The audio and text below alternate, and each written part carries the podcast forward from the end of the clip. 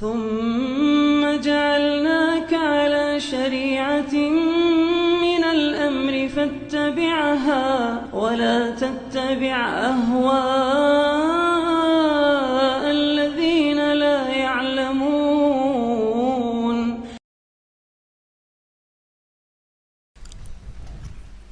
السلام عليكم ورحمة الله وبركاته.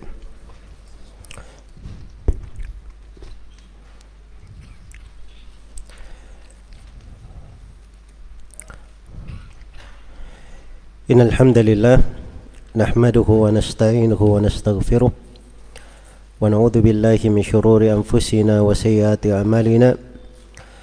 من يهده الله فلا مضل له ومن يضلل فلا هادي له. أشهد أن لا إله إلا الله وحده لا شريك له وأشهد أن محمدا عبده ورسوله. يا أيها الذين آمنوا اتقوا الله حق تقاته ولا تموتن إلا وأنتم مسلمون. يا أيها الناس اتقوا ربكم الذي خلقكم من نفس واحدة وخلق منها زوجها وبث منهما رجالا كثيرا ونساء واتقوا الله الذي تساءلون به والأرحام إن الله كان عليكم رقيبا. يا أيها الذين آمنوا اتقوا الله وقولوا قولا سديدا يصلح لكم أعمالكم ويغفر لكم ذنوبكم ومن يطع الله ورسوله فقد فاز فوزا عظيما أما بعد. فإن أصدق الحديث كتاب الله وخير الهدي هدي محمد صلى الله عليه وسلم وشر الأمور محدثاتها فإن كل محدثة بدعة وكل بدعة ضلالة وكل ضلالة في النار. Masyarul ikhwa wal akhwat rahimani wa rahimakumullah. Pada hari ini insyaallah taala kita akan mengkaji sebuah manzumah yang berisi pegangan-pegangan dan pijakan-pijakan bagi setiap muslim dan muslimah untuk teguh di atas sunnah dan berpegang dengan sunnah Rasulullah sallallahu alaihi wasallam. Manduma ini ditulis oleh seorang imam besar di masanya yaitu Abul Qasim Sa'ad bin Ali bin Muhammad bin Ali ibn al-Husain Az-Zanjani rahimahullahu taala. Iya. Az-Zanjani itu sebuah negeri dari di wilayah gunung Azerbaijan masuk ke dalam hitungan Qazwin Beliau lahir pada tahun atau di sekitar tahun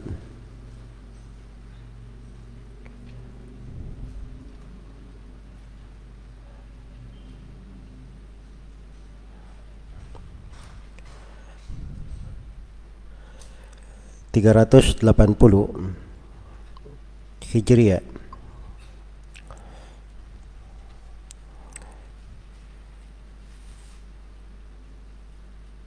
dari sudut karya tulis yang sampai kepada kita mantuma ini ada sebuah buku yang berjudul Al-Farqu Bain Ad-Dadi Was-Sad eh, Bain Ad-Dadi Wad-Dha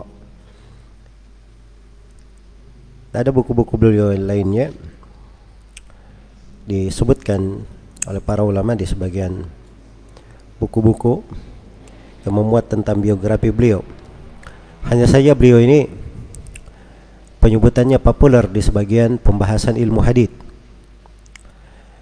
Karena di dalam Syurutul Aima karya Muhammad bin Tahir As-Silafi rahimahullah beliau berkata Sa'altu al-Imam Abul Qasim Sa'ad bin Ali Az-Zanjani di Makkah an hali rajulin min ar-ruwah. Beliau bertanya kepada Az-Zinjani atau Az-Zanjani tentang seorang rawi.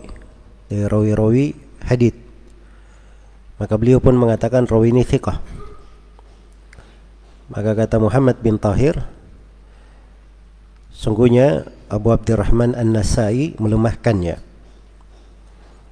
Maka kata beliau ya bunayya inna li Abi Abdurrahman fir rijali syartan ashadda min syartil Bukhari wa Muslimin Kata beliau, hai anakku, sungguhnya Abu Abdurrahman An-Nasai itu punya syarat di dalam rawi-rawi itu lebih ketat daripada syarat Bukhari dan Muslim. Baik. Dan ini ucapan beliau dinukil ya di pembahasan-pembahasan terkait dengan Imamun Nasai.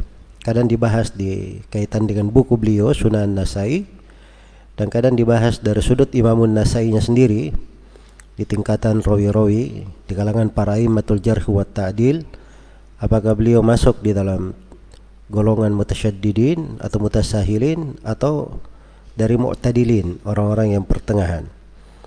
Baik. Dan beliau juga menyebutkan Muhammad bin Tahir juga menyebutkan dari Az-Zinjani pendapat beliau tentang beberapa hufad di masa beliau. Ada Imam Ad-Daruqutni, Abdul Ghani bin Said Al-Maqdisi, Al-Hakim, dan Ibnu Manda. Maka beliau terangkan bahwa Daruqutni yang paling berilmu tentang ilal, Abdul Ghani Al-Maqdisi paling berilmu tentang nasab, Ibnu Manda paling banyak haditnya, dan Al-Hakim paling bagus tasnifnya, tulisannya. Baik. Jadi maksudnya dari ucapan-ucapan beliau ini yang dinukil dan diterima oleh para ulama terkait dengan pandangan beliau seputar rawi-rawi maupun para ulama ahli hadith ini menunjukkan bahwa beliau punya kedudukan yang besar di tengah para ulama. Iya. Nah, salah seorang tokoh ahli sunnah Ismail Al-Hafidh At-Tamimi beliau berkata bahwa Az-Zanjani ini imamun kabir arifun bis sunnah. Imam besar sangat paham tentang sunnah. Sangat paham tentang sunnah. Dan Imam Al-Dhahabi menyebutkan bahwa beliau memiliki qasidah ar-ra'iyah fis sunnah wa kana min du'ati sunnati wa adail bid'ah dan beliau ini dari dai yang mengajak kepada sunnah dan musuh terhadap bid'ah. Baik. Dan Ibnu Al-Qayyim rahimahullah menjelaskan bahwa beliau imam fi sunnah walahu fiha qasidatun ma'rufah. Dia imam dalam sunnah dan dia punya tentang sunnah itu qasidah yang dikenal. Ini qasidah yang kita akan baca dari Az-Zanjani rahimahullah. Ibn Al-Qayyim mensifatkan beliau ya. Ibn Al-Qayyim rahimahullah mensifatkan beliau dengan ucapan beliau qaulu Imam Syafi'i fi waqtihi Sa'ad bin Ali Az-Zanjani. Ucapan imam orang-orang Syafi'iyah di masanya itu Sa'ad bin Ali Az-Zanjani. Beliau masuk di hitungan ulama Syafi'iyah rahimahullahu taala. Baik. Ini sekilas tentang penulis yang menulis manzuma ini.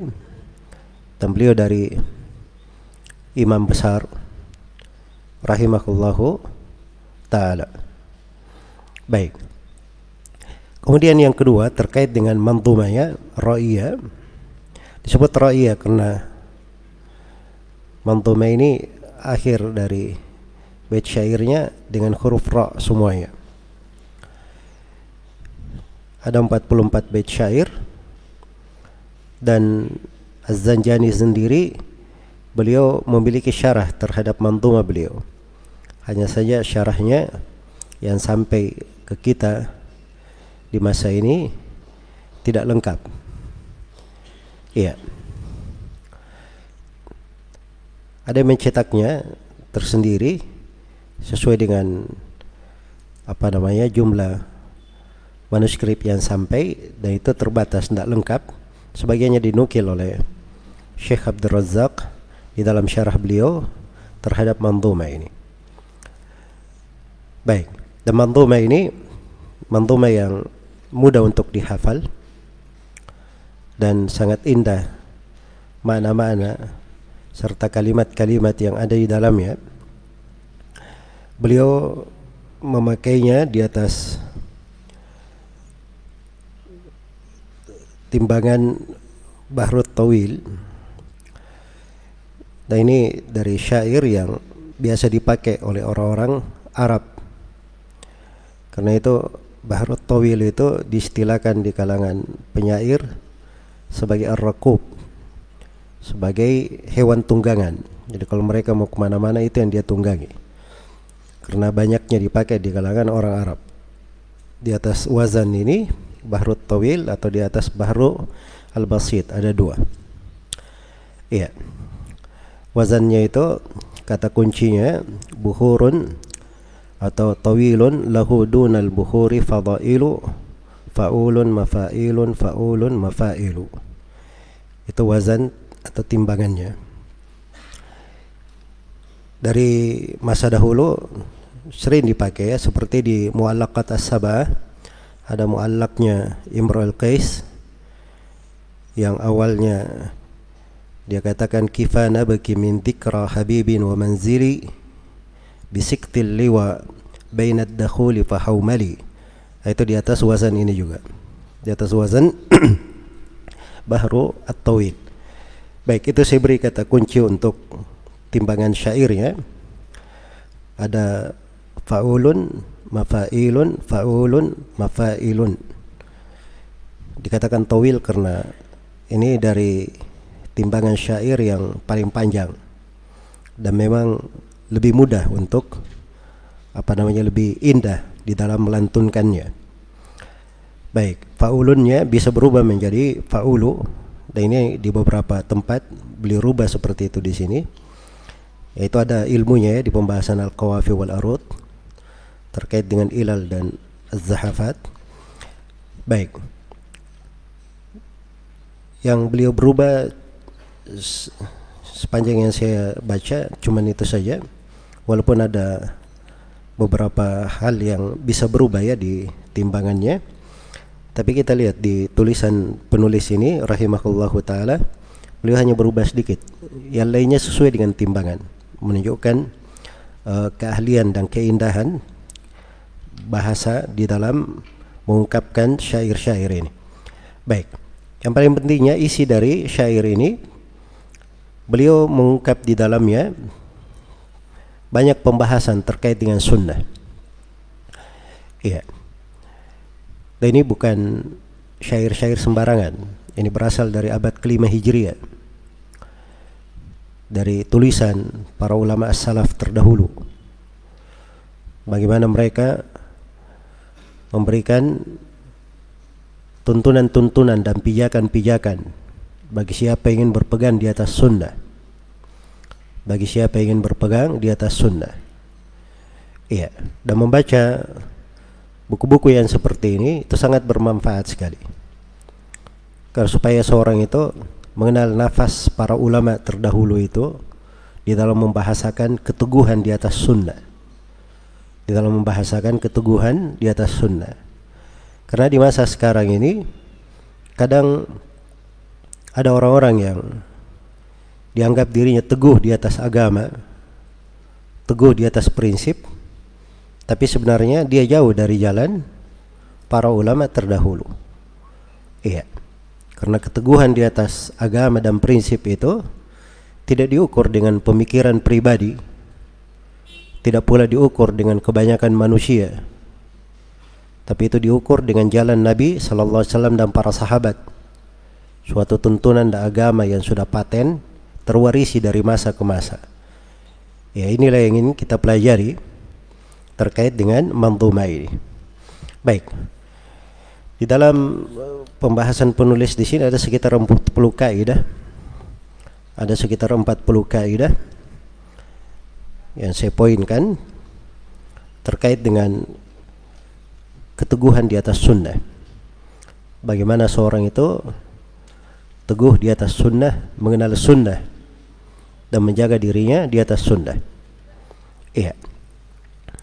Baik, di baik syair yang pertama kata beliau tadabbar kalam Allah wa'tamidil khabar wada'anka ra'yan la yulaimuhu athar. Baik, ini ada tiga kaidah di dalamnya. Yang pertama, tadabbar kalam Allah. Tadabburlah kamu terhadap kalam Allah. Terhadap firman Allah. Dan yang kedua, wa'tamidil khabar.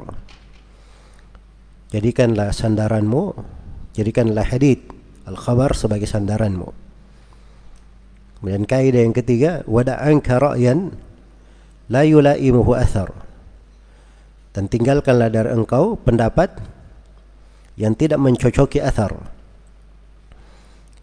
Yang tidak selaras dengan athar.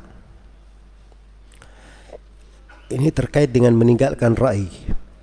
Meninggalkan ra'i yang tercelah. Iya. Dan di sini beliau memulai pembahasan keteguhan di atas sunnah dengan hal yang paling asasinya, hal yang paling pokoknya, yaitu berpegang dengan firman Allah dan bersandar di atas sunnah Rasulullah Sallallahu Alaihi Wasallam. Ini hal yang paling asasi di dalam beragama. Sebab seorang itu kalau dia mengambil dari sumber yang benar maka dia juga akan hidup dengan baik, akan sehat di dalam hidupnya. Ya kalau diambil dari mata air yang segar, sumber mata air yang menjadi minuman manusia, dia akan dapati air yang paling sejuk dan paling baiknya. Itulah Al-Quran dan Sunnah. Iya, Al-Quran dan As-Sunnah. Tapi kalau dia terbiasa minum dari sumber air yang keruh, apalagi air yang kotor, iya, maka kalaupun dia hidup, hidupnya tidak di kondisi yang baik. Nah, ini perbedaan yang mungkin perumpamaan yang paling sederhana membahasakan bagaimana pentingnya seseorang itu memperbaiki sumber pengambilannya mata air yang darinya dia mengambil ilmu. Ya, dari sini penulis membahas rahimahullahu taala. Iya. Dan ini prinsip dasar yang dibahasakan oleh para ulama di buku-buku akidah sebagai masadir at-talaqi sebagai masdar talaqi sumber pengambilan dan di atas sumber pengambilan ini berbeda antara ahli sunnah dan ahli bidah. Ini pokok yang membedakan mereka. Karena ahli sunnah itu mereka berpegang dengan Al-Quran, dengan hadith, dan dengan athar. Iya. Dan itu yang menyebabkan pengambilan mereka, sumber ilmu mereka benar karena diambil dari sumber yang bersih sumber yang murni sumber yang dijamin tidak ada penyakit tidak ada kekeliruan di dalamnya iya beda dengan orang-orang yang keluar dari jalan. Dari kalangan ahlul bidah. Mereka tidak membangun agama mereka di atas sumber-sumber ini. Tidak dibangun di atas sumber-sumber ini. Ya kalaupun ada yang berkata kita ikuti Al-Quran dan Sunnah, kadang itu cuma slogan saya, mempercantik ucapan saya. Hakikatnya dia tidak mengikuti Al-Quran dan Sunnah, dia mengikuti akal pribadinya, atau dia mengikuti pendapat tokoh-tokohnya, atau mengikuti dari slogan kelompok-kelompoknya. Akhirnya ini yang menyebabkan mereka keluar dari jalan keluar dari jalan. Iya. Maka itu bisa dilacak dari seluruh kelompok yang menyimpang yang pernah ada di dalam sejarah atau yang akan dibahasakan oleh penulis nanti 72 golongan yang dikatakan oleh Nabi sallallahu alaihi wasallam diancam dengan neraka. Semua kelompok-kelompok yang menyimpang ini pasti ada masalah di sumber talakinya. Pasti punya masalah di sumber pengambilan ilmunya. Karena ada masalah di sini makanya ia pun membangun agamanya itu di atas hal yang salah dan keliru akhirnya wajar kalau terjadi banyak penyimpangan banyak kekeliruan. Iya. Inilah pentingnya penulis rahimahullahu taala beliau memang dari awal sudah membuka manzuma ini dengan hal yang paling asasi. Itu berbicara tentang masadir at-talaqqi. Ya, seorang yang ingin teguh di atas sunnah itu ada tiga hal di pengambilan ilmu di sini diuraikan oleh beliau. Yang pertama berpegang di atas Al-Quran selalu tadabbur terhadapnya. Kita akan detailkan makna tadabbur ini. Yang kedua dia selalu bersandar di atas sunnah. Dan yang ketiga dia mengikuti pendapat yang mencocoki athar. Atau bahasa lainnya dia tinggalkan ra'i yang tercelah dia tinggalkan ra'i yang tercelah iya baik ini tiga hal penting ya. Makanya kalau ada yang ribut-ribut di masa sekarang ini, nah itu banyak yang ribut ya. Ya saya heran juga tambah banyak lagi yang orang ribut-ribut ini tidak senang kalau ada yang mengajak kembali kepada Al-Quran dan Sunnah. Wah ini katanya ajakan menyesatkan manusia. Nggak tahu siapa yang tersesat. Diajak kembali kepada Al-Quran dan Sunnah, katanya apa? Menyesatkan manusia. Karena bagi mereka kembali kepada Al-Quran dan Sunnah itu ada syarat-syaratnya. Ya, kadang dia sebut syarat-syarat dia sendiri tidak terpenuhi padanya syarat itu. Ya, jangankan pada dia, pada gurunya dan kakek moyangnya saja tidak terpenuhi. Jadi itu artinya tipu daya syaitan ingin menjauhkan manusia dari apa? Al-Quran dan Sunnah. Betul Al-Quran dan Sunnah itu dipahami dengan jalur guru. Dipahami dengan metode ilmiah dengan kaidah-kaidah syariat. Itu memang ada betul. Tapi jangan mengatakan orang yang kembali kepada Al-Quran dan Sunnah itu namanya menyesatkan. Jelas ya? Nah sebagian manusia di masa sekarang ini susah. Maunya itu kalau dia sebagai kiai berbicara ya orang yang mendengarkannya harus mengaminkan kalau dia bilang langit itu kuning, orang harus bilang langit itu kuning. Kalau ditanya apa dalilnya, jangan kamu tanya dalil, kualat nanti kamu. Nah, maunya seperti itu. Jelas ya? Ya susah belakangan ini, makanya ada yang mengadu. Kalau dahulu itu kita bicara ini diterima aja, kalau sekarang nggak ditanya apa dalilnya Pak Kiai. Ya, maka di atas dasar itu akhirnya mereka tidak senang. Nah, ini keliru ya orang-orang jalannya perlu diarapikan. Ilmu itu ada dasarnya, ada sandarannya. Seorang kalau tidak hafal dalil, ya tidak apa-apa kalau dia tidak hafal. Tapi dia bangun pendapatnya di atas dalil. Paling minimalnya. Kalau dia sebagai orang yang menyampaikan ilmu, ya itu memang sifatnya orang yang menghafal, menyampaikan ilmu. Dia mengerti dalil-dalil, dia menghafalnya. Baik. Jadi hati-hati ya ini kalimat-kalimat belakangan banyak disebutkan oleh sebagian manusia mengingkari ajakan kembali kepada Al-Quran dan Sunnah itu ada maksud-maksud tertentu di belakang sebagian orang dasar kekeliruannya di masalah sumber talaki ini iya makanya penulis rahimahullah itu memulai dengan hal ini ada Ibn Abi Daud putra dari Imam Abu Daud As-Sijistani rahimahullah. Beliau punya mantuma juga, haiyah terkait dengan sunnah.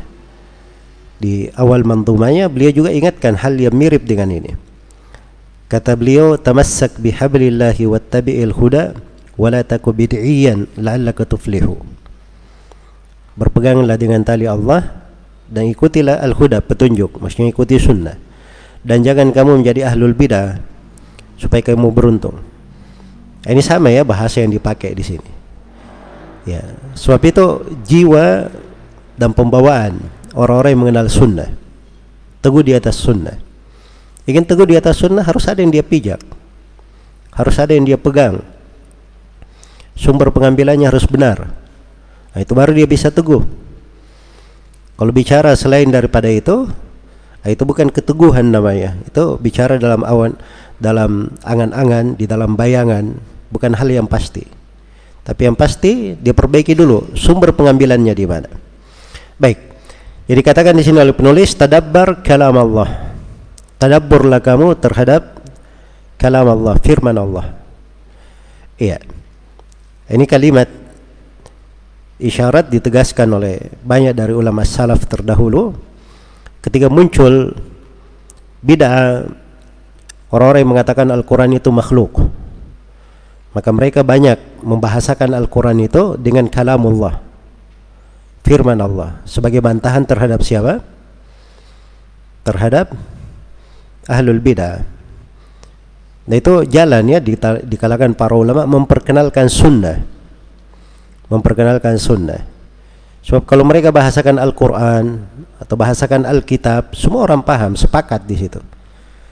Tapi kalau dikatakan kalamullah, ah ini akan tersinggung ahlul bidah dari kalangan Jahmiyah, Mu'tazilah dan siapa yang mencocoki mereka.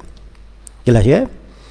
Baik, itu bahasa-bahasa memang dijaga, dipelihara di kalangan orang-orang yang menerangkan sunnah, menerangkan akidah, menerangkan metode yang lurus dalam beragama. Kemudian yang kedua, di sini penulis rahimahullah membahasakan dengan kata tadabbur. Dan tadabbur itu adalah pokok yang diinginkan dari Al-Quran karena Al-Quran itu diturunkan bukan sekadar kita baca dengan huruf-huruf dan lafadznya.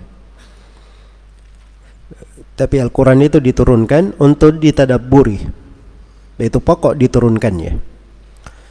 Allah subhanahu wa ta'ala berfirman kitabun anzalnahu ilaika mubarak liyadabbaru ayatih waliyatadhakkara ulul albab. Dia adalah kitab yang kami turunkan kepada engkau Nabi Muhammad. Mubarak, berberkah. Supaya mereka tadabbur terhadap ayat-ayatnya.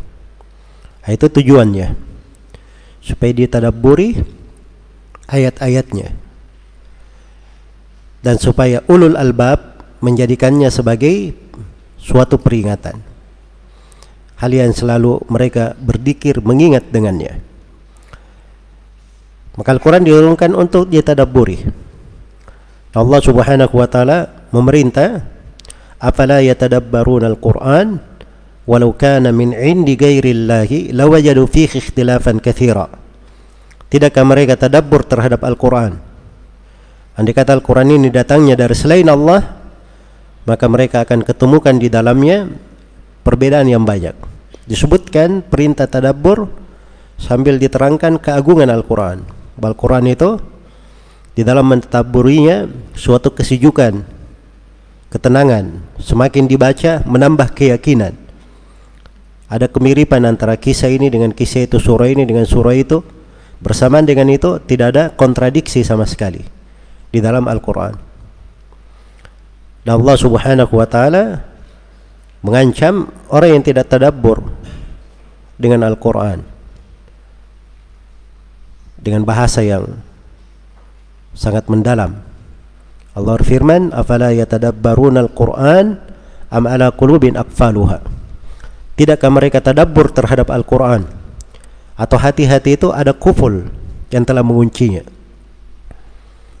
Sudah ada gembok yang menguncinya. Iya. Itu tingkatan terkuncinya hati ya sangat sangat besar sekali. Karena keterkuncian hati dalam Al-Quran itu kadang dibahasakan dengan ar-rain, kalla barrana. kadang dibahasakan dengan taba bal taba Allahu ala qulubihim. Taba taba itu rain itu hitam. Hati dikelilingi dengan titip hitam. Itu rain namanya. Sudah ter, tertutupi. Kalau taba itu terbungkus. Sudah dibungkus dengan bungkusan hitam. Kalau al-kuful dia terbungkus terkunci. Itu yang paling beratnya terhadap hati. Ya itu balasan kalau dia tidak tadabbur terhadap Al-Quran. Allah subhanahu wa ta'ala jadikan tidak tadabbur terhadap Al-Quran itu sifatnya kaum musyrikin. Afalam yaddabbarul qawla. Tidakkah mereka tadabbur terhadap Al-Quran? Al-Qawl iya. Baik. Dan banyak lagi ya dari ayat-ayat maupun hadith-hadith Rasulullah sallallahu alaihi yang terkait dengan perintah untuk tadabbur ini.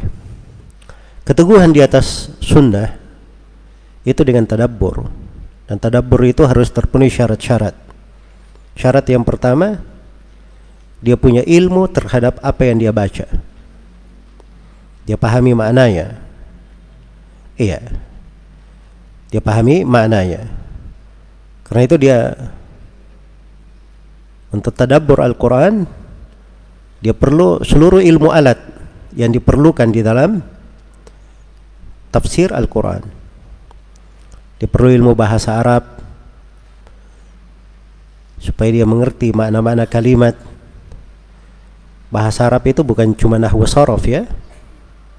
Bahasa Arab itu ada terkait dengan ilmu balaganya ada terkait dengan apa namanya penjelasan makna-maknanya. Ya sebab kedetailan kalimat-kalimat di dalam bahasa Arab itu itu besar apalagi dalam bahasa Al-Quran. Baik. Dan itu perlu seorang itu mengenal dari ilmu bahasa. Ya mengenal dari ilmu bahasa. Dan ini ada ilmunya ya terkait dengan hal itu. Dia perlu juga mengenal dari ilmu pendalilan. Makanya dia harus belajar juga punya pengetahuan tentang ilmu usul fikih supaya dia bisa mengerti bagaimana cara melihat pendalilan dari ayat-ayat. Dan dia juga perlu ilmu hadith. Sebab salah satu metode penafsiran Al-Quran ditafsirkan dengan hadith dan ditafsirkan dengan riwayat-riwayat yang datang dari sahabat dan para imam ahli tafsir dari kalangan tabi'in. Iya. Kemudian dia juga perlu dari bekal pokok yaitu ulumul Quran. Ilmu tentang hal-hal yang mempelajari tentang Al-Quran. Maka ini kalau dia miliki secara lengkap, semakin lengkap dia miliki, akan semakin indah. Dia tadabbur terhadap ayat-ayat. Nah, dari sinilah berbeda tingkatan para ulama di dalam memahami ayat-ayat. Kadang Syekhul Islam Ibn Taimiyah itu beliau duduk berhari-hari mengajar di tengah murid-muridnya, beliau hanya menafsirkan satu ayat saja. Hanya menafsirkan satu ayat. Dan itu kedalaman dari sudut apa? Sudut pemahaman dan pengetahuan. Iya. Sebagaimana para ulama di dalam menulis tafsir, ada yang menulis ringkas, ada yang menulis pertengahan ada yang menulis panjang lebar. Iya. Kalau yang ringkas-ringkas misalnya dia baca dari tafsir Al-Baghawi atau dia baca dari tafsir Al-Jalalain walaupun ada penyimpangan di takwil ayat-ayat sifat tapi dia tafsir bagus ringkas. Iya. Kalau dia mau masuk yang pertengahan ada tafsir Al-Baghawi ada tafsir Ibnu Kathir ada tafsir Al-Baydawi. Al-Baydawi juga bagus ya dari ulama Syafi'iyah hanya saja sama dengan tafsir jalan lain. Ada masail-masail karena orang Asy'ariyah dalam masalah sifat. Hanya saja tafsirnya bagus. Ini tafsir termasuk ajaib sebenarnya karena tafsir Al-Baydawi ini itu ditulis terhadapnya syarah hawashi sampai 100 buku yang menulis penjelasan terhadap tafsir Al-Baydawi. Baik. Kalau ingin yang luas ada tafsir Ibnu Jarir At-Tabari, ada tafsir Al-Qurtubi dan selainnya dari buku-buku tafsir dimaklumi. Iya. Jadi rujukan-rujukan dalam pembahasan ada. Dan seorang yang ingin tadabbur dia miliki dari ilmu itu agar supaya dia bisa tadabbur dengan baik. Dan paling bagusnya dia tadabbur dia belajar dari guru. Dia duduk depan guru, dia dengarkan dari tafsir ayat-ayat Al-Quran, maka insya Allah Taala dia akan temukan banyak dari kebaikan di dalam hal tersebut. Iya. Maka ini dasar yang pertama bagi siapa yang ingin teguh di atas sunnah. Dia banyak tadabbur terhadap kalam Allah, terhadap firman Allah Subhanahu wa taala. Iya. Kemudian yang kedua wa atamidil khabar. Dan berpeganglah engkau dengan al-khabar. Ya, berpeganglah engkau dengan hadith. Al-khabar artinya hadith. Sunnah Rasulullah sallallahu alaihi wasallam. Jadi jadikanlah itu sebagai umdah sebagai pegangan sebagai pijakan. Iya. Karena memang Allah Subhanahu wa taala telah menggandengkan sunnah Nabi sallallahu alaihi wasallam dengan Al-Qur'an di beberapa di beberapa tempat dan disebut dengan hikmah dan Nabi sallallahu alaihi wasallam juga telah menegaskan ala inni utitul Quran wa mithlahu ma'ah. Sungguhnya saya diberi Al-Quran dan sesuatu yang semisal dengannya. Dan di dalam hadits Jabir yang populer di khutbah hajat, Nabi sallallahu alaihi wasallam bersabda, "Fa inna khairal hadithi kitabullah wa khairal hadi hadi Muhammadin sallallahu alaihi wasallam." Ya. Sebaik-baik pembicaraan adalah firman Allah dan sebaik-baik petunjuk petunjuk Nabi Muhammad sallallahu alaihi wasallam. Maka apa yang datang dari Nabi itu jadikan sebagai sandaran, sebagai pegangan. Dan bantahan terhadap sekelompok manusia dari masa dahulu.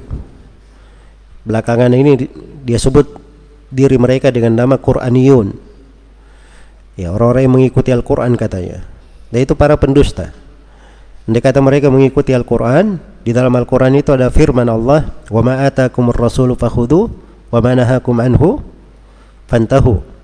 Apa yang dibawa oleh Rasul terimalah dia. Apa yang dilarang oleh Rasul hendaknya kamu berhenti. Itu kan sunnah namanya. Berpegang dengan dengan sunnah. Iya. Makanya ketika Ibnu Mas'ud radhiyallahu taala anhu menyebutkan tentang beberapa larangan terhadap perempuan larangan apa namanya mentato mencabut bulu mata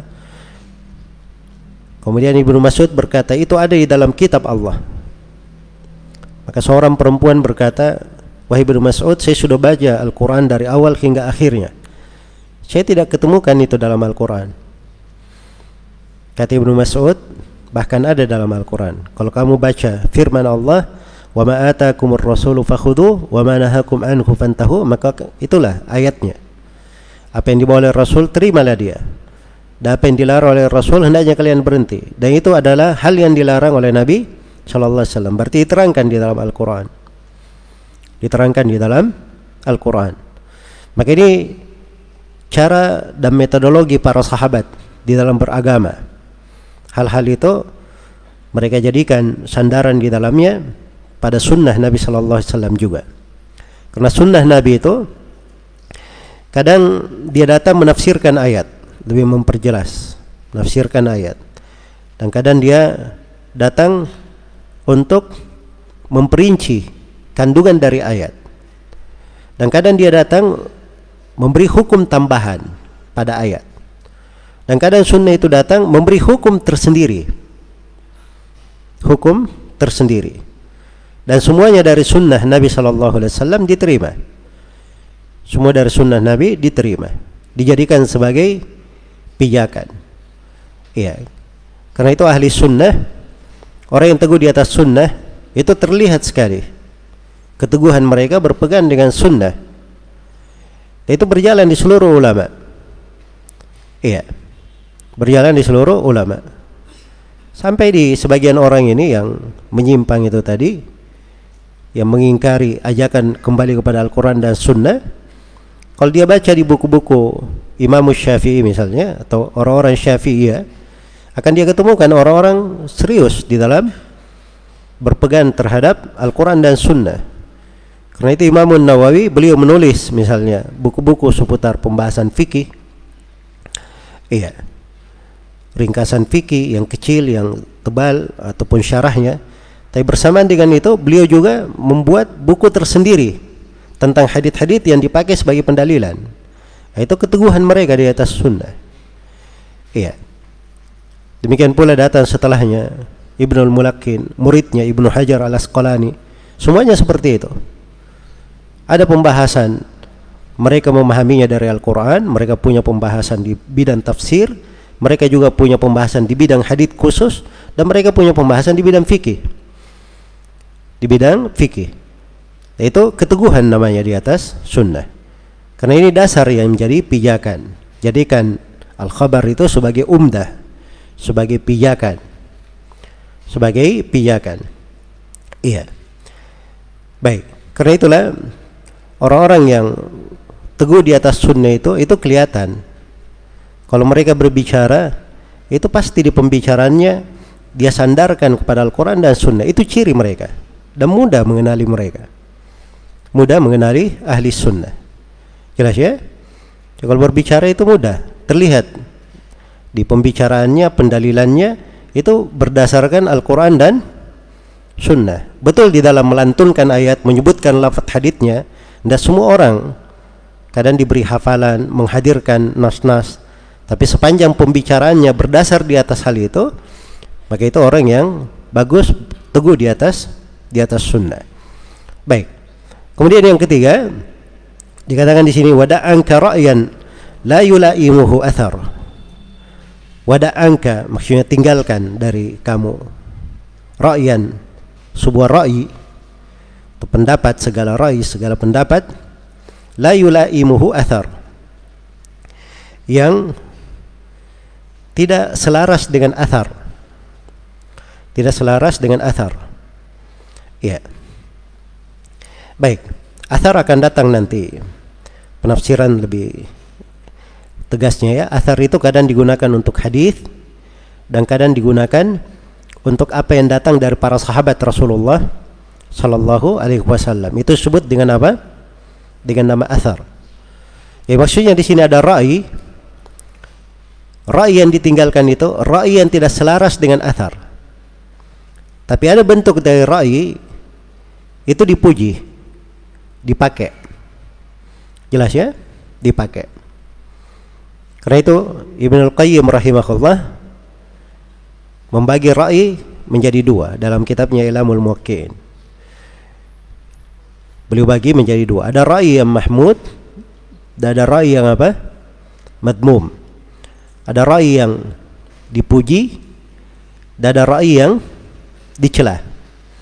Ini sifat rai yang dicela. Ini yang diingatkan oleh penulis di sini. Iya. Rai yang dicela. Apa contoh rai yang dicela? Baik. Disebut oleh Ibnu Al-Qayyim beberapa bentuk rai yang dicela. Yang pertama adalah rai yang menyelisihi nas dia menyelisih Al-Quran atau menyelisih hadith? Iya. Jelas ya?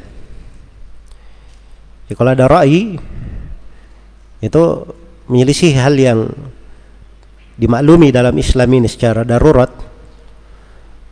Jelas nasnya dari Al-Quran dan Sunnah maka ra'i ini itu ada ra'i fasid dan batil. Tidak boleh diterima sama sekali. Tidak boleh diterima sama sekali Baik yang kedua ada ra'i yang tercela bentuknya dia berbicara di dalam agama dengan sangkaan dan dugaan. Iya. Di samping dia memang tidak memiliki dari kapasitas ilmu yang cukup dan alat-alat istimbat yang diperlukan. Ini jenis yang kedua. Baik, dan ini kelihatannya pada sebagian manusia Ya di masa sekarang ini kalau kita lihat kepada orang-orang liberal atau siapa yang semisal dengan mereka dari golongan yang sering menggembosi di tengah umat ini kalau bahasa syar'inya kaum munafikin itu bahasa syar'inya. Kalau lihat pada orang-orang ini itu selalu berbicara tentang ayat oh ini ayat jangan dilihat ada apa namanya lafadznya saja. Jangan lihat pada tafsir ulama saja. Kan ini ayat kita juga bisa artikan ke dalam makna ini secara akal. Jelas ya? Dia berbicara secara akal terus dari sudut lain kalau ditanya kamu pernah belajar ilmu apa? Bisa bahasa Arab? Iya kebanyakannya geleng-geleng kepala. Bisa baca kitab? Ada yang bisa baca kitab. Baik, pertanyaan berikutnya apa yang pernah kamu pelajari dari ilmu syariat? Tanya ilmu alat apa yang pernah dia pelajari? Jelas ya? Ya, kalaupun ada dari sebagian yang pelajari ilmu alat, ilmu alatnya tidak lengkap.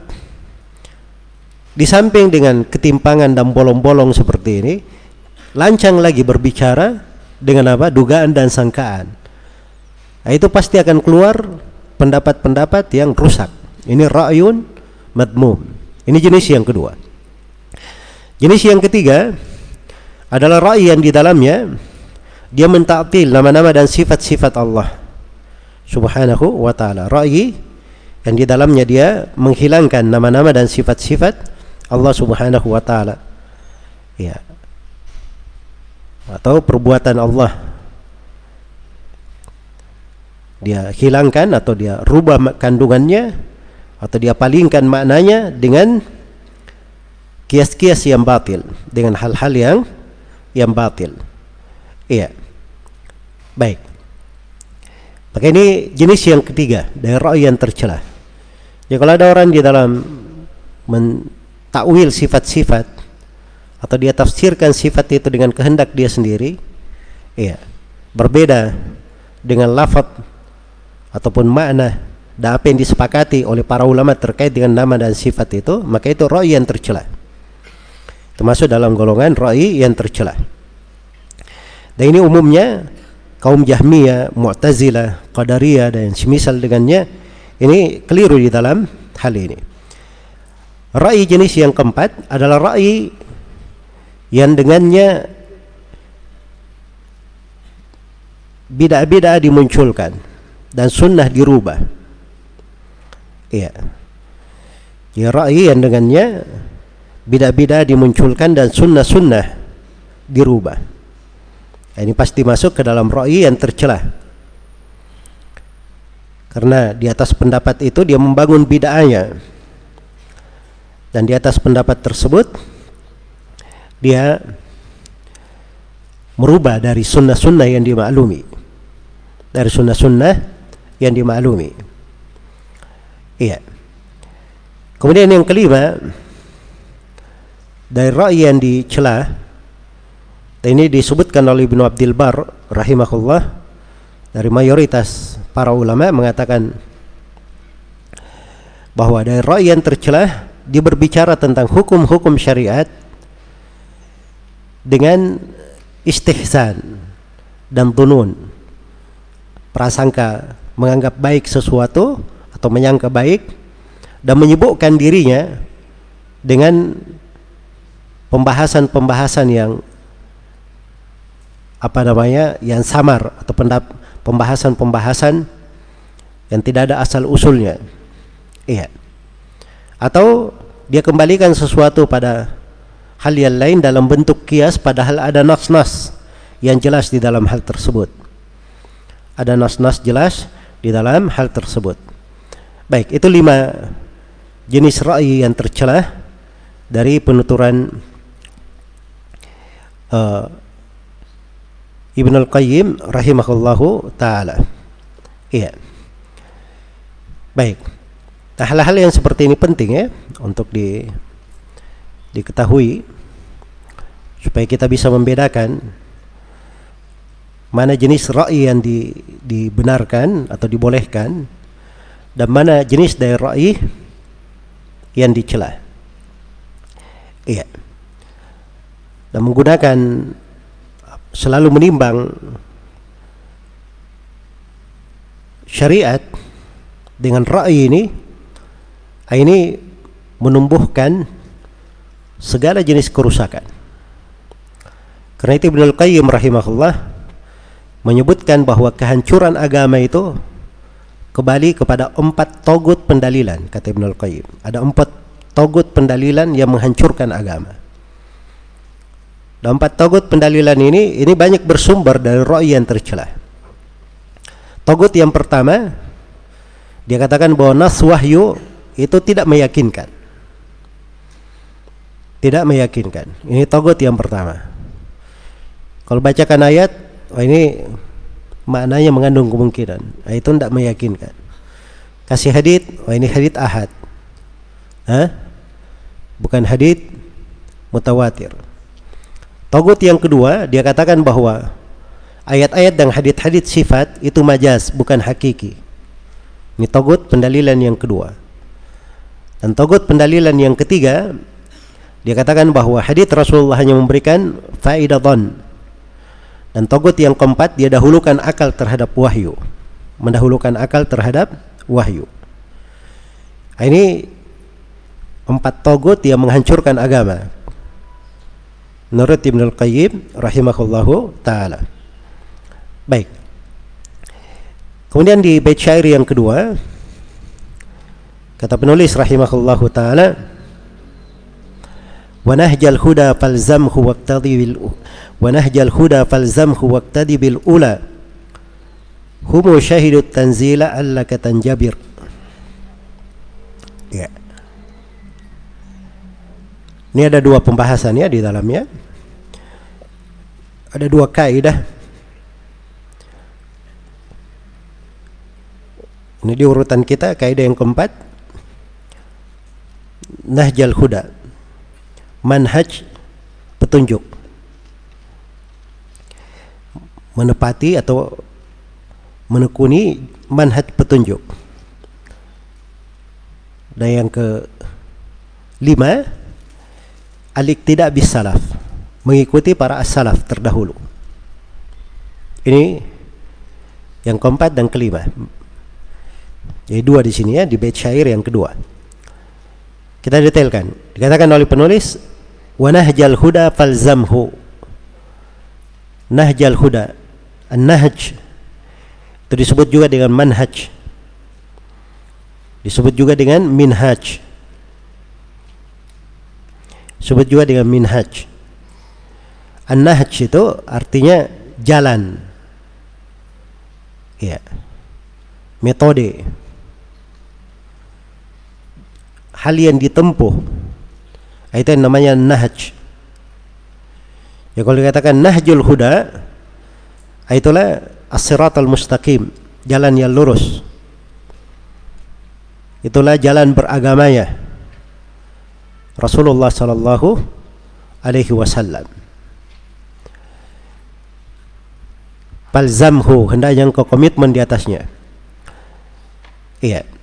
Beragama itu ada manhaj ada metodologi beragama. Nah, itu harus selalu dipijak. Selalu kita berpegang dengannya, komitmen dengannya. Nahjal Huda. Ya. Karena itu di dalam hadits Ibnu Mas'ud, riwayat Imam Ahmad dan selainnya kata Ibnu Mas'ud khattalana Rasulullah sallallahu alaihi wasallam khattan biyadihi Suatu hari Rasulullah SAW menggambar, menggaris sebuah garis dengan tangannya. Lalu beliau berkata, "Hada sabilullahi mustaqima." Lalu beliau berkata, "Ini adalah jalan Allah yang lurus." Thumma khatta ayyaminihi wa shimalihi. Lalu beliau menggaris garis-garis yang lain di kanan dan di kiri, garis banyak. Kata beliau, "Hadhihi subul." Laisa minha sabilun illa alaihi syaitan yad'u ilaihi. Kata Nabi, ini jalan-jalan. Tidak ada satu jalan pun dari jalan-jalan ini kecuali di atasnya ada syaitan mengajak kepadanya. Iya. Nah, ini peringatan besar ya. Dalam hidup ini selalu ada yang menyeru. Kalau bukan menyuruh kepada kebaikan, pasti menyuruh kepada kejelekan. Kalau tidak menyuruh kepada sorga, dia menyuruh ke neraka. Iya. Sebagaimana seorang mukmin itu di jalan lurusnya, itu ada yang menyuruhnya di atas jalan. Itu diterangkan di hadits lain, hadits Nawas ibn Sim'an di riwayat Imam Ahmad. Ketika seorang sudah di atas jalan lurus, ada yang menyuruh di di pokok jalan. Dia berkata, "Ayuhan nas, udkhulus sirata wa la tata'awwaju." Wahai manusia, masuklah kalian ke jalan dan jangan kalian bengkok-bengkok. Itu dikatakan oleh Nabi, "Wa'idullah fi qalbi kulli muslim." Dia adalah penasihat Allah di hati setiap muslim. itu penyuruh kepada jalan yang lurus. Tapi di kanan dan di kiri hati-hati, yang menyuruhnya lebih banyak. Jalan-jalannya setiap jalan ada yang menyuruh di situ. Iya. Karena itu harus dipahami ya, orang yang berpegang dengan sunnah itu itu tidak melihat banyaknya orang yang menyeru di situ. Wah ini kayaknya lagi viral di sana. Wah ini orang-orang bicaranya semua begini. Oh kalau begitu ini yang benar. Nah seperti itu berpegang dengan sunnah. Iya. Keteguhan di atas sunnah itu di atas sebuah jalan dan petunjuk. Jalan dan petunjuk ini jelas dan terang. Itu yang dijadikan ukuran. Walaupun dia berjalan sendiri di situ. Iya. Nah itu di penafsiran al-jamaah kata Ibnu Mas'ud al-jama'atu ma wafaqal haqqa wa in kunta wahdak. Jamaah itu adalah apa yang mencocoki kebenaran walaupun kamu sendiri. Nabi Ibrahim itu dibahasakan satu umat. Padahal beliau siapa yang mengikutinya dari kaumnya? Sedikit. Bersamaan dengan itu beliau disebut umat. Karena Ibrahimu ummatan wahida. Dan Nabi Ibrahim itu satu umat. Jadi sebut umat karena panutan manusia.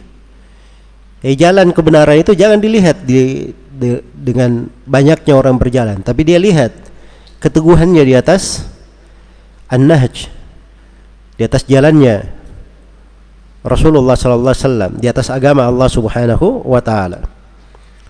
Maka setelah menggaris dengan garis-garis yang banyak itu Rasulullah membacakan ayat wa anna hadha sirati mustaqiman fattabi'u wa la tattabi'us subul fatafarraqa bikum an sabili. Sungguhnya inilah jalanku yang lurus, satu jalan lurus, cuma satu. Iya, ikuti jalan lurus itu. Dan jangan kami ikuti jalan kanan dan kirinya, jalan-jalan yang lain sehingga memecah belah kalian dari agama Allah, dari jalan Allah. Nah, jalan-jalan yang lain ini ditafsirkan oleh Mujahid sebagai bid'ah-bid'ah hawa nafsu hawa nafsu. Iya. Baik. Karena itulah orang yang berpegang di atas sunnah harus tahu bahwa ada nahjul huda, jalan petunjuk. Hendaknya selalu dia pijak dan jalan itu cuma satu. Ayat lain selalu kita minta di surah Al-Fatihah, ihdinas siratal mustaqim. Ya Allah berilah kami petunjuk kepada as-sirat al-mustaqim Dirinci siratal mustaqimnya apa? Siratal ladina an'amta alaihim, jalan orang-orang yang kau beri nikmat. Tidak cukup sampai di situ. Diterangkan dua jalan yang keliru yang menyelisihinya. Gairil makdubi alaihim waladhdallin. Bukan jalan orang yang dimurkai atas mereka dan bukan pula jalan orang yang disesatkan. Itu petunjuk agama seperti itu. Jalan beragama. Baik. Maka ini dari pokok-pokok keteguhan di atas sunnah diingatkan oleh penulis rahimahullahu taala di sini. Kemudian yang kelima dari kaidah teguh di atas sunnah adalah mengikuti jalan as-salaf. Jadi kalau ada orang yang tidak mengikuti jalan as-salaf itu orang yang tidak di atas sunnah. Tidak di atas sunnah. Kalau dia menganggap dirinya bisa teguh di atas sunnah tanpa mengikuti jalan as-salaf itu namanya menghayal sebab telah dijadikan jalannya para sahabat radhiyallahu taala anhum barometer kebenaran Dan Allah memuji jalan mereka. Dan itu yang lebih mencocoki akal dan fitrah. Fitrah manusia itu dia senang mengikuti. Iya. Anak kecil itu dia tumbuh dengan karakternya, itu dia senang mencontoh ayah atau ibunya atau siapa yang berada di sekitarnya. Itu tabiat manusia. Dan agama ini agama yang paling rahmat. Makanya segala kejelasan jalan itu itu terang dari sudut Al-Qur'annya, dari sudut haditsnya, dari sudut kesepakatan ulamanya, dari sudut akal sehatnya, dari sudut fitrahnya. Semuanya terang. Iya. Makanya dijadikan barometer yang diikuti jalannya para sahabat. Sebagaimana Nabi Shallallahu Alaihi Wasallam manusia terpilih Para sahabat juga manusia yang dipilih oleh Allah untuk mendampingi Rasulullah sallallahu alaihi wasallam. Di antara dalilnya dari Al-Qur'an menjelaskan kelurusan jalan para sahabat dan wajibnya kita mengikuti mereka adalah firman Allah Subhanahu wa taala di surah Al-Baqarah. Fa amanu bimithli ma amantum bihi faqad ihtadaw. Di akhir juz 1. Kalau mereka kaum musyrikin itu beriman seperti keimanan kalian wahai para sahabat maka sungguh mereka ini telah berada di mana? Di atas petunjuk. Jadi kaum musyrikin kalau mereka beriman seperti keimanan para sahabat, Allah jamin mereka di atas huda, di atas petunjuk. Berarti ukuran kebenaran mengikuti jalannya para sahabat Rasulullah Shallallahu Alaihi Wasallam. Bahkan dijadikan jalan mereka satu-satunya jalan yang mengantar kepada Allah, jalan yang diridhai, dipuji. والسابقون الأولون من المهاجرين والأنصار والذين اتبعوهم بإحسان رضي الله عنهم ورضوا عنه وأعد لهم جنات تجري تحتها الأنهار خالدين فيها أبدا ذلك الفوز العظيم orang-orang yang terdahulu lagi pertama dari kalangan sahabat muhajirin dan al-ansar. Dan siapa yang mengikuti mereka? Jadi yang dipuji tiga.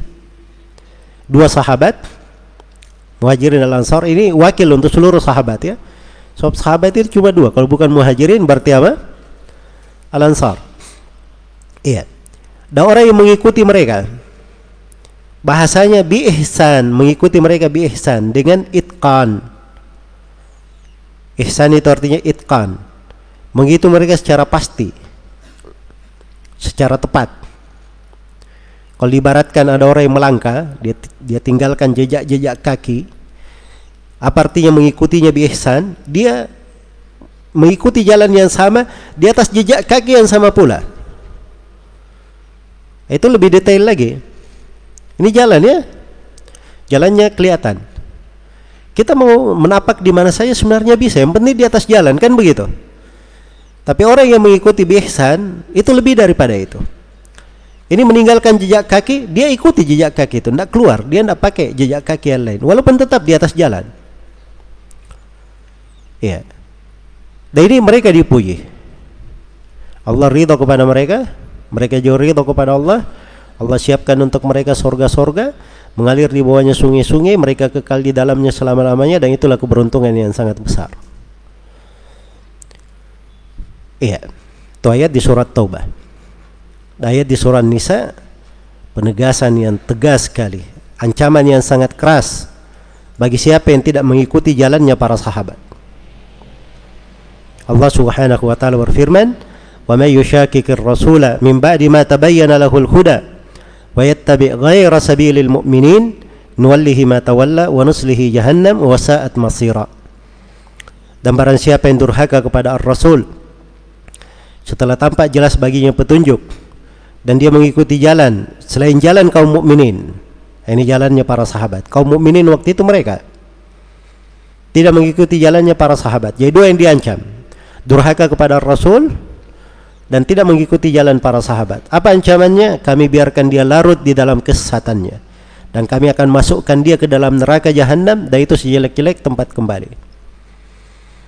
Karena itu mengikuti jalan as-salaf itu bukan alternatif. Oh boleh ikut, boleh tidak. Oh para salaf itu bagus, orang-orang salih. Kita cinta kepada mereka. Iya. Tapi jalan para salaf itu betul dia lebih selamat. Betul lebih paham. Iya.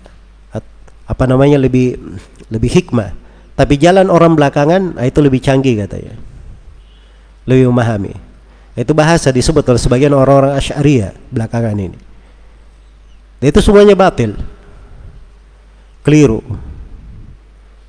keluar dari jalan keluar dari jalan kemudian mungkin karena masalah ini adalah masalah yang merupakan ciri pembeda pokok antara orang yang berpegang dengan sunnah dan orang yang jauh dari sunnah makanya penulis menerangkan di sini sebagian illah alasan apa alasannya kenapa mengikuti jalan para sahabat Kata beliau, humu syahidut tanzila allaka tanjabir. Humu syahidut tanzila. Pakai waw di situ ya, humu. Ya, kenapa dipakai waw? Sebab wazannya itu faulun. Faulunnya berubah jadi faulu. Ya. Syahidut tanzila allaka tanjabir. Allaka asalnya dari allaka. Itu salah satu bahasa ya, bisa dikatakan la allaka, bisa dikatakan allaka mereka menyaksikan alasannya karena mereka ini menyaksikan tanzil Al-Quran itu turun, wahyu itu turun, para sahabat yang menyaksikan. Makanya para sahabat itu sangat paham. Ketika sebuah ayat itu turun, mereka paham di mana turunnya, apa sebab turunnya, apa makna ayat itu, kandungannya. Ini orang-orang yang menyaksikan ayat itu turun syariat itu turun. Kemudian dari keistimewaan jalannya para sahabat kenapa kita wajib mengikuti mereka sebab Nabi telah menyebutkan jalan mereka itu adalah jalan keamanan itulah yang melindungi umat karena itu Nabi bersabda dalam hadis riwayat Muslim wa antum li, amanatul li ummati dan kalian wahai para sahabatku adalah pengaman di tengah umatku pengaman di tengah umatku. Iya. Jadi sepanjang umat ini berpegang di atas jalannya para sahabat, maka itu menjadi hal yang mengamankan mereka. Kemudian yang ketiga, di antara sebab kenapa kita wajib mengikuti jalannya para sahabat? Sebab para sahabat itu orang yang paling bersih hatinya paling kuat keimanannya dan paling sedikit takallufnya iya. Jadi mereka mengerjakan sesuatu itu apa adanya. Bukan orang yang membebani dirinya memberatkan dirinya baru bisa kerja. Tapi itu dia dibangun di atas dasar hati yang bersih ketundukan kepada Allah sehingga berjalan dengan sangat wajar di tengah mereka. Dan dari sudut lainnya, para sahabat itu orang-orang yang paling fasih di tengah orang Arab. Karena di masa itu, itu Arab yang paling fasih di masa hidupnya Nabi Shallallahu Alaihi Wasallam dan para sahabat. Iya. Karena itu di tengah mereka itu banyak dari ilmu-ilmu alat yang datang di kita ini, ilmu nahu, ilmu hadith, ilmu sorof dan sebagainya itu tidak diperlukan di tengah mereka sebab itu sudah berjalan jelas ya karena orang-orang Arab fasih itu lisannya itu tidak bisa berucap salah tidak bisa berucap apa berucap salah ya kalau dia bilang misalnya ja'a Zaidun maka dia pasti berucap Zaidun. Tidak mungkin, dia diajari bilang kamu Ja'a Zaidin. Begitu dia ucapkan, dia tidak bisa bilang Ja'a Zaidin. Lisannya itu enggak enggak terbiasa di atas kesalahan. Jelas ya? Itu lisan mereka dalam berucap bahasa Arab. Karena itu mereka enggak perlu ilmu nahwu sorof. Sebab di lisan mereka sudah apa? Sangat fasih. Beda dengan kita. Sudah belajar nahwu sorof, jungkir balik sana sini ya yang salah bisa jadi benar Jelas ya? Baik. Itu di antara keunggulan dan kenapa para sahabat ini didahulukan jalannya. Baik. Kemudian setelah itu penulis rahimahullahu taala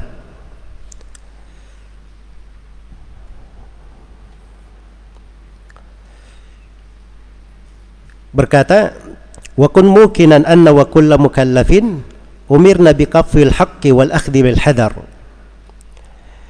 ya, ini kaidah berikutnya kaidah berikutnya seorang yang berpegang di atas sunnah itu harus selalu mencari kebenaran menapaki kebenaran cinta dengannya Ya, ini kaidah yang keenam. Dan kaidah yang ketujuh al-akhdhu bil hadar, selalu mengambil hadar. Mengambil kehati-hatian. Baik. Kita rinci di bait syairnya. Kata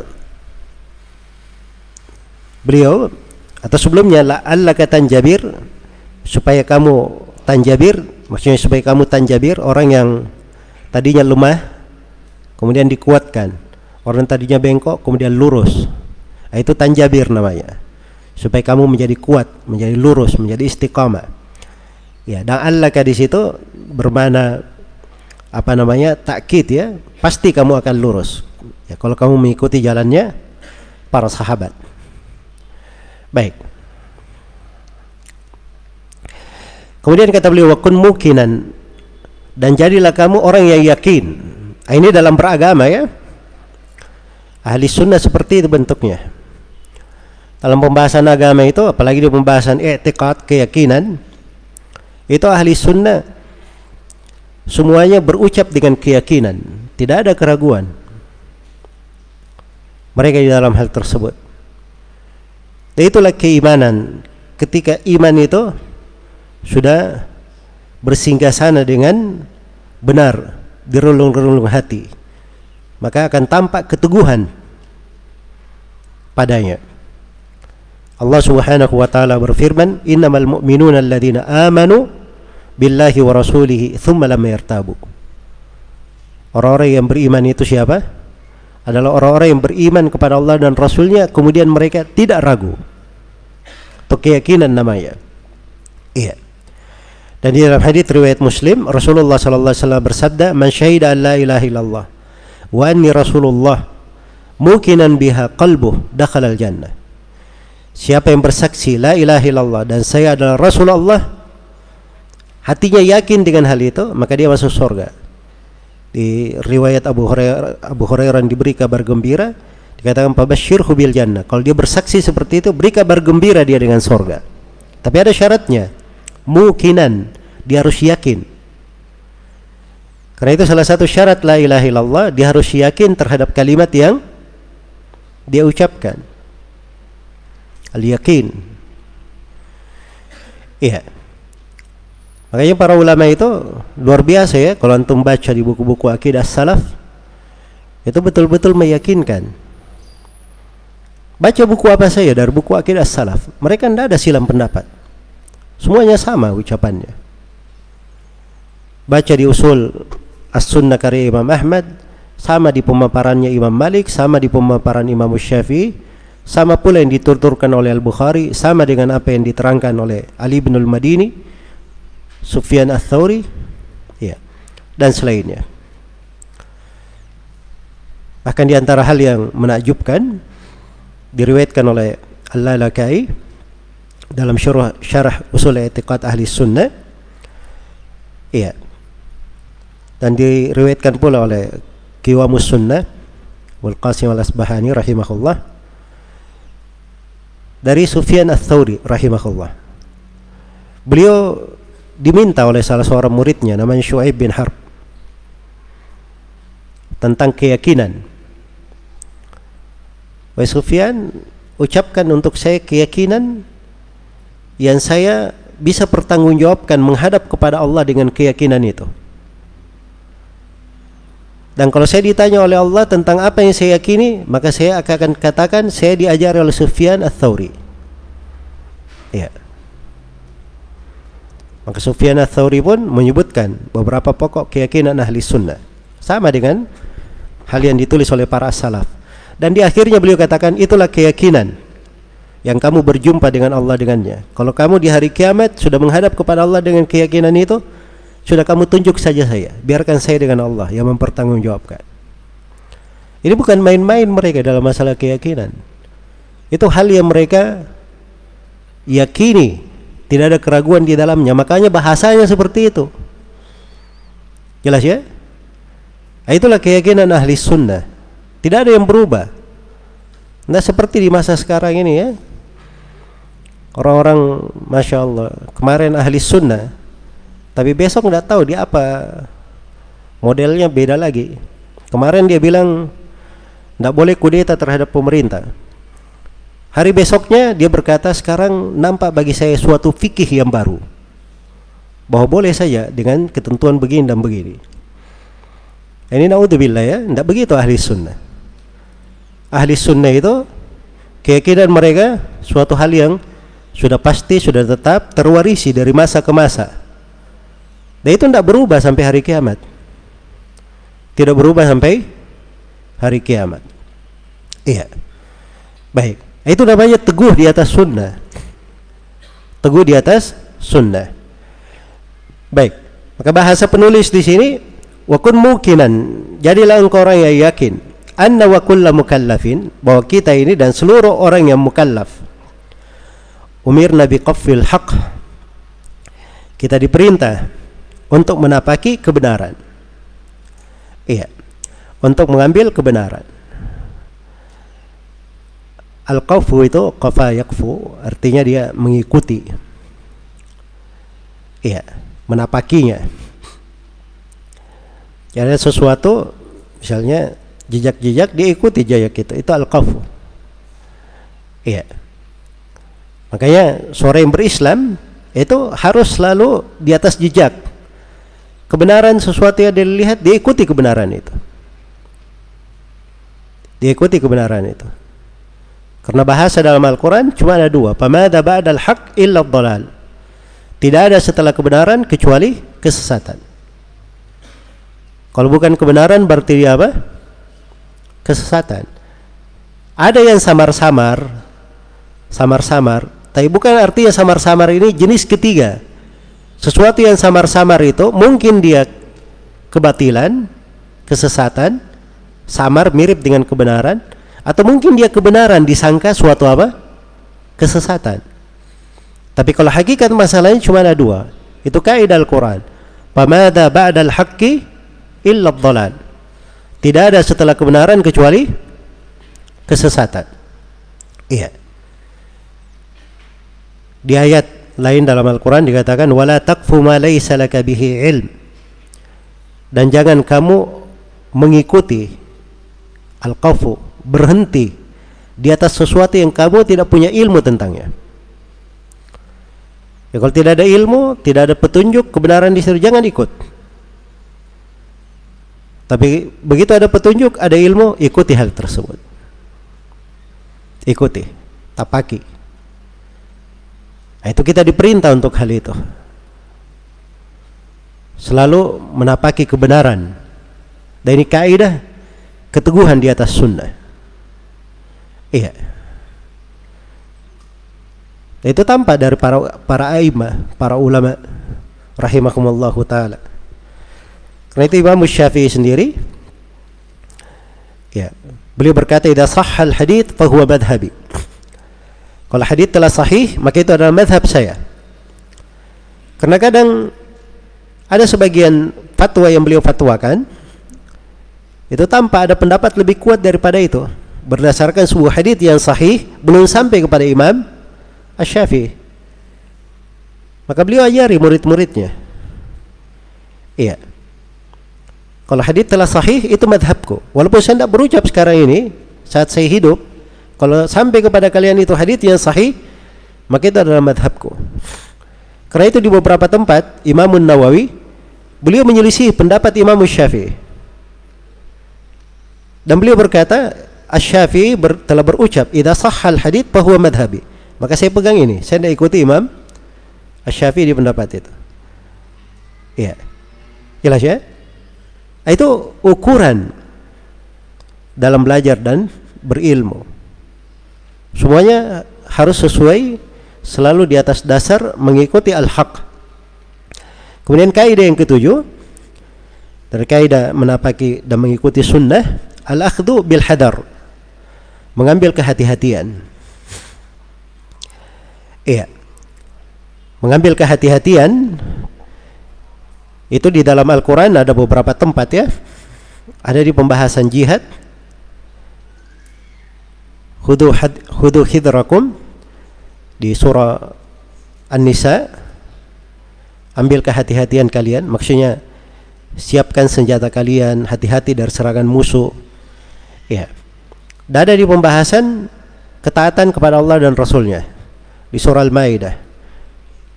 Wati'ullah wati'ur rasulah wahdaru taatlah kalian kepada Allah dan taatlah kalian kepada Rasul dan berhati-hatilah kalian. Maksudnya berhati-hati jangan bermaksiat, jangan berdosa kepadanya. Dan ada tempat yang ketiga di akhir surah An-Nur. Itu firman Allah Subhanahu wa taala, "Falyahdharil ladzina yukhalifuna an amrih an tusibakum fitnah aw yusibahum adabun alim." Hendaknya berhati-hati orang yang menyelisihi perintahnya perintah Rasulullah dia akan tertimpa fitnah atau tertimpa siksaan yang pedih. Namun ini akan datang pembahasan lain oleh penulis nanti. Baik. Jadi maksudnya di sini mengambil hadar itu kaidah tetap dalam beragama dan kaidah untuk istiqamah. Ambil kehati-hatian dalam segala hal. Iya. Dalam segala hal. Musuh itu sangat banyak ada musuh terkait dengan diri sendiri, kita harus hati-hati juga terhadap diri ini. Jangan sampai menjatuhkan kita di dalam mengikuti syahwat, dalam menyelisih perintah, dalam berdosa dan bermaksiat. Harus berhati-hati. Sebagaimana musuh itu ada dari kalangan syaitan. Maka ambil kehati-hatian menghadapi syaitan ini. Jangan dia memberikan syubhat, memberi talbis. Jangan diikuti ajakannya dari sudut syahwat maupun syubhat. Kemudian musuh itu juga ada musuh yang tampak dari luar. Dari kalangan manusia atau dari kalangan jin dan manusia bisa terasa. Itu mengambil kehati-hatian. Dengan seorang berdikir kalau dia ingin dijaga dirinya dari syaitan dan jin dari orang-orang fasik misalnya berhati-hati dengan tidak bergaul dengannya supaya tidak terjerumus dalam maksiat yang dia lakukan terhadap orang-orang kafir yang ingin membahayakan kita berhati-hati terhadap makar dan tipu daya. Ya dan ini kaidah berjalan di berbagai pembahasan ini kaidah indah ya di dalam menapaki dan berpegang dengan sunnah wal akhdi bil hadar mengambil kehati-hatian.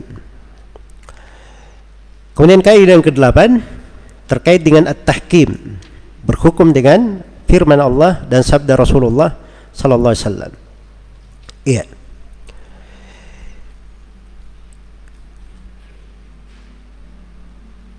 Ini namanya tahkim.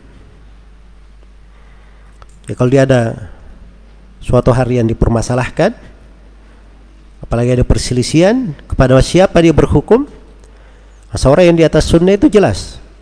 Dia kembalinya kepada Al-Quran dan kepada As-Sunnah kepada firman Allah dan sabda Rasulullah Sallallahu Alaihi Wasallam. Inilah yang dibahasakan oleh penulis dalam tiga bait syair. Kata beliau wahakkim fi ma bainana qawlu malikin qadimin halimin alimil ghaili muqtadir sami'in basirin wahidin mutakallimin مريد لما يجري على الخلق من قدر وقول رسول قد تحقق صدقه بما جاء من معجز قاهر ظهر baik kata beliau wahakim dan jadikanlah sebagai hukum bertahkimlah fima bainana pada apa yang terjadi di tengah kita apa yang menjadi hukum kita firman Allah kemudian beliau sebutkan Beliau sebut nama Allah dengan berbagai asmaul husna dan pengabaran di sini. Ya. Jadi ada beberapa nama ya. Malikin ini asmaul husna, qadimin ini khabar pengabaran, halimin ini juga dari asmaul husna. Alimil ghaib ini juga dari asmaul husna, muqtadir juga dari asmaul husna, sami'in basirin wahidin juga asmaul husna. Mutakallimin ini khabar, pengabaran. Muridin juga pengabaran. Iya. Baik. Jadi dasar yang pertama. Dasar yang kedua, wa qawlu rasulin qad tahaqqaqa sidquhu. Bertahkim kepada sabda Rasul yang kebenarannya itu sudah dipastikan. Itu Nabi Muhammad sallallahu alaihi wasallam. Baik. Jadi ini kaidah di dalam bertahkim. Kembali kepada Al-Quran dan Sunnah Rasulullah Sallallahu Alaihi Wasallam. Ini hukmu illa lillah. Hukum itu hanya milik Allah Subhanahu wa Ta'ala. Iya. Dua jenis hukum, hukum qadari maupun hukum kauni. Semuanya adalah milik Allah Subhanahu wa Ta'ala. Baik, itu globalnya ya di tiga bait syair penulis di sini. Sekarang saya detailkan sebagian kalimat ya. Sini disebutkan beberapa nama dari Asmaul Husna secara ringkas. Nama yang pertama Al-Malik. Artinya maha memiliki. Bisa juga diartikan yang maha berkuasa. Ya, ini sifatul mulk. Dalam Al-Quran itu ada tiga nama. Al-Malik, Al-Malik, dan Al-Malik. Tiga nama dari Asmaul Husna. Itu semuanya dari nama yang menunjukkan kesempurnaan Allah di dalam kepemilikan dan di dalam kekuasaan. Di dalam kekuasaan. Nama yang kedua Al-Qadim. Al-Qadim ini bukan dari Asmaul Husna, tapi di sini digunakan oleh penulis Mimbabil Khabar dari arah pengabaran. Dari arah pengabaran. Sudah berlalu ya di pembahasan akidah wasitiyah ya bahwa kalau nama itu harus ada dalil khusus terkait dengan nama itu. Kalau setiap nama ditetapkan pasti ada sifat di dalamnya. Jelas ya? Kalau setiap sifat, sifat itu harus ada dalil khususnya. Kalau ada dari sifat belum tentu bisa dipecah darinya nama. Baik. Ini dua ini harus terkait dengan dalil. Adapun al-khabar, al-khabar itu dia lebih luas boleh diberitakan tentang Allah tapi dengan syarat hal tersebut tidak bertentangan dengan keagungan dan kebesaran Allah dan tidak mengandung ya syarat yang kedua tidak mengandung kekurangan bagi Allah. Iya. Dan yang ketiga ada ini yang detail. Seorang ketika menggunakan babul khabar hendaknya dia berjalan pada penggunaan yang biasa dipakai oleh para ulama. Jelas ya? Sebaiknya begitu. Sebab kalau dia terbiasa memberi kabar, kadang dia keliru jatuh di dalam hal-hal yang mungkin membuat dia keluar dari jalan yang lurus. Baik. Jadi qadim itu ada dua makna al-qidam. Qidam itu artinya yang maha lama, yang maha apa namanya terdahulu. Qidam itu ada yang mutlak, ada yang nisbi. Ya, mutlak itu artinya maha dahulu tidak ada permulaannya. Nah, ini kalau digunakan untuk Allah mimbabil khabar boleh dengan makna ini. Tapi kalau nisbi al-qadim bermakna lama, mungkin ada yang mendahuluinya, nah, ini tidak benar. Digunakan untuk nama Allah. Jelas ya? Dikhabarkan untuk Allah tidak boleh. Sebab itu mengandung makna kekurangan. Ya, dan tentunya penulis menginginkan makna yang pertama, Mana yang pertama. Baik, walaupun ini dianggap hal yang uh, kurang tepat ya oleh banyak ulama yang lainnya, cuma dari sudut pengkhabaran, arahan penggunaan penulis seperti yang kita terangkan tadi. Kemudian yang ketiga, Halim. Al-Halim itu dari Asmaul Husna. Itu dari Asmaul Husna, digunakan di beberapa tempat. Ya Allah memiliki al-hilm yang sempurna yang meliputi seluruh makhluknya. Ya. Al-Hilim itu itu dia yang tidak menyegerakan siksaan kepada hambanya. Iya. Memberi tempo dan waktu luang kepada orang-orang kafir dan orang yang bermaksiat supaya bertobat. Itu hilim namanya. Kalau diartikan hikmah bisa, diartikan tidak tergesa-gesa bisa. Ya. Diartikan yang maha apa namanya jauh hikmah dan pandangannya itu juga bisa. Itu al-hilim. Baik. Kemudian nama yang keempat alimul ghaib, yang maha mengetahui yang gaib. Dan ini jelas ya. Nama yang kelima al-muqtadir. Al-muqtadir itu sama dengan nama al-qadir ya Al-Qadir tiga nama ya dalam Al-Quran. Al-Qadir, Al-Qadir dan Al-Muqtadir. Al-Muqtadir. Cuma di kaidah ilmu bahasa ziyadatul mabna tadullu ala ziyadat al-ma'na. Ada tambahan dalam bangunan kata itu menunjukkan tambahan di dalam apa? tambahan di dalam makna. Baik. Ya, qadir itu maha mampu. Muqtadir itu lebih dari kandungan maknanya. Maksudnya yang maha mampu, iya, dengan kemampuan yang sempurna, tidak ada sesuatu yang bisa menahannya dan tidak dilemahkan oleh sesuatu apa pun. Dan apa yang dia inginkan tidak akan pernah luput. Baik. Kemudian nama yang ke enam dan ketujuh, Sami'un Basir, maha mendengar lagi maha melihat. Yang kedelapan, Wahidin, yang maha satu. Iya. Dan ini sama dengan nama Al-Ahad. Al-Wahid, Al-Ahad itu sama.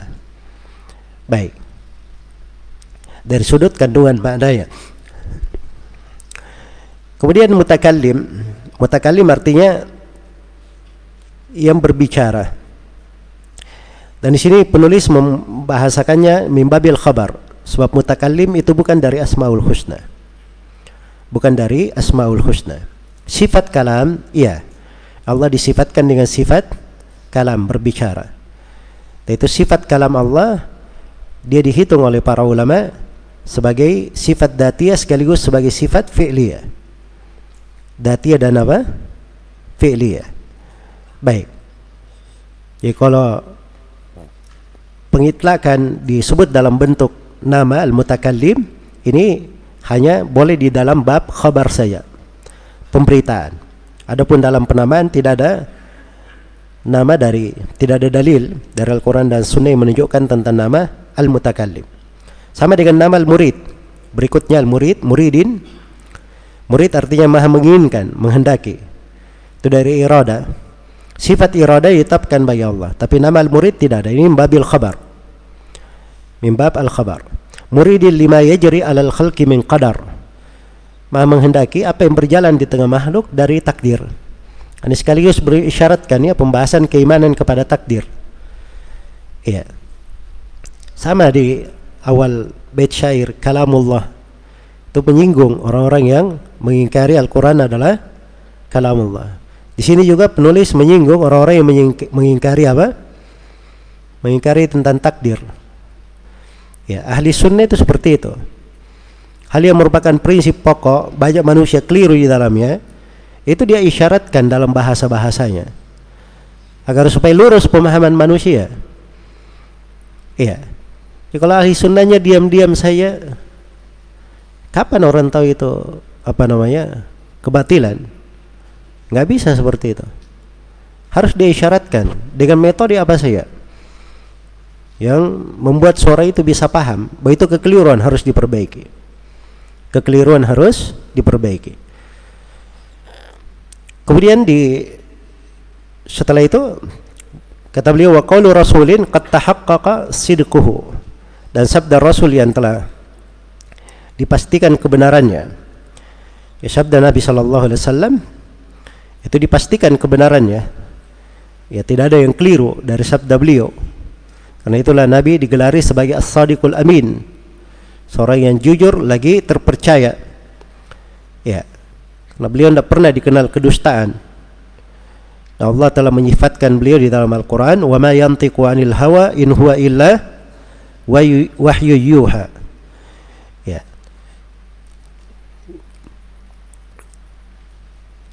tidaklah beliau ber, berucap dari hawa nafsunya yang beliau ucapkan adalah wahyu yang diwahyukan kepada beliau iya ketika ada sebagian orang yang mengatakan kepada Abdullah bin Amr bin As radhiyallahu anhuma Kenapa kamu menulis seluruh sabda Nabi apa yang keluar dari mulut beliau? Padahal Nabi Muhammad juga manusia biasa.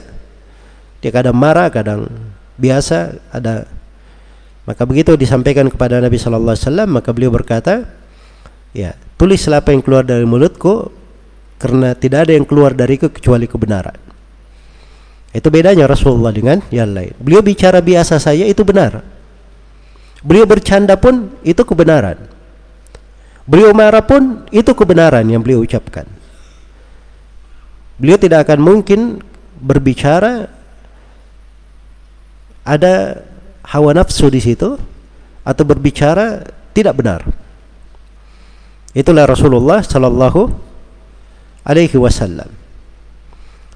Baik.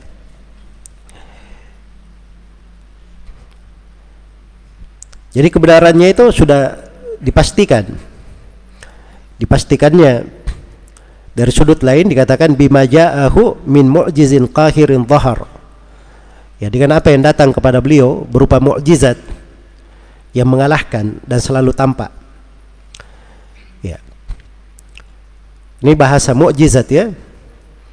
Dan penggunaan mukjizat ini memang muncul di abad belakangan kalau di masa generasi pertama itu tidak dikenal bahasa mukjizat mukjizat itu mulai masuk dan apa namanya dibahasakan dipakai dengan kata mukjizat itu setelah ada pemikiran-pemikiran baru dari kelompok Jahmiyah, Mu'tazilah dan semisal dengannya. Iya. Akhirnya karena sudah beredar dan kadang orang yang dibicarain tidak paham kecuali dengan kata mukjizat, makanya dipakai oleh sebagian ulama. Seperti Az-Zanjani di sini rahimahullah memakainya. Dan beliau maksudkan di sini mukjizat itu kalau bahasa Al-Qur'annya disebut dengan burhan atau disebut dengan ayat atau disebut dengan bayina. Itu bahasa Al-Qur'annya. Jelas ya? Tapi kalau mukjizat sendiri, ya sekarang kalau dibilangi antum mukjizat, antum paham kan cepat. Tapi kalau disebut ayat, nah semua orang pahamnya ayat ya, ayat Al-Qur'an kan? Padahal ayat itu sesuatu hal yang jelas tidak terbantahkan. Itu ayat. Kalau arti secara bahasanya. Dan itulah mana mujizat yang kita pahami. Mana mujizat yang kita pahami. Baik. Jadi beliau ini didukung dengan berbagai tanda-tanda kenabian. Itu maksudnya. Dan tanda-tanda kenabian beliau yang membenarkan dan membuktikan bahwa beliau adalah Rasulullah Subhanahu wa taala itu banyak sekali. Dan tanda kenabiannya yang paling besar adalah Al-Qur'an. Itu tandanya yang paling besar. Iya. Ada pun tanda-tanda yang lain seperti dipecah bulan untuk beliau menjadi dua, Isra dan Mi'raj. Kemudian mengalirnya air dari jari jemari beliau. Beliau doakan keberkahan untuk makanan sehingga makanan itu terus dimakan tanpa terbatas. Dan seterusnya dari bukti-bukti nyata akan kenabian beliau itu banyak sekali. Ditulis oleh para ulama buku-buku khusus tentang hal tersebut karena banyaknya riwayat-riwayat tentang hal tersebut. Makanya kejujuran beliau itu adalah hal yang dipastikan selain daripada itu Nabi berucap hadith-hadith yang di masa beliau itu belum terlihat karena ini kejadian masa mendatang. Dan datang di masa terjadinya apa yang dikabarkan oleh Nabi kebenaran yang diucapkan oleh Rasulullah sallallahu alaihi wasallam. Dan itu semuanya bagian dari bukti kejujuran beliau dan kepastian akan kebenaran yang dibawa oleh Rasulullah sallallahu alaihi wasallam. Baik selesai rincian dari tiga bait syair ini ya. kesimpulannya tadi di sini ada kaidah yang ke berapa yang ke delapan bertahkim terhadap kembali kepada Al-Quran dan Sunnah Rasulullah Sallallahu Alaihi Wasallam. Kaidah yang ke sembilan. Ini kaidah ketiga berselisih. Ketiga berselisih. Ketika seorang berselisih, bagaimana caranya? Bagaimana pegangan sunnah di dalam hal itu? Kata penulis, "Faqila lana ruddu ila Allahi amrakum idza ma tanaza'tum litanju minal gharar."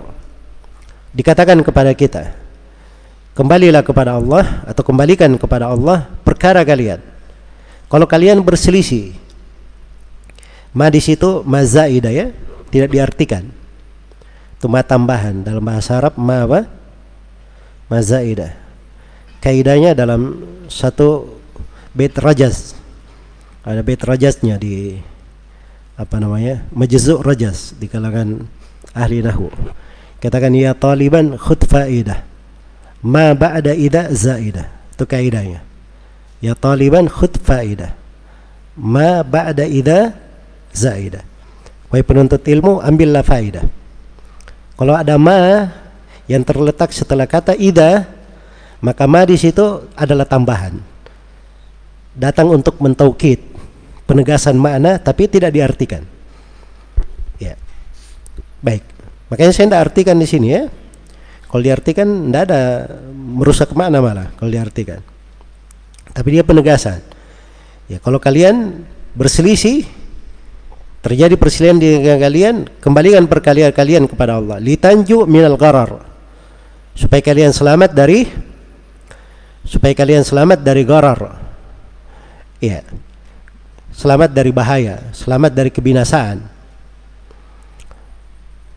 baik dan ini dimaksudkan oleh penulis firman Allah Subhanahu wa taala ya ayyuhalladzina amanu Allah wa atiiur rasul wa ulil amri minkum fa in tanaza'tum fi syai'in farudduhu ila Allah war rasul in kuntum tu'minuna billahi wal yawmil akhir Dalika khairun wa ahsanu ta'wila. Wahai orang-orang yang beriman, taatlah kalian kepada Allah dan taatlah kalian kepada Rasul serta kepada ulil amr di antara kalian. Kalau kalian berselisih pada sesuatu, maka kembalikanlah kepada Allah dan kepada Rasulnya. Kembalikan kepada Allah, yaitu kepada Al-Quran. Kembalikan kepada Rasulnya ketika beliau hidup, iya. Tapi begitu beliau sudah meninggal, dikembalikan kepada sunnahnya dikembalikan kepada sunnah Nabi sallallahu alaihi wasallam. In kuntum tu'minuna billahi wal yaumil akhir. Kalau memang kalian beriman kepada Allah dan hari akhirat. Dalika khairun wa ahsanu ta'wila. Diterangkan keutamanya itu yang terbaik. Ya kalau orang melakukan hal ini selalu pasti yang terbaik dia dapatkan. Selalu yang terbaik dia dapatkan.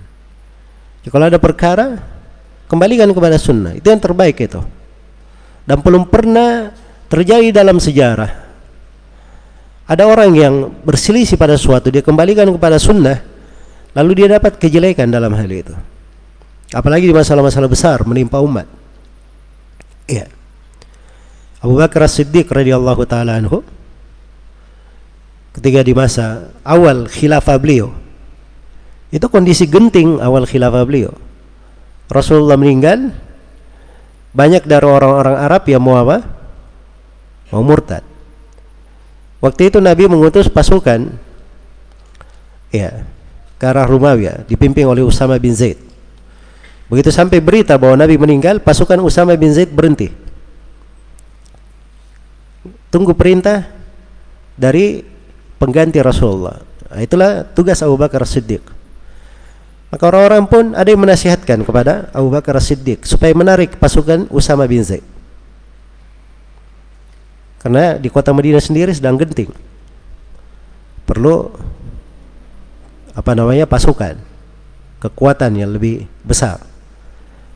Bagaimana sikap Abu Bakar? Itu keteguhan di atas sunnah. Iya. Abu Bakar berkata itu bendera dipasang oleh Rasulullah sallallahu alaihi wasallam. Rasulullah yang mengutusnya ke sana. Saya tidak akan meninggalkan sesuatu yang Rasulullah sendiri yang melakukannya.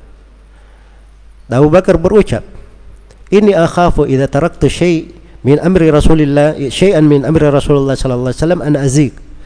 Saya khawatir kalau saya meninggalkan sesuatu dari perintah Nabi sallallahu alaihi wasallam, saya khawatir saya akan menyimpang.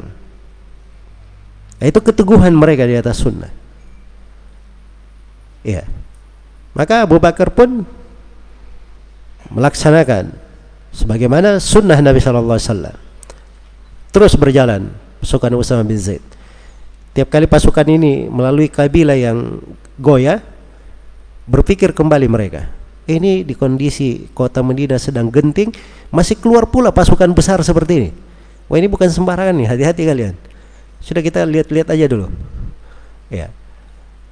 Berjalan pasukan Usama bin Zaid memperoleh kemenangan, gemilang kembali ke kota Medina, tenang. Nah, itu buah pengaruh dengan pengaruh berpegang dengan sunnah Rasulullah Shallallahu Alaihi Wasallam. Iya. Maka keteguhan di atas sunnah itu luar biasa. Dari perkara yang besar membawa kebaikan untuk seorang hamba Sepanjang dia menjaganya, memeliharanya, maka akan datang kebaikan. Karena itu di akhir generasi para sahabat ada fitnah-fitnah besar ya. Malah dimaklumi dalam sejarah itu fitnah-fitnah, pertumpahan darah dan sebagainya. Ya disebabkan sebagian orang yang keluar dari sunnah. Sehingga Allah menjadikan Hajjat bin Yusuf sebagai adab terhadap sebagian manusia. Maka ada orang-orang yang datang kepada Anas bin Malik ya bertanya tentang hal itu Anas bin Malik hanya mengajari satu dari sunnah kata Anas bin Malik radhiyallahu taala anhu isbiru hatta talqauni alal haud hakada sami'tu min rasuli min rasulillah sallallahu alaihi wasallam sabarlah kalian sampai kalian menjumpaiku di telaga demikian saya dengar dari rasul kalian Nabi Muhammad sallallahu alaihi wasallam manusia hanya bersabar terhadap kezaliman Hajjat bin Yusuf. Tidak lama setelah itu Allah ganti pemimpin yang lebih baik darinya. Siapa yang memimpin setelah itu? Umar ibnu Abdul Aziz. Iya. Karena itu kata Al Hasan Al Basri, andai kata manusia itu bersabar sedikit saja, maka Allah akan bukakan untuk mereka apa? Kebaikan. Iya, itu keindahan seseorang berpegang dengan sunnah. Maka kaidahnya seperti itu ada suatu kembalikan kepada Allah dan kembalikan kepada Rasulnya. Dalika khairun itu pasti yang terbaik. Wa ahsanu ta'wila. Ta'wil itu hakikat sesuatu ketika terjadi. Iya. Jadi akibatnya sesuatu yang terjadi itu itu yang paling baiknya, tidak ada yang lebih baik daripada itu. Itu keteguhan kalau seorang kembali kepada Al-Quran dan Sunnah Rasulullah Sallallahu Alaihi Wasallam. Baik. Setelah itu penulis rahimahullahu taala menjelaskan di sini tentang ancaman uh, atau beliau tegaskan masalah mengikuti sunnah Nabi sallallahu alaihi wasallam. Kata beliau awittabi'u ma sanna fihi Muhammadun fata'atuhu turdil ladzi anzala az-zubar. Uh, fata'atuhu turdil ladzi anzala zubur ya atau ikutilah apa yang disunahkan oleh Nabi jadi kembali kepada Allah atau kembali kepada sunnah Rasulullah sallallahu alaihi wasallam karena taat kepada Rasul itu membuat ridha Allah yang menurunkan kitab-kitab suci Az-Zubur itu jamak dari Zabur iya jamak dari Az-Zabur. Baik. Jadi Zabur itu kalau pengertian umumnya itu adalah buku-buku, kitab-kitab yang Allah turunkan dari langit. Tapi kadang dia digunakan untuk kitab yang diturunkan kepada Nabi Daud alaihi salam. Wa ataina Dauda Zabura. Ya, karena kita kenal ya kepada Nabi Muhammad diturunkan Al-Quran. Nabi Musa apa? Taurat, Nabi Isa, Injil, Nabi Daud, Zabur. Ini yang disebut dalam Al-Quran. Ada namanya Suhuf Ibrahim, lembaran-lembaran Ibrahim. Ada namanya Suhuf Musa. Suhuf Musa ini kita tidak tahu apakah dia Taurat atau dia lembaran selain dari Taurat. Ini aja yang disebut di dalam Al-Quran tentang kitab-kitab. Jelas ya? Seluruh kitab-kitab yang Allah turunkan itu disebut zubur. Bahasa lainnya. Baik. Jadi kalau terjadi perselisihan kaidahnya, ikuti Allah dan ikuti Rasul. Ikuti apa yang disunahkan Nabi Muhammad. Terkait dengan ketaatan kepada Nabi Muhammad, ketaatan kepada beliau itu membuat ridha Allah yang menurunkan kitab-kitab. Iya. Karena di dalam Al-Quran lebih dari 30 tempat perintah taat kepada Rasulullah sallallahu alaihi wasallam. Bahkan di banyakkan tempat digandengkan ketaatan kepada Allah dengan ketaatan kepada Rasulnya sallallahu alaihi wasallam. Bahkan Allah berfirman, "Wa may yuti'ir rasula faqad ata Allah." Siapa yang taat kepada Rasul, maka dia telah taat kepada Allah Subhanahu wa taala. Kemudian di bait syair yang ke-9 kata beliau faman khalafa al-wahya al-mubina bi aqlihi fadaka mru'un qad khaba haqqan wa qad khasir. Kata beliau dan barang siapa yang menyelisihi wahyu yang terang dengan akalnya maka dia adalah seorang yang sungguh telah merugi dengan sebenar-benar kerugian. Uh, sungguh telah hancur dengan sebenar-benar kehancuran mukhasir dan sangat merugi dan sangat merugi. Iya. Nah, di sini penulis rahimahullah memperingatkan sekaligus menegaskan peringatan jangan sampai jatuh dalam hal yang seperti ini. Sebab ini perkara bisa memalingkan dari sunnah. Penegasan bagaimana prinsip kehidupan seorang itu terkait dengan menggunakan akalnya. Iya. Akal itu akal itu anugerah pemberian dari Allah kepada seorang hamba. Dan akal yang sehat itu tidak bertentangan dengan Al-Quran dan Sunnah.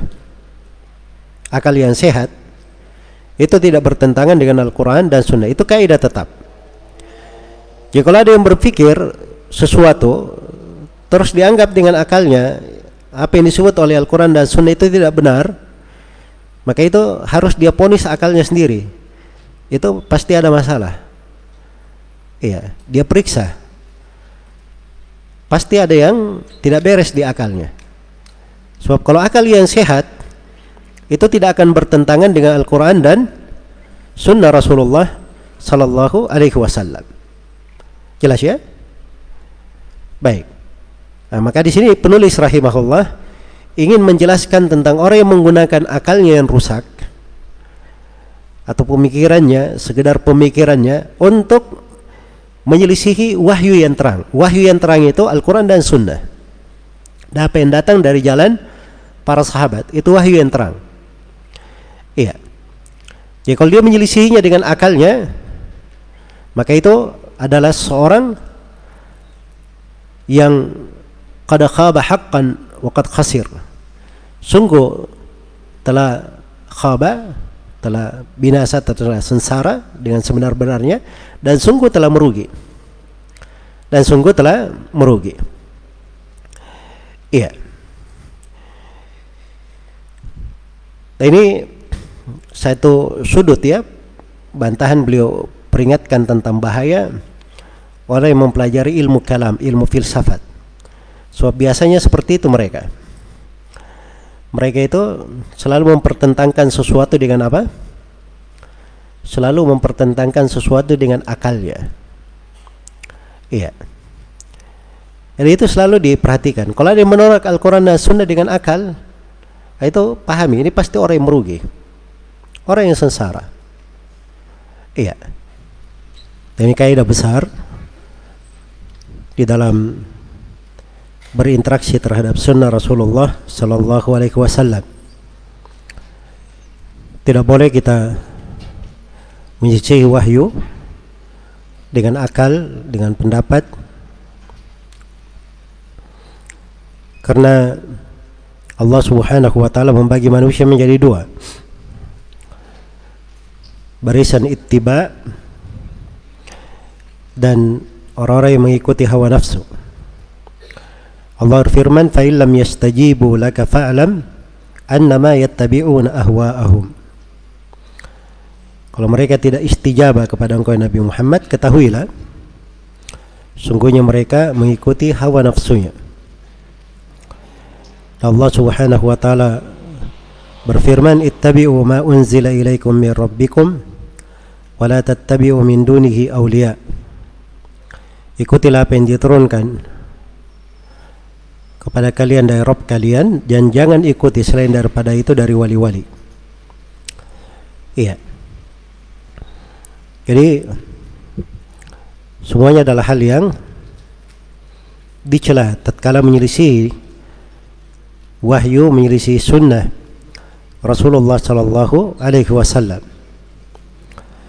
Di ayat yang lain Allah Subhanahu wa taala juga menjelaskan dua golongan manusia thumma ja'alnaka ala syari'atin minal amri fattabi'ha wa la tattabi' ahwa alladhina la ya'lamun Kemudian kami jadikan engkau Nabi Muhammad di atas syariat dari perkara ikutilah syariat itu dan jangan ikuti hawa nafsu orang yang tidak mengetahui.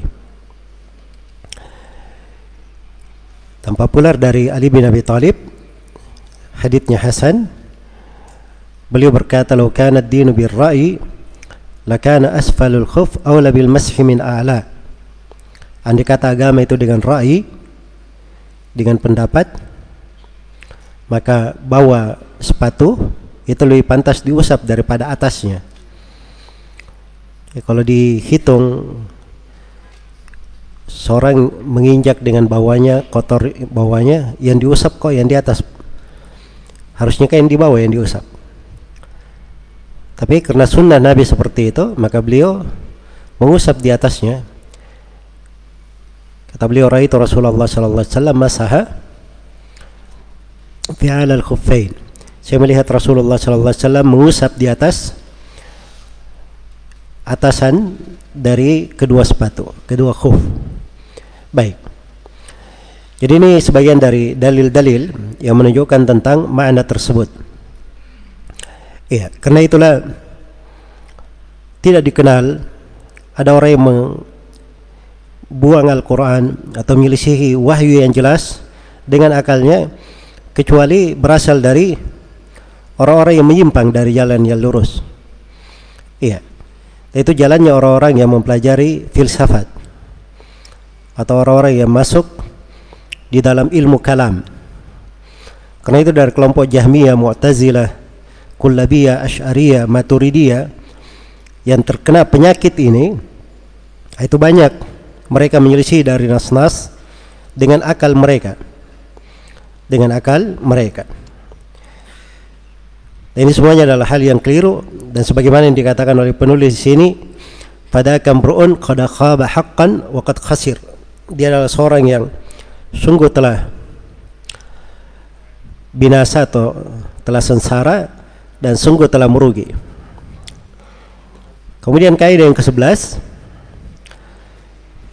kata beliau di bait syair yang ke-10 wa fi tarki amril mustafa fitnatun fadar khilaf alladhi qad qalahu watlu wa'tabir. Dan di dalam meninggalkan perintah Nabi Al-Mustafa sallallahu alaihi wasallam terdapat fitnah. Fadar khilaf alladhi qad qalahu maka tinggalkan segala hal yang melisihi ucapan beliau. Watlu tabir banyak kamu membaca. Dan banyak kamu mengambil pelajaran. Iya. Sini beliau ingatkan kaidah besar bahwa di dalam meninggalkan sunnah Nabi itu akan terjadi fitnah dan ini berdasarkan firman Allah Subhanahu wa taala di akhir surah An-Nur, "Falyahdharil ladzina yukhalifuna an amrih an tusibakum fitnah aw yusibakum adzabun alim." Hendaknya berhati-hati orang yang menyelisih perintah beliau. Dia akan ditimpa oleh sebuah fitnah atau ditimpa siksaan yang pedih dia akan ditimpa oleh sebuah fitnah atau ditimpa oleh siksaan yang pedih. Iya. ditimpa oleh fitnah di situ diterangkan oleh Ibnu Katsir rahimahullahu taala dengan penjelasan yang universal dan mendalam yang menunjukkan kedalaman beliau rahimahullahu taala di dalam memahami tafsir ayat-ayat. Jadi kata Ibnu Katsir pada ayat antusibakum fitnah hendaknya berhati-hati orang yang menyelisih perintah Rasulullah sallallahu alaihi wasallam dia akan tertimpa oleh sebuah fitnah kata Ibnu Katsir ay fi qulubihim tertimpa fitnah di hati-hati mereka min kufrin au nifakin au bidah.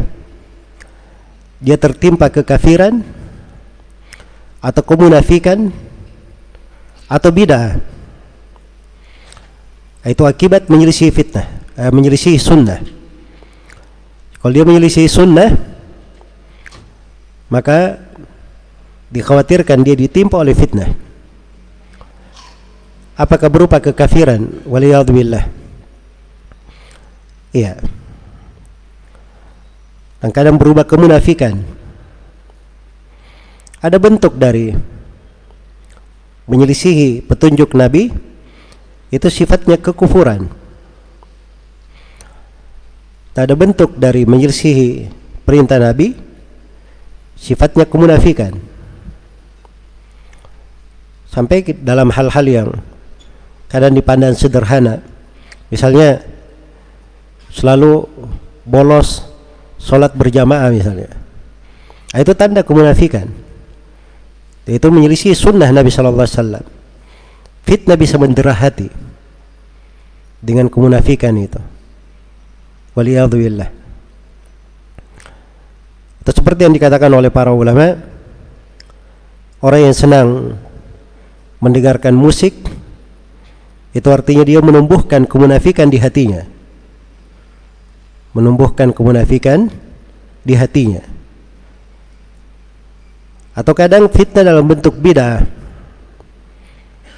Sebab keluar dari sunnah itu artinya dia tinggalkan sunnah yang semisal dengannya. Dia bisa jatuh ke dalam perbuatan bidah. Itu yang paling sedikitnya maka perintah Nabi Shallallahu Alaihi Wasallam kalau ditinggalkan itu pasti akan membawa fitnah. Au yusibahum adzabun alim atau dia ditimpa oleh siksaan yang pedih. Kata Ibnu Katsir siksaan yang pedih di dunia apakah dia akan terbunuh atau kena had atau akan dipenjara atau yang semisal dengan itu atau yang semisal dengan itu. Iya. Dan ini memang sudah terjadi ya. Jadi kalau dibaca hal-hal yang seperti ini dalam sejarah orang-orang yang dapat siksaan segera karena menyelisih sunnah itu banyak sekali. Banyak sekali. Iya. Bahkan kadang dia menganggap enteng sebagian sunnah maka disegerakan untuknya siksaan. Karena itu di Sahih Muslim dari sahabat yang mulia Salam bin Aqwa radhiyallahu anhu ada seorang yang makan dengan tangan kirinya. Nabi berkata kepadanya, "Kul biyaminik." Makan dengan tangan kananmu. Dia berkata, "Ya Rasulullah, astati, saya tidak mampu." Tidak mampu gimana? Dia punya tangan kanan gampang diangkat, tidak mampu. Jadi yang menyebabkan dia berucap seperti itu itu kesombongan saya. Maka Nabi berkata, "Lastata'ata, kamu tidak akan mampu selama-lamanya." Pada saat itu juga dia tidak bisa angkat tangannya. Ini bentuk menyelisih sunnah. Nasallallahu alaihi Iya. Ada sebagian orang yang dibacakan kepadanya hadith anak muda di dari Khurasan maka dia tidak mempercayai hadis itu, tidak mau menerimanya. Tiba-tiba jatuh ular besar, tidak tahu dari mana, mengejar anak muda ini. Itu disebutkan oleh Ad-Dhahabi rahimahullah di Syiar Alamin Nubala. Dan beliau katakan sanatnya itu semuanya para imam yang meriwayatkan. Ini kejadian nyata. Mengejar anak muda ini sampai dia lari, Orang-orang berkata kepadanya, bertobatlah kamu. Maka dia pun bertobat. Tiba-tiba ularnya hilang. Ya. Kadang ada orang-orang yang disegerakan pada yang siksaan di dunia. Apalagi di akhirat. Karena itulah orang yang melisihi sunnah Nabi itu hendaknya berhati-hati. Dan ini kaidah besar ya di dalam kehidupan bermasyarakat bersama di dalam sebuah negeri meninggalkan sunnah Nabi Sallallahu Alaihi Wasallam itu sebab terjadinya fitnah mungkin sebab turunnya musibah sebab terjadinya malapetaka sebab terjadinya kerusakan-kerusakan maka harus selalu diingat hal-hal yang seperti ini. Karena manusia itu kadang dia hanya melihat hal-hal yang dipandang oleh kasat mata saja. Terjadi kejadian begini fenomenanya begini dan begitu. Dia tidak melihat bahwa ada sebab-sebab yang terkait dengan dosa dan maksiat menyelisih sunnah Rasulullah Sallallahu Alaihi Wasallam yang harusnya diperbaiki dan sebenarnya dia harusnya lebih banyak membenahi diri di dalam hal tersebut ya maka nasihat penulis di sini Fadar khilaf alladhi qad qalahu. Tinggalkanlah segala bentuk menyelisihi apa yang diucapkan oleh Nabi. Watlu dan selalu baca. Wa'tabir dan ambil pelajaran. Ini selalu baca, ada kemungkinan selalu baca apa yang disabdakan oleh Nabi, selalu diambil pelajaran dari hadith Nabi dan mungkin baca dan selalu mengambil pelajaran maksudnya baca umat-umat yang sudah berlalu orang-orang yang milisi para nabi dan para rasul, orang-orang yang milisi sunnah nabi, bagaimana akhir keadaan mereka, dan ambil pelajaran. Dan ambil pelajaran. Iya.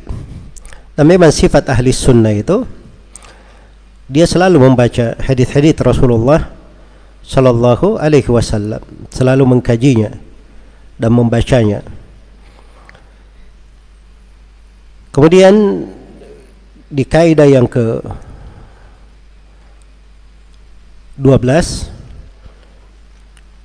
ini keteguhan di atas sunnah berupa berpijak di atas kesepakatan para sahabat. Kata beliau wa majtama'at fihi sahabatu hujjatun wa tilka sabilul mu'minina liman sabar. Dan apa yang para sahabat bersepakat di dalamnya adalah hujjah. Dan itulah jalan kaum mukminin. Itulah jalan kaum mukminin. Liman sabar. Bagi siapa yang betul-betul meneliti dan mengikutinya. Baik. Di sini beliau dasarkan kepada hal yang penting yaitu selalu berpegang dengan kesepakatan para sahabat. Jalannya para sahabat itu yang sudah diterangkan itu pembahasan umum ya. Di antara poin pembahasannya terkait dengan kesepakatan para sahabat. Ini lebih khusus.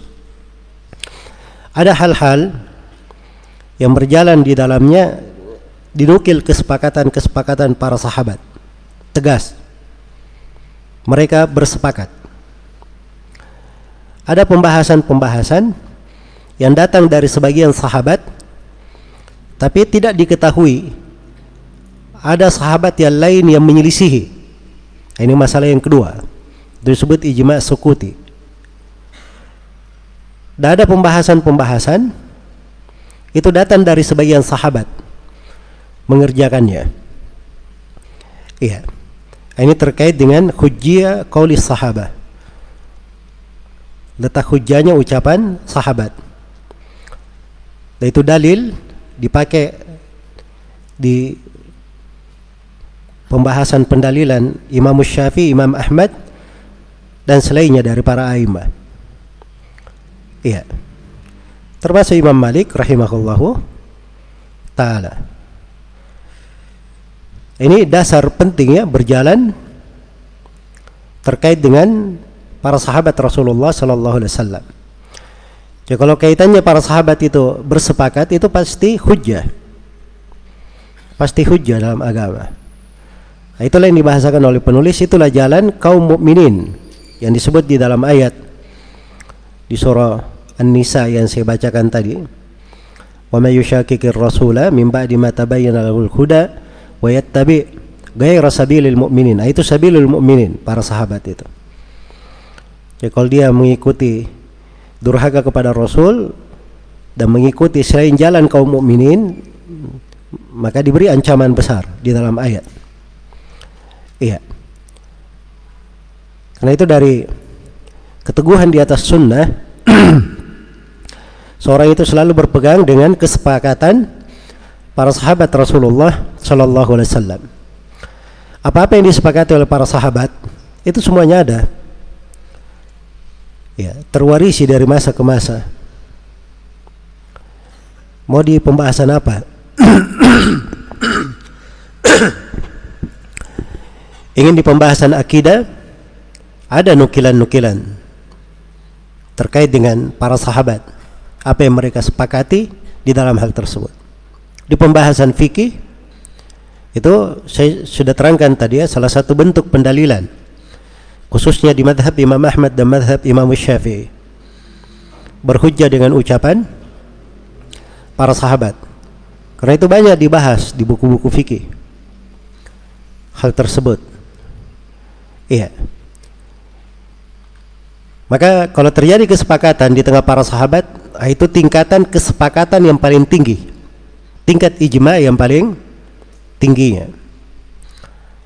Dan siapa pun yang datang setelahnya tidak boleh menyelisihi dari kesepakatan para sahabat Rasulullah sallallahu alaihi wasallam di situ. Baik.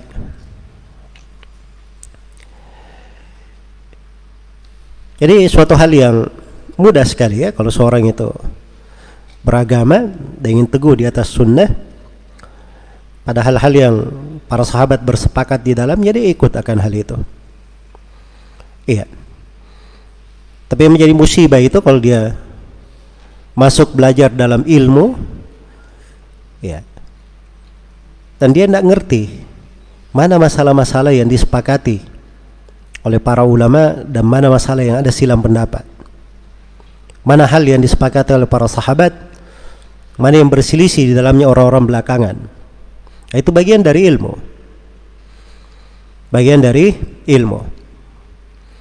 Karena itu para ulama dahulu mereka itu tidak menghafal ayat-ayat dan hadith-hadith saja. Tapi beli, mereka juga menghafal ucapan-ucapan para sahabat. Iya dan para ulama dari masa ke masa yang populer di dalam ilmu dan yang paling tinggi ketokohannya di tengah umat itu pasti mereka bergelimang dengan athar pendapat-pendapat para sahabat dan para ulama tabi'in ataupun siapa yang setelah mereka. Itu mereka hafal itu sama seperti menghafal hadith. Iya. Sama seperti menghafal hadith. Dan di situlah mereka istiqamah di atas sunnah. Beda dengan manusia di sebagian manusia di belakang ini ya. Ya. Kadang pun kalau sebagian orang kita lihat ya mengajarkan buku-buku dia bisa baca kitab itu pembahasan-pembahasannya cara pembahasannya itu tidak dikenal di kalangan ulama tidak dikenal di kalangan ulama bahas sesuatu ini saya baca di buku ini dia sebut nama bukunya Buku itu bukan rujukan sama sekali. Jadi ilmu agama itu bukan sekadar dia bisa baca kitab, bisa menyebut nama buku, banyak referensinya. Tapi ilmu itu harus tahu ada tingkatan pendalilan, ada arah, sumber pengambilan. Itu harus lengkap pada seorang, baru dia bisa membangun di apa namanya di atasnya pembahasan-pembahasan ilmiah yang benar. Kalau dia tidak mengambil ilmu itu dari asal usulnya, dia tidak mengerti dasar-dasar yang seperti itu. Bagaimana dia bisa dia bisa menuju kepada suatu kebenaran di pembahasan ilmu. Ilmu ini dijadikan mudah. Datang wahyu kepada Rasulullah sallallahu alaihi wasallam Nabi menyampaikannya kepada para sahabat, mereka memahaminya kepada Nabi, memahaminya, mempelajarinya, mendalaminya. Para sahabat menyampaikannya kepada umat, mudah turunnya. Nah, itu saja yang diikuti. Kenapa dia persulit? Iya. Karena itu banyak kekeliruan yang terjadi. Sebabnya apa? Ilmunya itu hanya berputar di abad ke-10 Hijriah saja. Baca buku banyak, cuman ulama di abad sampai abad ke-10. Ya. Ada yang rujukannya sampai ke mana? Ke Al-Ghazali saja. Ada yang rujukannya ke mana? Sampai ke Abdul Hasan Al-Asy'ari saja, abad keempat. Di mana dia kenal dari ilmunya para sahabat, para tabiin, tabiut tabiin yang sudah ada sebelumnya, sudah didukil, dibukukan, teriwayatkan. Nah, orang-orang yang menyimpan dari jalan inilah yang membuat masalah-masalah di tengah umat. Iya. Karena itu kalau dilihat pada dasarnya sebenarnya ditelusuri mudah diambilnya. Cuman begitu mundur ke abad ketiga, keempat dan seterusnya, akhirnya dibuat oleh sebagian manusia ilmu itu menjadi rumit sekali. Menjadi rumit. Iya. Karena masuk di dalamnya orang yang tidak menekuni ilmu dengan tepat. Iya, karena itu penulis nanti akan sebutkan ya nama-nama orang-orang yang menyimpang jalannya di dalam hal yang seperti ini. Kan datang beliau sebutkan Jaham bin Safwan, Bishr al-Marisi, Ja'ad bin Dirham, Abdullah bin Said bin Kullab, Muhammad bin Karram, Abdul Hasan al-Ash'ari disebut oleh penulis agar supaya diwaspadai ini orang-orang yang keluar dari jalan. Iya. Baik. Kemudian di bait yang ke-12 ini saya poinkan kaidah yang ke-13 kata beliau wa man lam yakun fi asrihi muta'arifan wa bihi man ba'dakum rudda bal zujir Iya. Ini terkait dengan perbuatan yang tidak dikenal di masa para sahabat.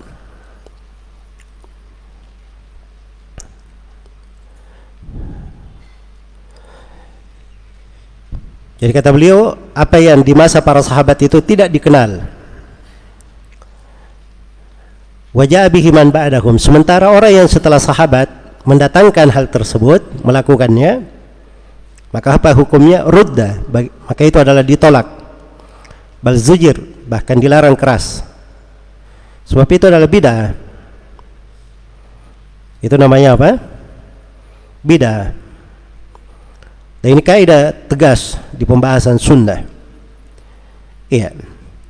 Karena itu kata Imam Malik rahimahullahu taala, "Malam yakun dinan zaman Nabi sallallahu alaihi wasallam wa ashabihi, falam yakuna falan yakuna al-yawma dina." Kata Imam Malik, apa yang bukan agama di masa Rasulullah dan para sahabatnya, maka pada hari ini di masa Imam Malik, kata beliau juga bukan dianggap agama. Dan ini mana ucapan Hudzaifah bin Yaman radhiyallahu anhuma, "Kullu ibadatin lam yata'abbadu biha ashabu Rasulillah sallallahu alaihi wasallam fala ta'abbaduha." Kata beliau setiap ibadah yang para sahabat Nabi sallallahu alaihi wasallam tidak menganggapnya sebagai ibadah, maka jangan kalian menganggapnya sebagai ibadah. Jangan kalian menganggapnya sebagai ibadah. Ya, dan ini kaidah mereka dalam mengingkari.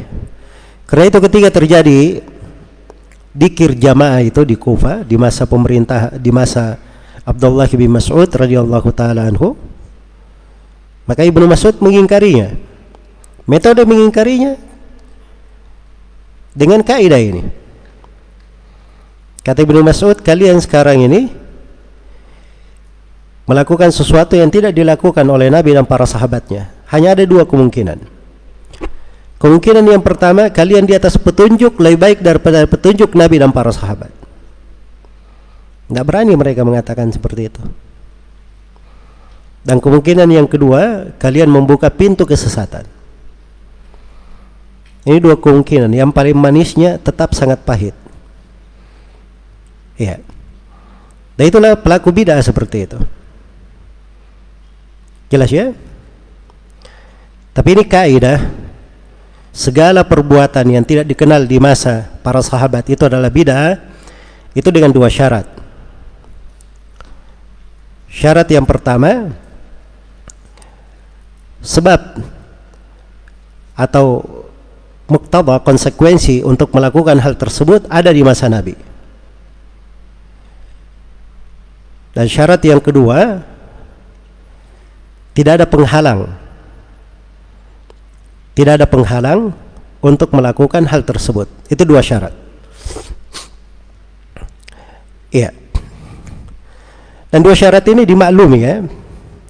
Hal-hal yang dimaklumi itu kadang sebagian ulama tidak menyebutkannya karena sudah dimaklumi. Tapi kadang mereka bahasakan seperti itu tanpa menyebut syarat agar supaya orang-orang umum itu diambil sikap kehati-hatian secara mutlak itu metode di dalam mendidik. Kalau kamu belajar sudah pandai, cerdas, nah dikasih rincian. Tapi kalau dia orang awam, dikasih metode yang bisa dia pahami. Menjaga keselamatan dirinya. Tidak usah masuk ke dalam rincian-rincian. Jelas ya? Makanya dikasih kaidah umum. Orang yang ada perbuatan tidak dikenal di masa para sahabat, hanya ada di masa orang setelahnya maka itu tertolak bahkan dilarang. Itu kaidah umum. Tapi kalau rinciannya suatu perbuatan tidak dikenal di masa para sahabat itu menjadi bid'ah dengan dua ketentuan. Ketentuan yang pertama konsekuensi yang mengharuskan atau sebab yang menyebabkan hal itu dikerjakan ada di masa Nabi iya ada di masa Nabi. Contoh misalnya, orang yang melakukan maulid. Ya, sekarang saya mau bertanya, Nabi melakukan maulidnya? Tidak. Para sahabat? Tidak. Para tabiin? Tidak. Tabiut tabiin? Tidak. Sampai empat generasi. Orang yang mengadakan maulid juga mengaku itu. Tidak ada orang yang mengadakan maulid tidak tahu itu. Semuanya tahu. Bahwa itu tidak pernah terjadi di masa Nabi. Jelas ya? Tapi kenapa mereka tetap melakukannya? Nah, itulah letak kekeliruan di dalam memahami sunnah. Nah, sekarang alasan mereka kita melakukan itu itu bagian dari kecintaan kepada Nabi. Masuk di dalam dalil umum kecintaan kepada kepada Nabi. Maka kita tanya kepada mereka, Para sahabat cinta kepada Nabi atau tidak?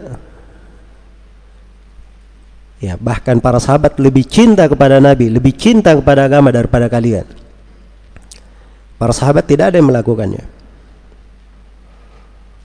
Terus, jadi sebabnya ada. Ada yang menghalangi untuk melakukannya di masa Nabi? Tidak ada yang menghalanginya. Bisa dilakukan kapan saja, tapi tidak ada yang melakukan, menunjukkan bahwa itu bukan sunnah. Nah, begitu cara memahami agama. Iya. Karena itu para sahabat cara mereka mengukur perbuatan oh ini tidak ada di masa Nabi, kami tidak pernah mengerjakannya. Itu dilihat dengan dua ketentuan. Tapi kalau hal tersebut misalnya ada di masa Nabi sebabnya, tapi ada penghalang. Sehingga Nabi tidak melakukannya, iya, maka kalau dilakukan setelahnya bisa menjadi hal yang disyariatkan bukan bid'ah. Contoh sholat tarawih. Mau tanya, sholat tarawih setiap hari, setiap malam, dilakukan di masa Nabi atau tidak? Tidak dilakukan. Karena itu ketika dihidupkan di masa Umar ibn Khattab, Umar berkata, Ni'mal bida'atu hadihi. Bid'ah yang paling baik adalah ini. Maksudnya bid'ah secara bahasa. Jelas ya? Kenapa dipuji oleh Umar perbuatan ini? Sebab ini bukan bid'ah secara istilah. Kalau secara syar'i bukan bid'ah. Karena dia dilakukan oleh Nabi di masa hidupnya Nabi melakukan sholat tarawih cuma tiga malam, bukan setiap hari. Kenapa beliau tidak melakukannya setiap hari? Ada penghalangnya. Karena Nabi khawatir kalau beliau lakukan setiap hari sholat tarawih berubah hukumnya menjadi wajib. Dan itu akan memberatkan umat. Karena itu Nabi tidak melakukannya. Jelas ya? Baik. Contoh yang lain. Dikumpulkan mushaf oleh Uthman bin Affan. Ah, itu tidak dihitung bidah. Sebab dasar penulisan itu ada di masa Nabi. Hanya saja kenapa tidak dikumpulkan di masa Nabi? Belum ada hal yang mengharuskan itu di masa Rasulullah. Sebabnya itu kelihatan, lebih nampak.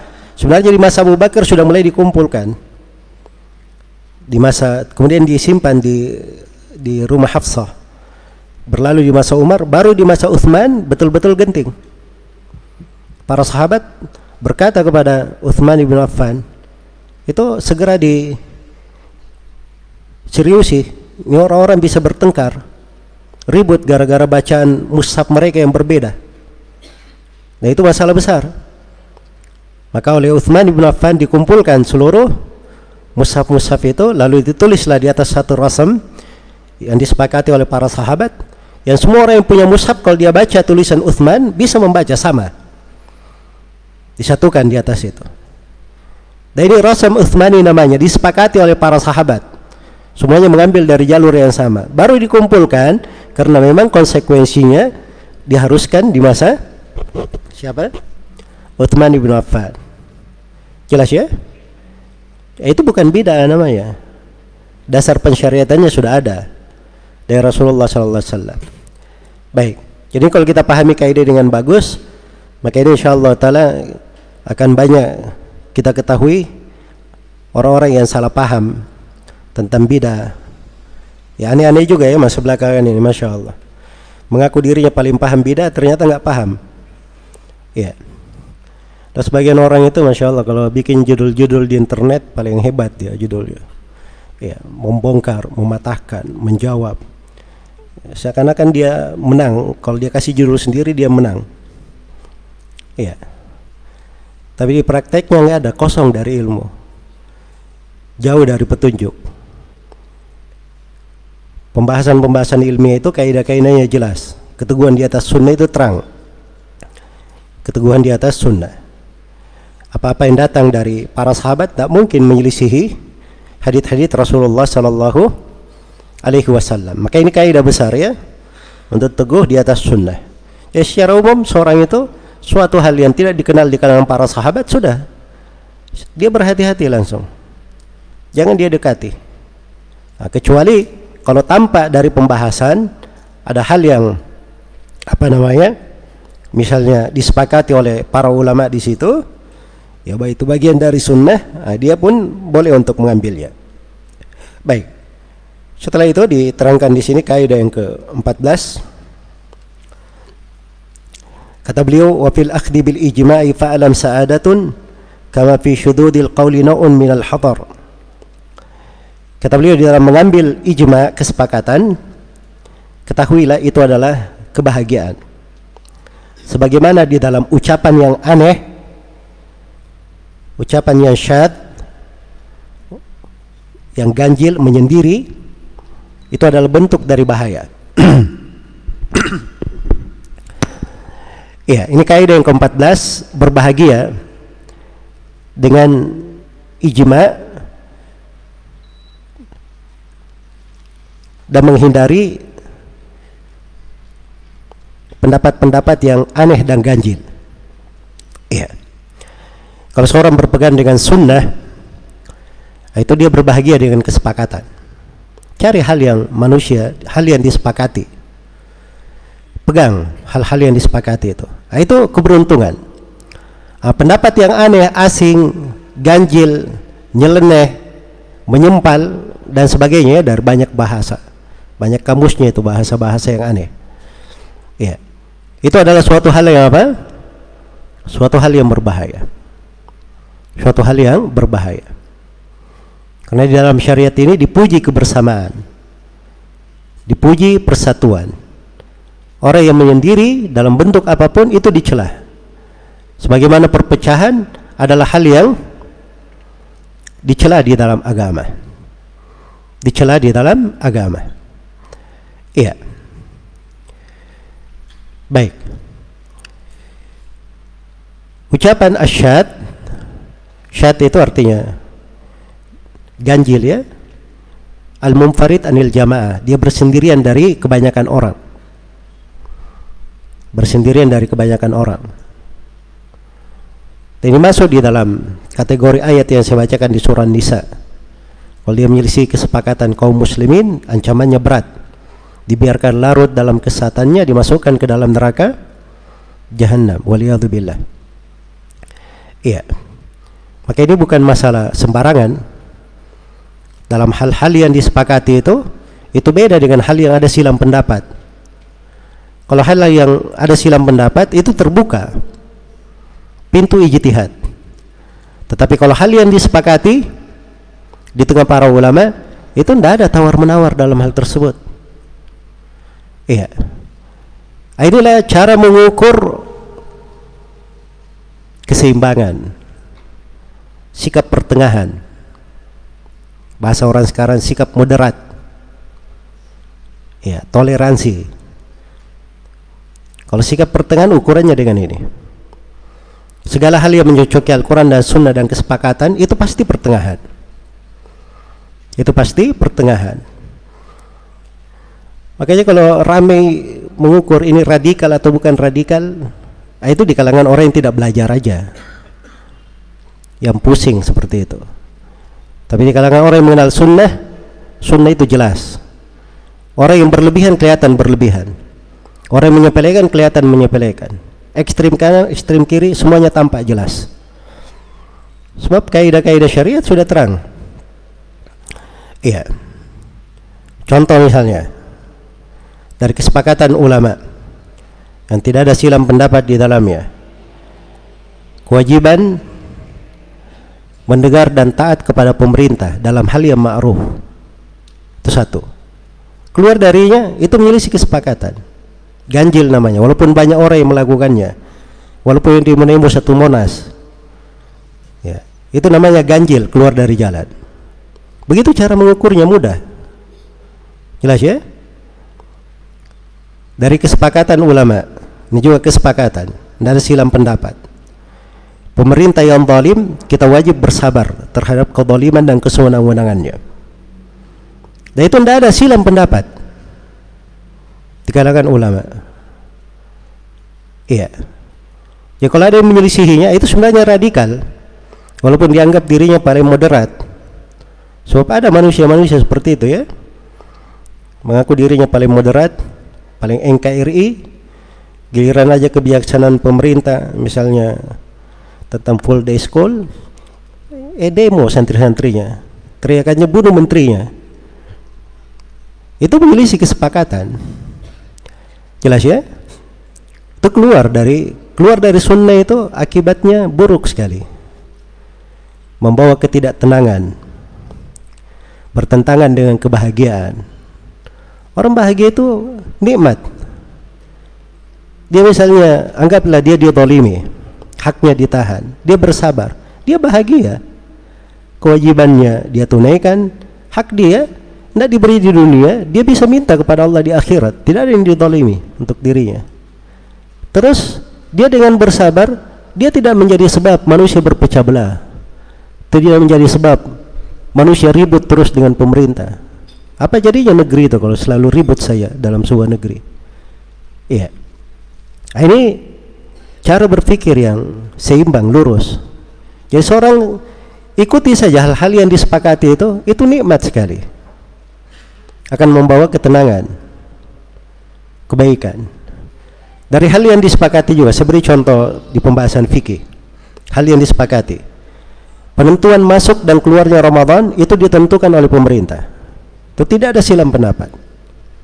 Baca di buku fikih mana saja, pasti akan disebut itu. Bahkan di buku-buku yang memuat tentang politik, ilmu politik syar'i disebut tentang itu. Dari hak seorang pemimpin dia menetapkan masuk dan keluarnya Ramadan. Iya. Itu ketenangan, kedamaian. Tapi menjadi masalah kita di negeri ini sering ribut setiap tahun masalah itu misalnya. Karena ada sebagian orang yang meng overacting, bukan wewenangnya dia masuk di urusan yang seperti ini. Ini bukan wewenang ormas atau kelompok atau partai, ini wewenang pemerintah. Allah dan Rasulnya menetapkan hal tersebut disepakati oleh para ulama. Tidak ada silam pendapat. Jelas ya? Ya kalau diikuti hal tersebut, enak kita, sejuk, bahagia setiap tahun kita damai. Ya Idul Fitrinya tidak usah ribut-ribut. Ya, tidak usah sedih juga melihat, oh ini kita hari raya kemarin sudah ada yang hari raya. Ya, kita hari raya eh masih ada yang hari ini masih berpuasa hati itu tidak enak dengan hal yang seperti itu. Jelas ya? Makanya keteguhan di atas sunnah itu indah. Makanya bahasa penulis itu fafil akhdi bil ijma'i fa'lam sa'adatan. Ketahuilah mengambil kesepakatan itu adalah kebahagiaan. Kama fi syududil qawli nau'un minal khatar. Sebagaimana pendapat yang ganjil itu bentuk dari bahaya. Kemudian kata beliau wa mu'taridut truk i'timada maqalihi yufariqu qaulat tabi'ina wa man ghaya wa man ghabar. Uh, diperhatikan itu di cetakan antum ya. Harokatnya. Wa mu'taridut dot itu jangan ditanwin ya. Di domba saya. Utruk hanya di situ tidak dibaca, langsung masuk ke uh, sukun, taknya disukun. Utruk K-nya disukun bukan di kasroh. I'timad hanya di situ dikasih hamzah di bawah, terus diharukati i. I'timad. Jadi baca ya wa mu'taridut truk i'timada maqalihi. Itu baru seimbang timbangan syairnya. I'timad kenapa diharukati i-nya di situ? Itu boleh untuk darurat syair namanya. Darurat syair.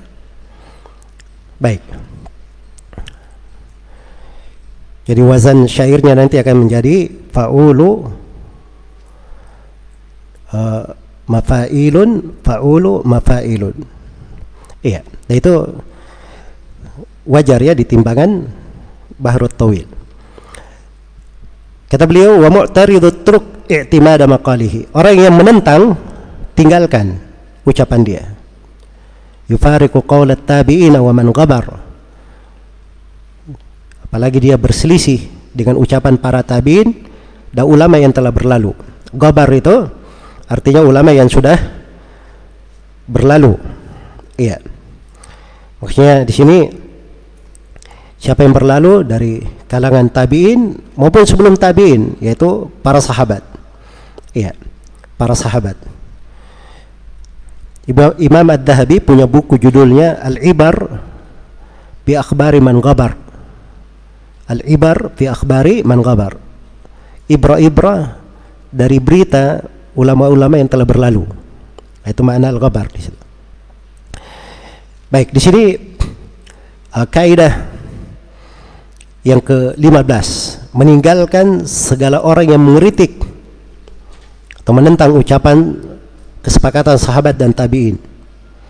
Di sini diikutkan tabi'in karena memang yang dipuji oleh Nabi tiga generasi Kata beliau sallallahu alaihi wasallam dalam hadis mutawatir, khairun nasi qarni, thumma alladhina yalunahum, thumma alladhina yalunahum. Sebaik-baik manusia adalah generasiku, kemudian generasi setelahnya, kemudian generasi setelahnya. Tiga generasi dipuji. Iya.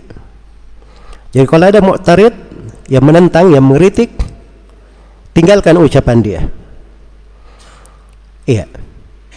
Sepanjang dia menyelisihi ucapan para sahabat, para tabiin dan ulama yang telah berlalu. Ulama yang telah berlalu. Baik. Ini sekarang ini kadang orang-orang itu melihat kepandaian manusia bersilat lidah. Wah ini, wah bagus juga ini. Ya, padahal ucapannya menyelisihi ucapan para sahabat, para tabiin dan ulama-ulama yang telah berlalu, menyelisihi kesepakatan ulama. Ya, maka kalau dia benar di dalam pijakannya terhadap sunnah, maka cara berpijaknya mudah. Dia menyelisih ucapan sahabat tabi'in, sudah tinggalkan. Iya. Ini pasti orang-orang yang keliru. Tidak berjalan di atas manhaj yang lurus. Apa pun alasannya. Siapa pun dia. Mau Jaham bin Safwan, mau Abu Hasan al-Ash'ari, mau Abu Ibnu Kullab, Muhammad bin Karram, Abu Mansur al-Maturidi, atau siapa pun Jelas ya? Tapi yang menjadi masalah itu orang-orang misalnya dia berpegang sekali dengan ucapan Abdul Hasan al-Ash'ari, orang-orang Asy'ariyah. Seakan-akan ucapannya tidak ada kelirunya. Iya. Ucapan yang maksum. Ini hidup di abad keempat. Di mana dari para sahabat, para tabiun, tabi'in, tabi'in yang dipuji? Ini sudah metode talaki yang tidak benar metode talaki yang tidak benar. Iya. Akhirnya dibangun di atas hal itu, dia paksakan. Harusnya ini kan Abdul Hasan al Ashari ucapannya dikritik, harus dicocokkan sesuai dengan jalannya para sahabat. Kalau mereka tidak, Abdul Hasan al Ashari dulu harus benar ucapannya. Kalau ada yang menyelisih dari sahabat, uh, ucapan sahabat ini kita harus preteli, kita modifikasi. Oh ini sahabat ini, oh berarti dia ini metodenya takwil namanya. Oh ini metodenya tafwid supaya mencocoki Abu Hasan. Ya, terbalik harusnya Abu Hasan dicocokkan ucapannya kepada kepada para sahabat. Jelas ya? Dan ini keliru di dalam cara beragama. Dari metode talakinya sudah keliru. Dari metode talaki sudah keliru. Sama dengan orang-orang itu tadi, baca kitab, baca kitab, kitabnya tidak tahu dari abad ke mana dia baca. Ketika ditanya, oh ini ada di buku ini, ada di buku ini. Saya lebih percaya kepada Imam Al-Ghazali. Baca Al-Ghazali atau Al-Ghazali boleh dua-duanya. Oh saya lebih percaya kepada Imam siapa? Abdul Qadir Jailani. Iya. Itu pun diambil dari dua ulama ini yang dia perlukan saja. Ambil Al-Ghazali kalau yang dia senangi. Tapi dia tidak tahu Ghazali ini termasuk orang yang paling anti terhadap ilmu kalam. Dia larang orang awam. Beliau punya tulisan-tulisan terkait dengan hal tersebut. Itu tidak dia terima dari Al-Ghazali. Diambil dari Abdul Qadir Jailani. Abdul Qadir Jailani dalam kitabnya Al-Gunya itu menetapkan sifat-sifat menyelisih Abdul Hasan Al-Asy'ari. Iya. Abdul Hasan Al-Asy'ari itu kalau dicocokkan pendapatnya di atas pendapat Abdul Qadir Jailani itu Abdul Hasan Al-Asy'ari menyimpang dari jalan yang lurus. Dia tidak ambil itu. Dia ambil yang dia senangi saya. Ini tidak benar. Tapi ulama-ulama ini kalau ucapannya diukur dengan ucapan para sahabat, para sahabat itu nggak ada salahnya. Tidak ada kekeliruan mereka. Bahkan jalan agamanya dipuji oleh Allah, diabadikan dalam Al-Quran sebagai petunjuk. Iya, makanya itu cara berpikirnya yang tidak benar. Ya, kalau misalnya kita kritik Abu Hasan al Ashari oh ini menghinakan ulama. Baik terus kamu terhadap para sahabat bagaimana? Oh enggak enggak apa-apa. Enggak mau dibilang menghinakan para sahabat. Jelas ya? Baik. Dan belakang ini terlalu banyak orang baper juga ya. Kalau dikritik ucapannya atau tradisinya ini tradisi kami nih di kelompok kami. Jangan macam-macam. Ya. Baper sekali tapi begitu diingatkan sunnah Nabi, para sahabat nggak terlalu tertarik dengan hal tersebut.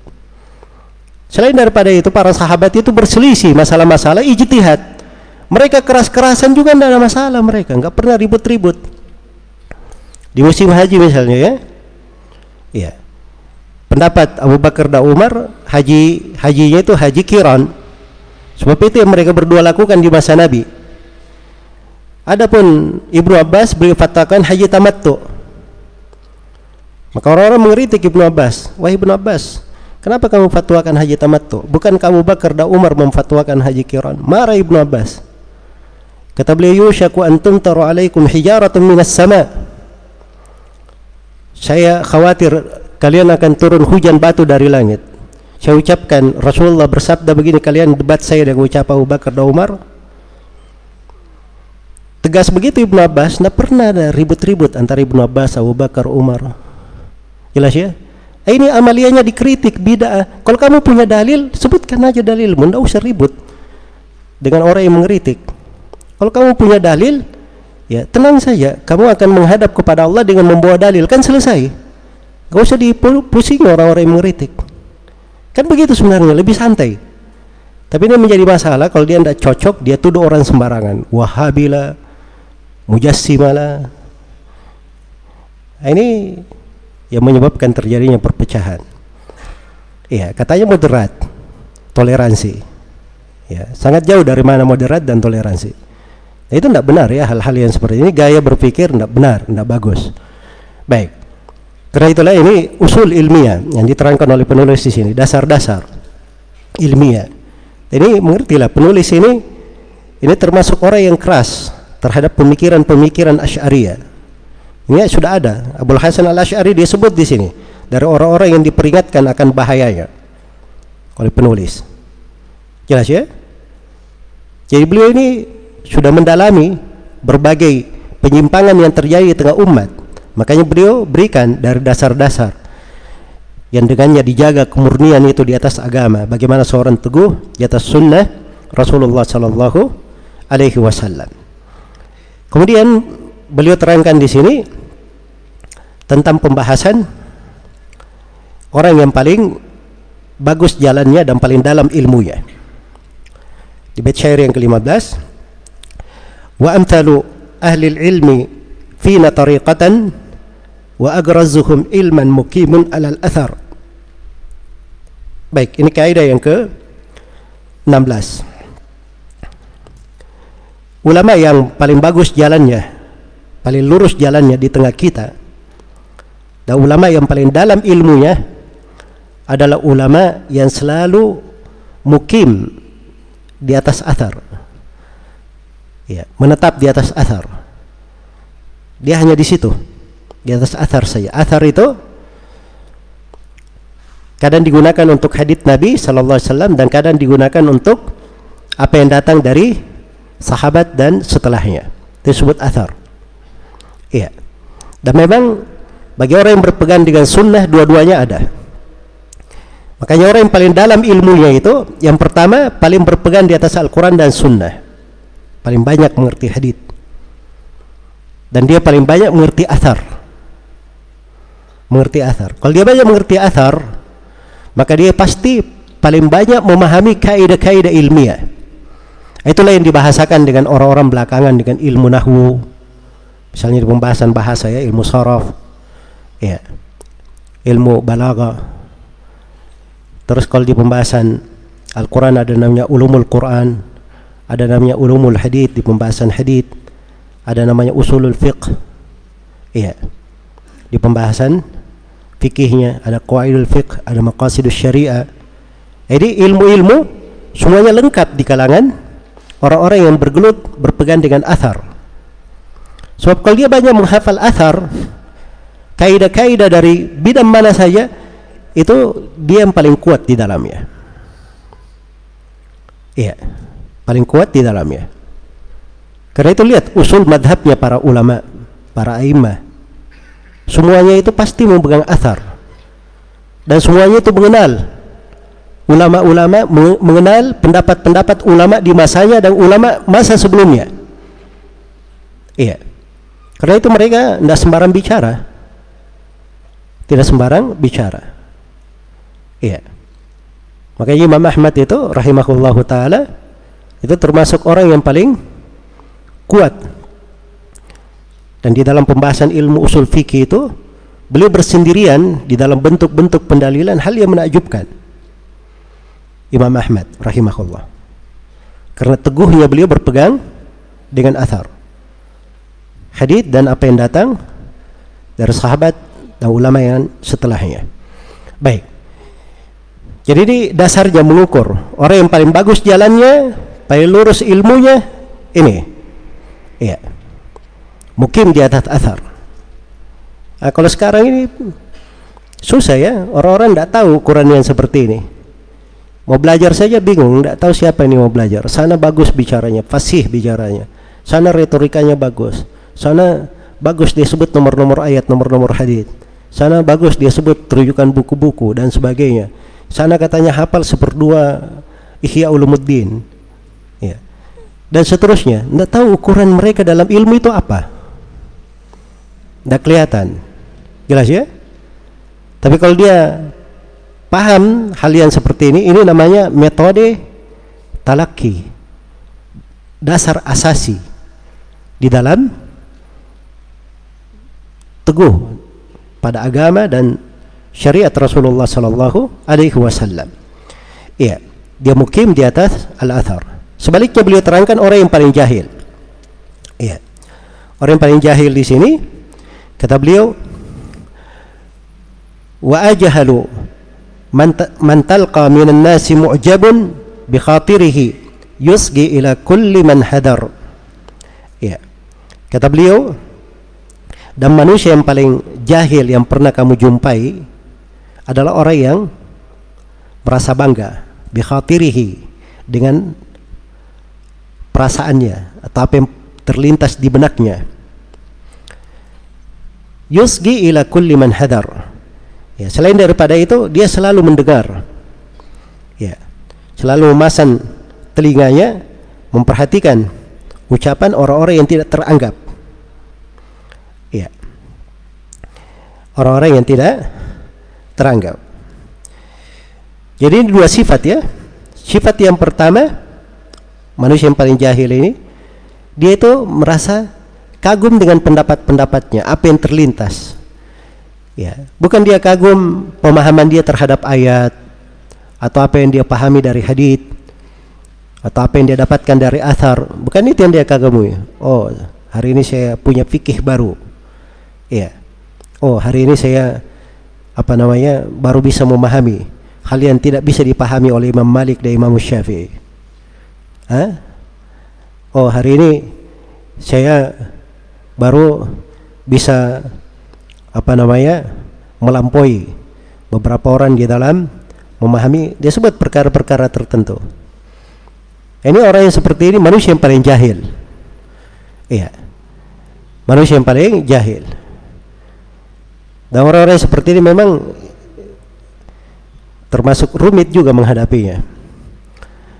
Karena itu dikatakan wa inna ana'an an tufahhima jahilan fayazumu jahlan annahu minka afhamu. Hal yang sangat rumit itu kamu memahamkan orang yang jahil. Dengan kejahilannya dia menyangka bahwa dia itu lebih paham dari kamu. Ya kalau dia ngomong, wah enggak saya lebih paham daripada kamu. Kamu itu tidak mengerti. Nah, ini jahil-jahil yang seperti ini yang repot.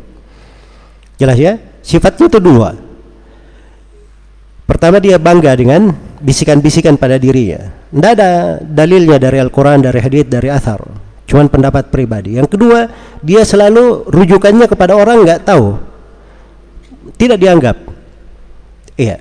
Kalau rujukannya kepada Al-Quran, As-Sunnah, para sahabat, para tabiin, ah, itu bagus. Ini rujukan kembali kepada manusia-manusia walaupun padanya ada kebaikan misalnya tapi bukan rujukan mereka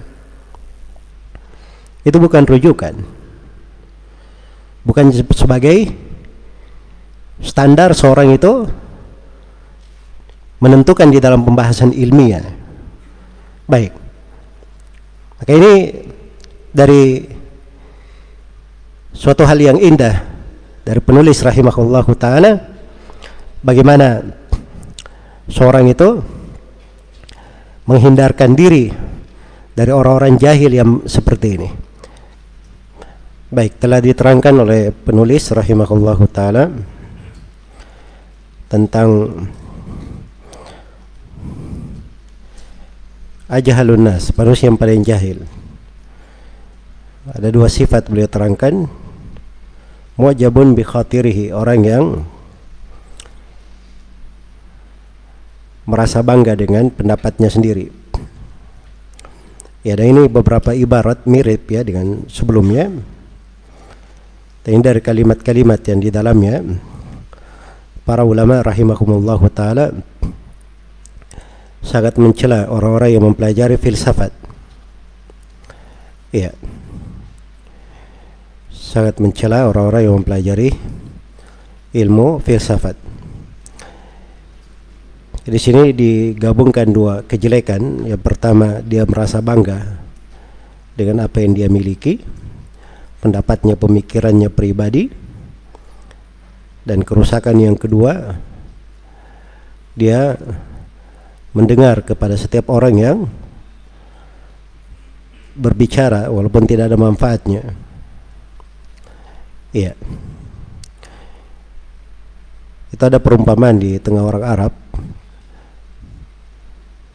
kalau dia gabungkan antara dua hal yang buruk. Jadi ada orang yang menjual kurma, kurma yang diberikan itu kurma jelek. Dia jual di atas harga rata-rata. Sudah kurmanya jelek, ternyata timbangannya dia dia kurangi pula. Dia pakai, dia menipu orang di timbangan. Itu dibahasakan dengan kalimat hasafan wa su'akila sudah hasyaf korma jelek tambah lagi timbangan yang buruk iya itu rata-rata seperti itu.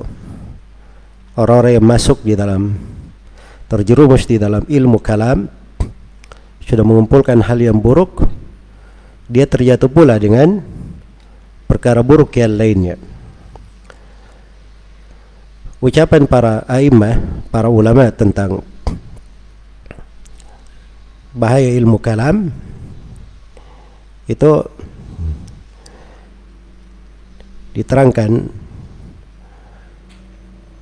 di banyak tempat dan beraneka ragam datang dari Imam Malik rahimahullah dari Imam Syafi'i, Imam Ahmad dan sebelumnya dari Abu Yusuf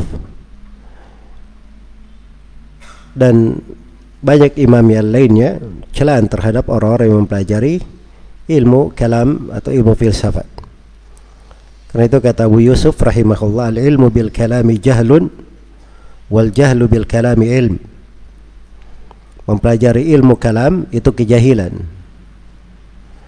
Dan orang yang jahil terhadap ilmu kalam itu baru punya ilmu namanya ya, orang dulu itu diperiksa kalau dia tahu ilmu kalam ah, itu pasti banyak kejahilannya tapi kalau dia tidak tahu ah, itu dasarnya dia punya ilmu dasarnya dia punya punya ilmu. Iya. Dan kata Imam Syafi'i rahimahullah la yubtala al-abdu bi kulli ma nahallahu siwa syirk khairul lahu minal kalam. Yang dikata seorang itu kena bala kena musibah dia jatuh pada segala hal yang diharamkan kecuali kesyirikan itu lebih ringan baginya daripada dia mempelajari ilmu ilmu kalam. Iya. Ini Imam Asy-Syafi'i rahimahullahu taala. Sebab bahayanya ilmu kalam ini. Orang yang mempelajarinya itu akan menyebabkannya lancang terhadap Allah dan Rasulnya. Kurang pengagungannya terhadap Al-Quran dan Sunnah orang yang masuk dalam ilmu kalam itu pasti dia banyak keraguan di dalam beragama. Dan orang-orang yang mempelajari ilmu kalam itu dia pasti merasa bangga dengan dirinya seperti yang disebutkan di sini. Rasa bangga dengan dirinya. Sehingga dia kalau dibacakan ayat atau hadis bisa dia tolak. Atau dia pertanyakan kemudian dari bahayanya juga mempelajari ilmu kalam itu menyebabkan seorang itu keluar dari jalan yang lurus karena tidak ada orang yang pelajari ilmu kalam atau terpoles dengan polesan filsafat lalu dia berada di atas jalan yang lurus. Semua orang yang tercatat di dalam sejarah menyimpang dari jalan yang lurus diperingatkan bahaya oleh para ulama itu ada suatu pemikiran dari kaidah-kaidah ilmu kalam yang melekat pada dirinya. Baik. Itu sebagian dari bahaya mempelajari ilmu al-kalam. Kemudian setelah itu di bait syair yang ke-17 kata beliau pada angka qaulan nasi fi ma kufitahu fama fi istima'i zaygi syai'un siwa darar maka tinggalkanlah manusia pada apa yang engkau telah dicukupi di dalamnya tidak ada suatu manfaat apa pun dalam mendengar penyimpangan kecuali bahaya-bahaya. Iya. Baik, ini kaidah yang ke-18. Mencukupkan diri dengan sunnah dan tidak mendengar kepada penyimpangan dan kesesatan.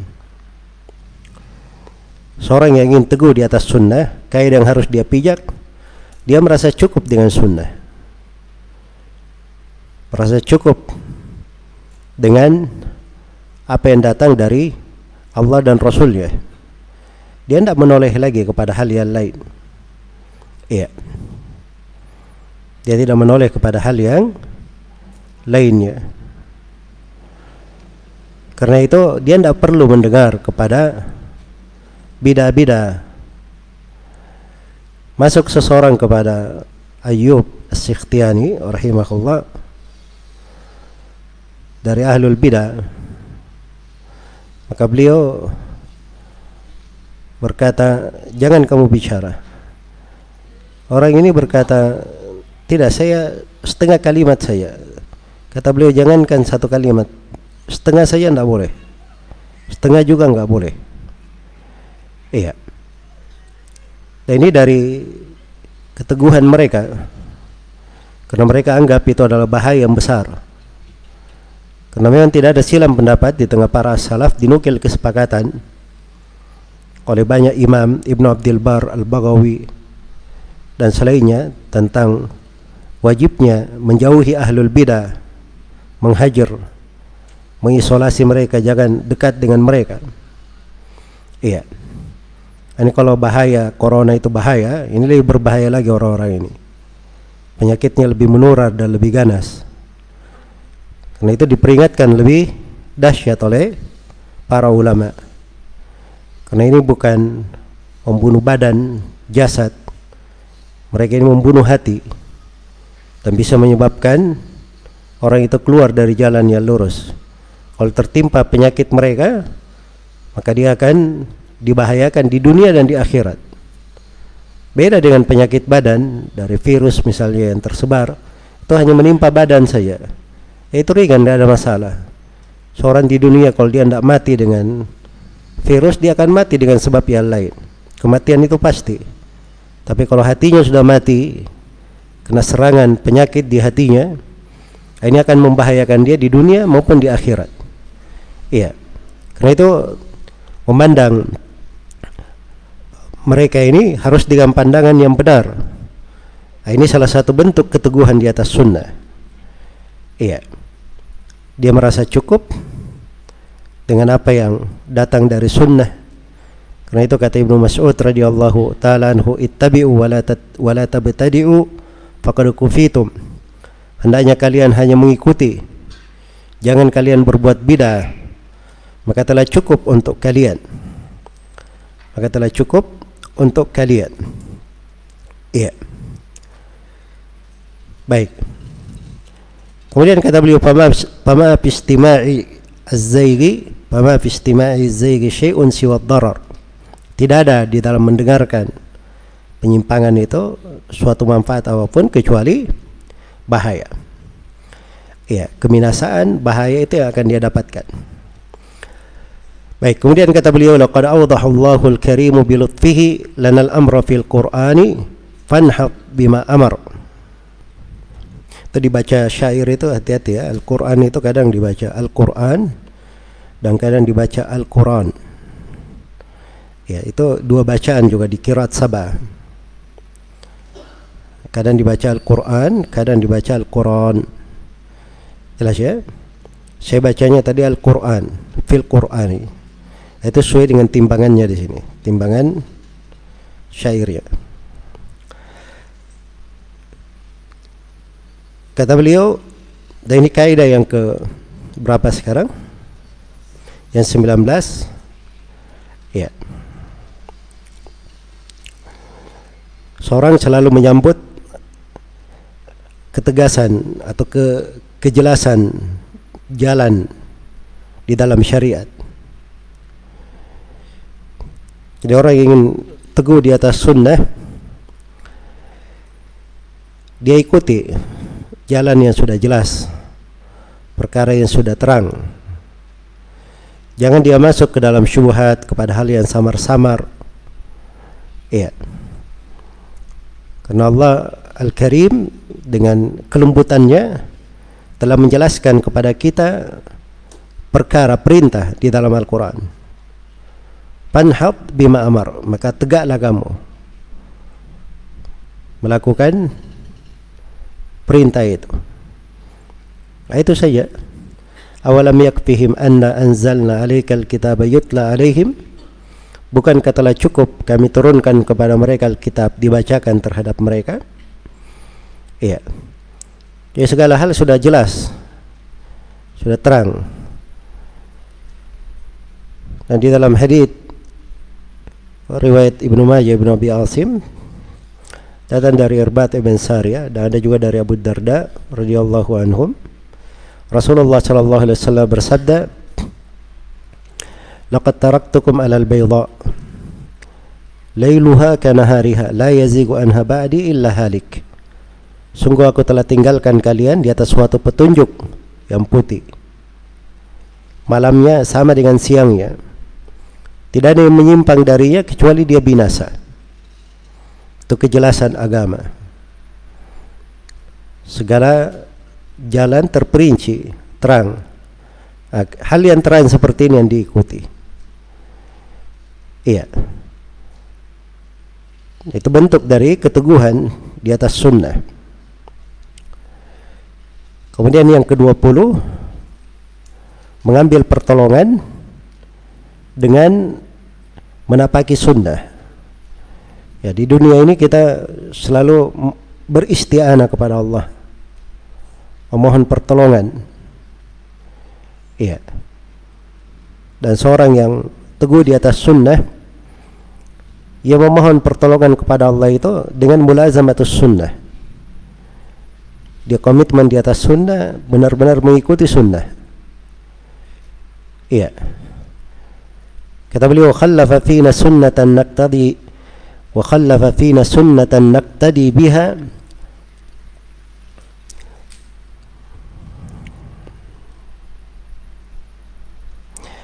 Muhammadun al-mab'uthu awnan ilal bashar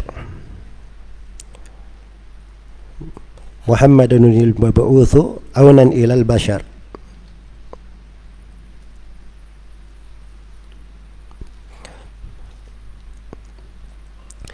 Baik. Jadi telah ditinggalkan oleh Nabi Shallallahu Alaihi Wasallam sunnah kita ikuti dengannya. Muhammadun Nabi Muhammad yang meninggalkannya. Muhammadun il di ada, ada nun ya, nunnya disukun. Muhammadunil mab'utsu yaitu Nabi Muhammad yang diutus. Jadi sunnah ini ditinggalkan untuk kita oleh Nabi Muhammad sallallahu alaihi wasallam yang diutus kepada kita aunan ilal bashar. Ini sebagai pertolongan ya untuk manusia.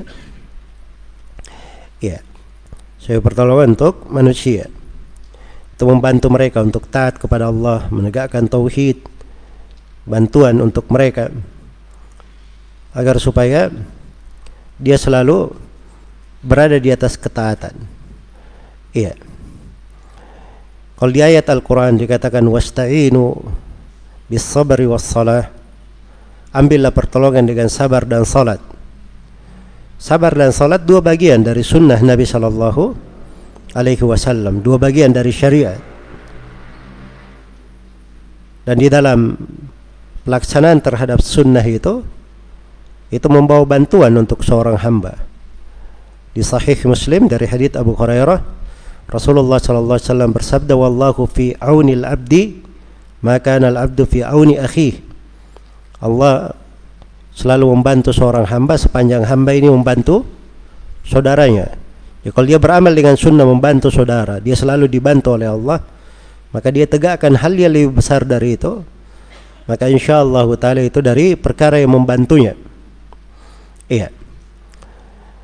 Makanya Rabi'ah bin Ka'ab al-Aslami radhiyallahu anhu ketika meminta kepada Rasulullah supaya bisa menemani Rasulullah di sorga maka Nabi sallallahu alaihi wasallam berkata kepadanya fa'inni ala nafsika bi kathratis sujud bantulah saya untuk dirimu sendiri supaya engkau bisa mendapatkan keutamaan itu menemaniku di sorga dengan cara memperbanyak sujud Iya. Maka sunnah secara umum itu membantu seorang hamba untuk taat, mendekatkan tauhid, menegakkan tauhid, berjalan menuju ke sorga.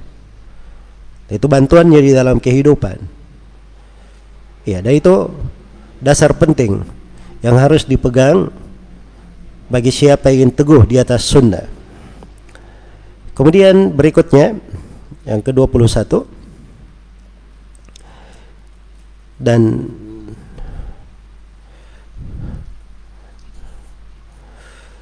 Baik, dikatakan oleh penulis fala taku bid'iyan tazugu anil huda fal ihdathu yudini ila saqar. Dan janganlah engkau menjadi ahlul bid'ah yang menyimpang dari kebenaran.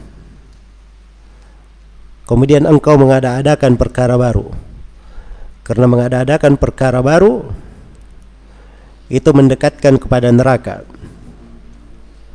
mengadakan perkara baru itu mendekatkan kepada neraka iya baik afwan ya masih ada sebelumnya satu ya.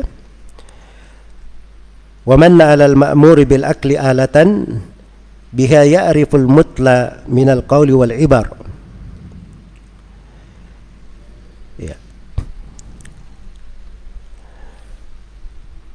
Dan Allah memberi minnah kepada orang yang diperintah maksudnya kepada kita hamba yang mukallaf ini diberi perint, diberi minnah oleh Allah diberi anugerah bil akli dengan sebuah akal alatan sebagai alat.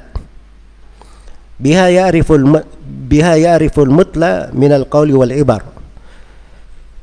Ya dengan alat ini dia bisa mengetahui apa yang dibaca.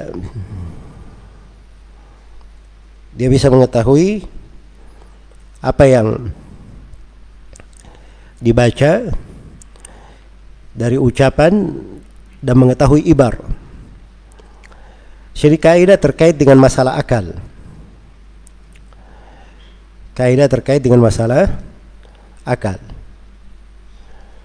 Iya. Bahwa akal itu anugerah dari Allah. Dia itu dipakai sebagai alat. Dipakai sebagai apa?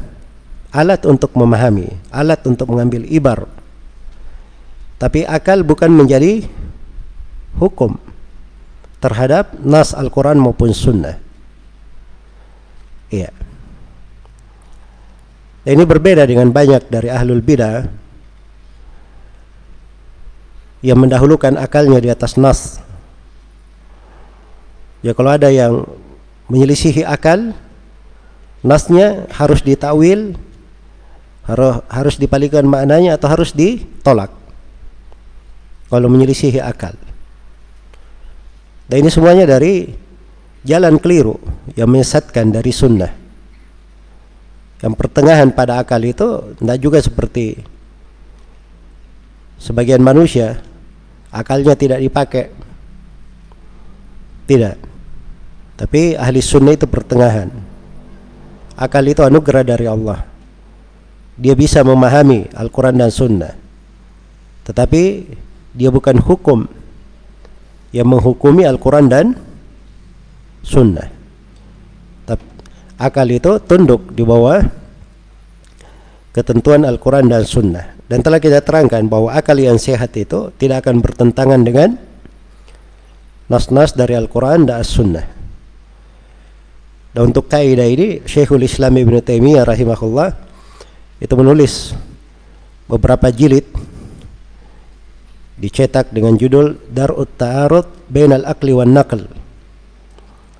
Menolak kontradiksi antara akal dan nakal, antara akal dan nas-nas dari Al-Quran maupun hadith. Dan beliau dudukkan setiap masalah yang dikatakan bertentangan dengan akal, beliau terangkan tidak ada bentuk pertentangan. Kalau dilihat dari sudut akal sehatnya. Baik. Kemudian berikutnya yang ke-22. Wala taku bid'iyan tazuku anil huda wa tuhdithu fal ihdathu yudni ila saqar. Yudni ila saqar. Jangan kamu menjadi ahlul bidah. Berpaling dari petunjuk. Mengada-adakan perkara baru karena mengada-adakan itu mendekatkan kepada sakar kepada neraka neraka sakar iya ini kaidah ke-22 Seorang kalau sudah teguh di atas sunnah, hati-hati, jangan berbuat bidah. Karena bidah itu mengandung banyak bahaya. Salah satu bahayanya bisa mengantarnya ke neraka. Bisa mengantarnya ke neraka. Karena itu puluhan ayat dan puluhan hadis dari Rasulullah sallallahu alaihi wasallam larangan dari bid'ah dan mengadakan bid'ah. Dan dijelaskan oleh para ulama bahaya bid'ah itu dengan penjelasan yang panjang lebar. Sebagian ulama ada yang menulis puluhan, bahkan lebih dari seratus bahaya dari bahaya bid'ah, berbuat bid'ah dalam agama. Iya. Salah satunya ini bisa menyeret ke neraka. Nah Rasulullah sallallahu alaihi wasallam bersabda, "Iyyakum wa muhdatsatil umur." Fa inna kulla muhdatsatin bid'ah wa kulla bid'atin dhalalah wa kulla dhalalatin finnar. Hati-hati kalian dari perkara yang baru, sebab setiap perkara yang baru itu adalah bidah dan setiap bidah adalah sesat. Dan setiap yang sesat tempatnya di dalam neraka. Itu hadith Jabir riwayat Muslim tambahan terakhir itu di riwayat An-Nasai. Dan di dalam Al-Qur'an di surah Hud Allah Subhanahu wa taala berfirman, "Wala tarkanu ila alladziina dzalamu fatamassakumun nar." Janganlah kalian condong kepada orang-orang yang zalim. Termasuk orang yang zalim pelaku bidah. Sehingga kalian disentuh oleh api neraka. Nah, itu bisa menjadi sebab seorang disentuh oleh neraka waliyadzubillah. Iya. Karena itulah diingatkan tentang bahaya bidah ini oleh para ulama. Bahwa bidah ini artinya mengeritik Allah dan Rasulnya. Bidah ini membuka pintu kesesatan. Bidah ini menyebabkan amalan tidak diterima. Bidah ini menyebabkan datangnya laknat dari Allah, dari malaikat dan dari seluruh manusia. Dan bidah ini akan menyebabkan seseorang diusir dari telaga Rasulullah pada hari kiamat. Dan bidah ini akan membuat seorang itu sulit bertobat. Iya. Dan diterangkan berbagai bahaya dari bidah tersebut. Termasuk bidah itu yang kecilnya bisa membuat seorang semakin larut, mungkin jatuh di dalam bidah-bidah besar yang lainnya. Dan juga bidah itu akan menyebabkan seseorang ditimpa kehinaan di dunia maupun di akhirat. Itu saya ringkas ya dari bentuk dari bahaya bidah. Dal-dalilnya semuanya lengkap pada tempatnya. Iya. Karena itulah fala taku jangan kamu menjadi orang yang menganut bidah atau mengadakan perkara baru. Ya, itulah ahli sunnah. Orang yang teguh di atas sunnah. Dia selalu menjaga dirinya di atas sunnah. Dia khawatir jatuh di dalam di dalam bidah. Tapi banyak manusia bergampangan. Nah, bentuk bergampangan inilah dari perkara-perkara yang dikhawatirkan bisa menjatuhkannya atau mengeluarkannya dari sunnah wal billah. Iya. Kemudian berikutnya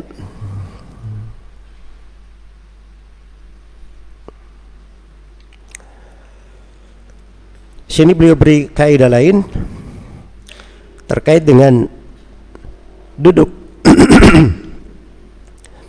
dengan ahlul bidah atau orang yang selalu berjidal. Iya. Kata beliau wala tajlisan indal mujadili sa'atan fa anhu Rasulullah min qabl qad zajar. Dan jangan kamu duduk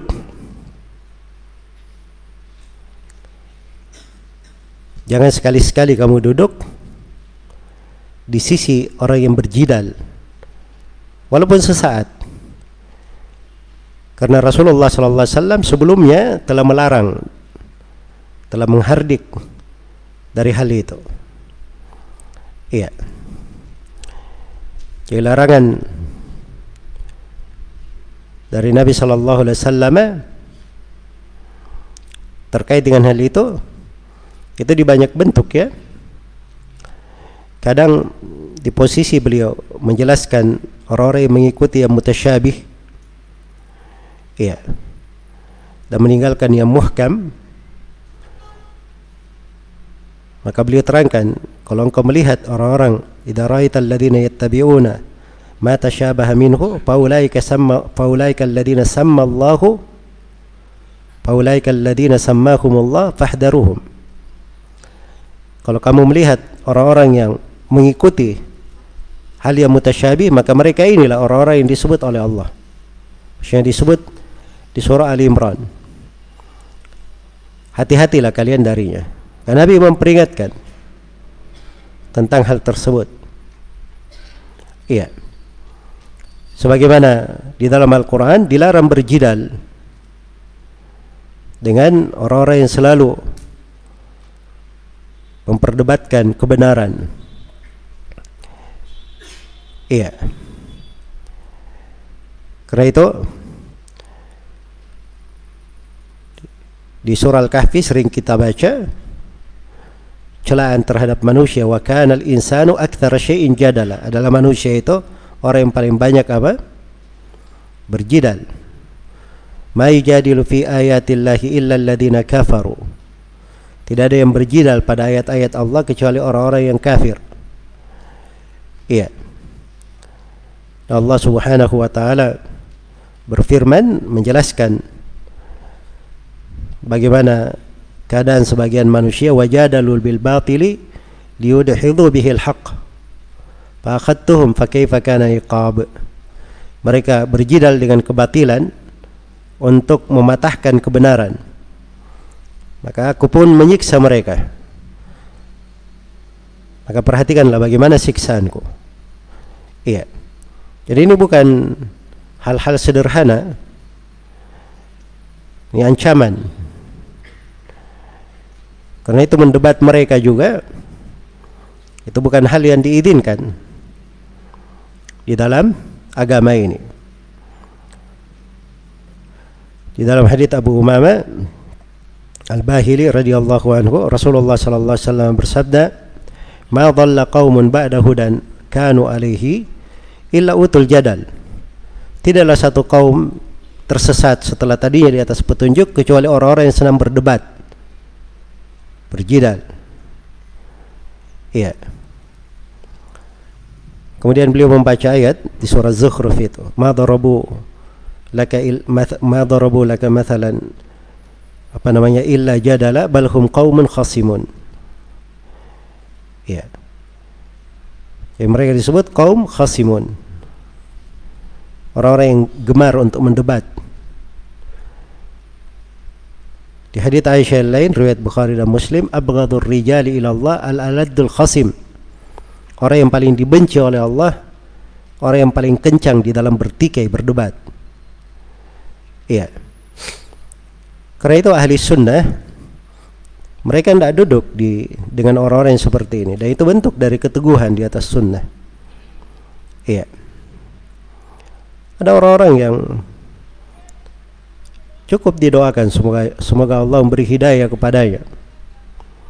Karena terlihat dari kerasnya hati dan tidak menerima kebenaran. Iya. Dan bagi ahli sunnah secara umum ini prinsip yang disebut oleh penulis. Penulis tidak memberi rincian di sini. Oh kita boleh berjidal kalau misalnya ada manfaatnya atau kita bisa mengalahkan dia atau semisal dengan itu nggak ada diberi rincian oleh penulis So memberi rincian itu itu kondisi tertentu untuk orang-orang tertentu. Adapun ahli sunnah secara umum ini hal yang hendaknya dia pegang. Iya. Hal yang hendaknya dia pegang. Jelas ya? Nah, begitu jalannya berpegang dengan sunnah. Karena sebagian orang di sini dia menerangkan sesuatu di pembahasan yang seperti ini dia kasih rincian-rincian dianggapnya itu ilmu. Ya itu keliru ya, belum tentu merinci pembahasan pada orang-orang tertentu itu dianggap sebagai ilmu. Ilmu itu menempatkan segala sesuatu pada tempatnya. Diberi pada seseorang itu apa yang mampu dia lakukan, apa yang menjaga agamanya. Nah, itu ilmu namanya. Baik. Kemudian dikatakan di sini oleh penulis rahimahullah wa man radda akhbaran nabiyyi muqaddiman liqatirihi dzaka imru'un ma lahu basar. Dan barang siapa yang menolak berita-berita dari Nabi hadith-hadith dari Nabi dengan mendahul, mendahulukan bisikan-bisikannya ya, maka dia adalah seorang yang tidak memiliki mata. Seorang yang tidak memiliki mata. Baik ini pembahasan penulis terkait dengan orang yang menolak hadith-hadith Rasulullah sallallahu alaihi wasallam dengan ra'yinya, dengan pendapatnya. Iya. Ini namanya orang yang buta dari petunjuk. Karena dalam Al-Quran dikatakan paman abasara fali nafsihi wa man amiya fa alaiha. Siapa yang melihat maka itu untuk dirinya sendiri. Dan siapa yang buta dari petunjuk maka dia sendiri yang menanggungnya. Allah firman wa man a'rada an dzikri fa inna lahu ma'isyatan dhanka wa nahsyuruhu yaumal qiyamati a'ma. Barang siapa yang berpaling dari dikri masuk di dalamnya Al-Qur'an dan Sunnah. Dia berpaling darinya maka untuknya kehidupan yang sempit. Dan dia akan dibangkitkan dalam keadaan buta. Tidak ada pandangannya karena di dunia dia sudah buta dengan menolak hadith-hadith Rasulullah dan di akhirat kelak pasti dia lebih buta lagi. Karena Allah menegaskan wa man kana fi hadhihi a'ma fahuwa fil akhirati a'ma wa adallu sabila. Barang siapa yang di kehidupan dunia ini dia buta, maka di kehidupan akhirat dia lebih buta lagi dan lebih tersesat jalannya. Iya. Maka dari kaidah keteguhan di atas sunnah, seorang itu selalu mengagungkan sunnah Nabi, menerimanya, tidak menolaknya dalam bentuk apa pun, apalagi mendahulukannya di atas akal. Baik. Kemudian berikutnya dikatakan oleh penulis di sini rahimahullah wala tasma'an wala tasma'an da'il kalami fa innahu عدو لهذا الدين عن حمله حسر iya wala tasma'an da'il kalami saya enggak baca da'iya harusnya dai ya bacanya kalau di dari sudut i'rafnya ini kan di apa namanya mansub iya-nya ditampakkan di waktu nasab iya ditampakkan di waktu nasab. Hanya saja di sini tidak ditampakkan untuk menjaga timbangan syairnya ini dikatakan darurat syair. Dikatakan wala tasma'an da'il kalami fa innahu adul li hadzal dini an hamlihi hasar. Jangan kamu mendengar orang yang mengajak kepada ilmu kalam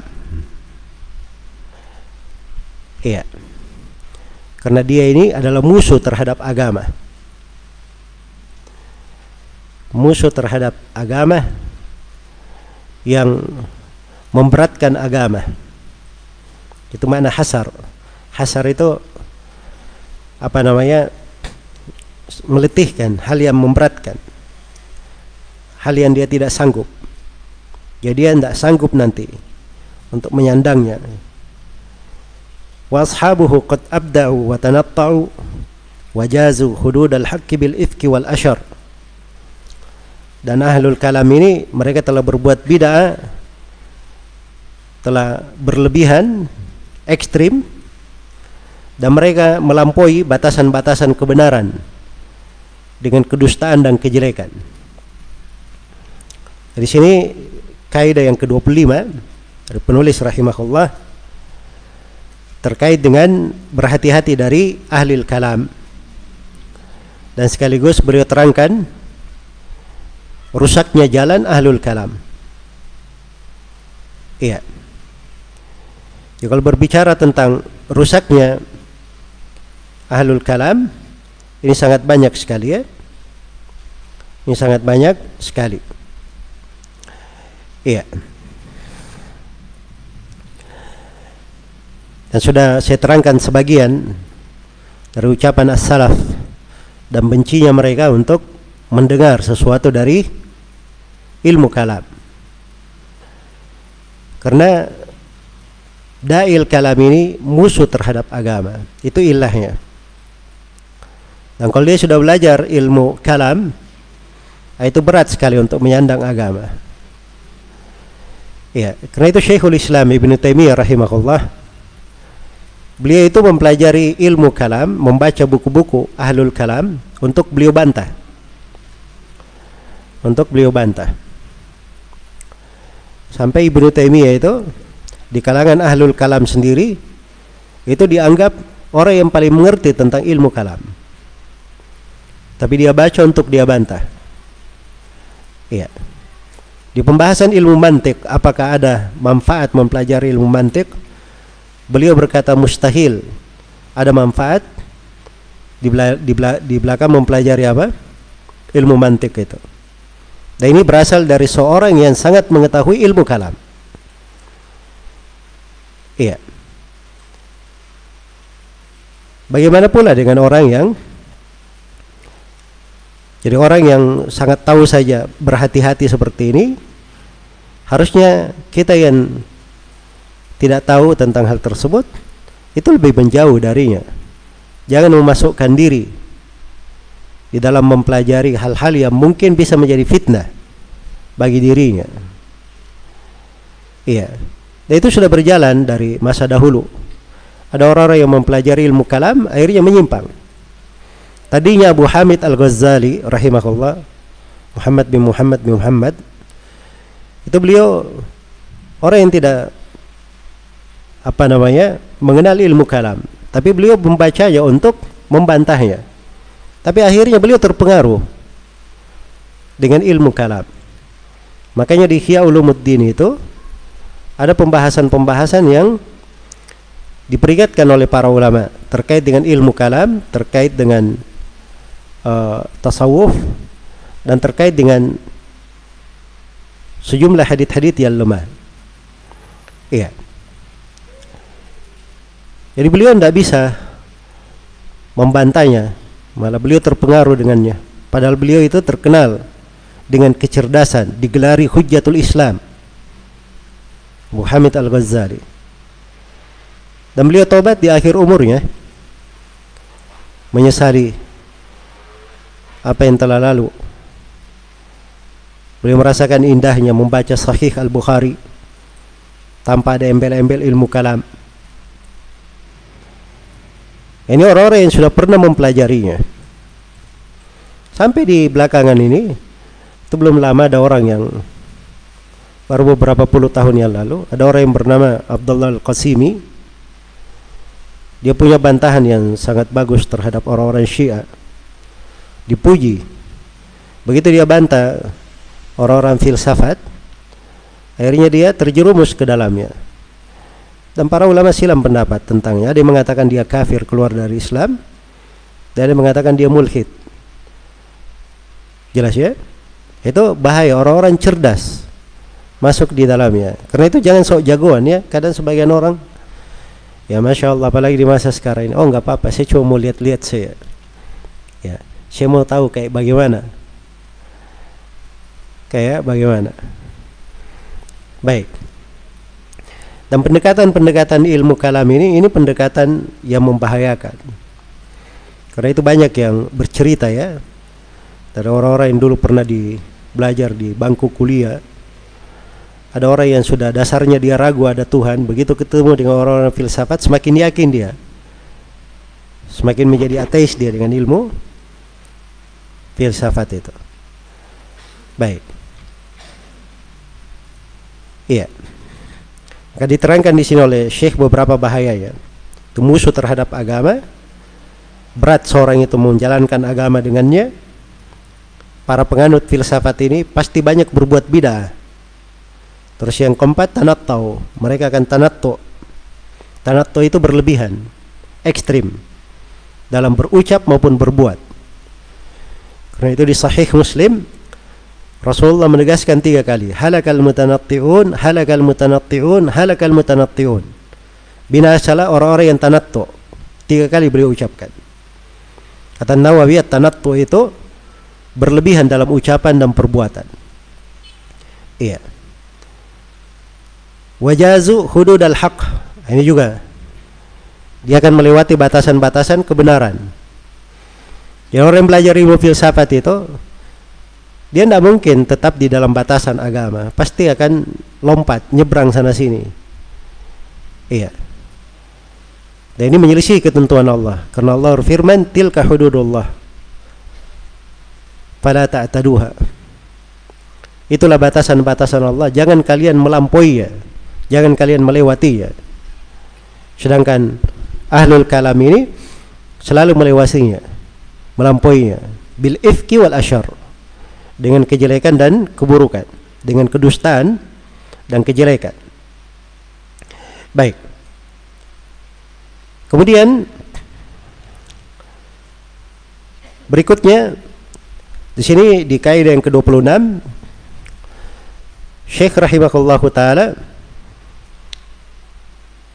atau sebelumnya masih ada ya satu dikatakan di bait yang ke-26 wa khut wasfahum an sahibi syar'i innahu syadidun alaihim lilladhi minhum khabar dan ambillah pensifatan mereka dari sahib syara. Iya. Ambillah sifat orang-orang yang mengadakan perkara baru ini dari sahib syara yaitu dari Rasulullah sallallahu alaihi wasallam. Innahu syadidun alaihim. Rasulullah itu sangat keras terhadap mereka. Lilladhi minhum khabar. Dalam sebuah hadis yang Nabi bercerita tentang mereka. Apa hadisnya? Waqad addahum sab'ina sinfan nabiyuna wa sinfaini kullun muhdithun za'igun da'ir. Nabi kita Nabi Muhammad sallallahu alaihi wasallam telah menghitung jumlah mereka 72 golongan. Semua golongan ini mengadakan perkara baru, menyimpang dan terhinakan. Iya atau da dan kebingungan, dair kebingungan. Baik. Jadi sini diterangkan oleh penulis kaidah besar. Dan ini mungkin kaidah yang ke-26 ya. Kaidah yang ke-26 tentang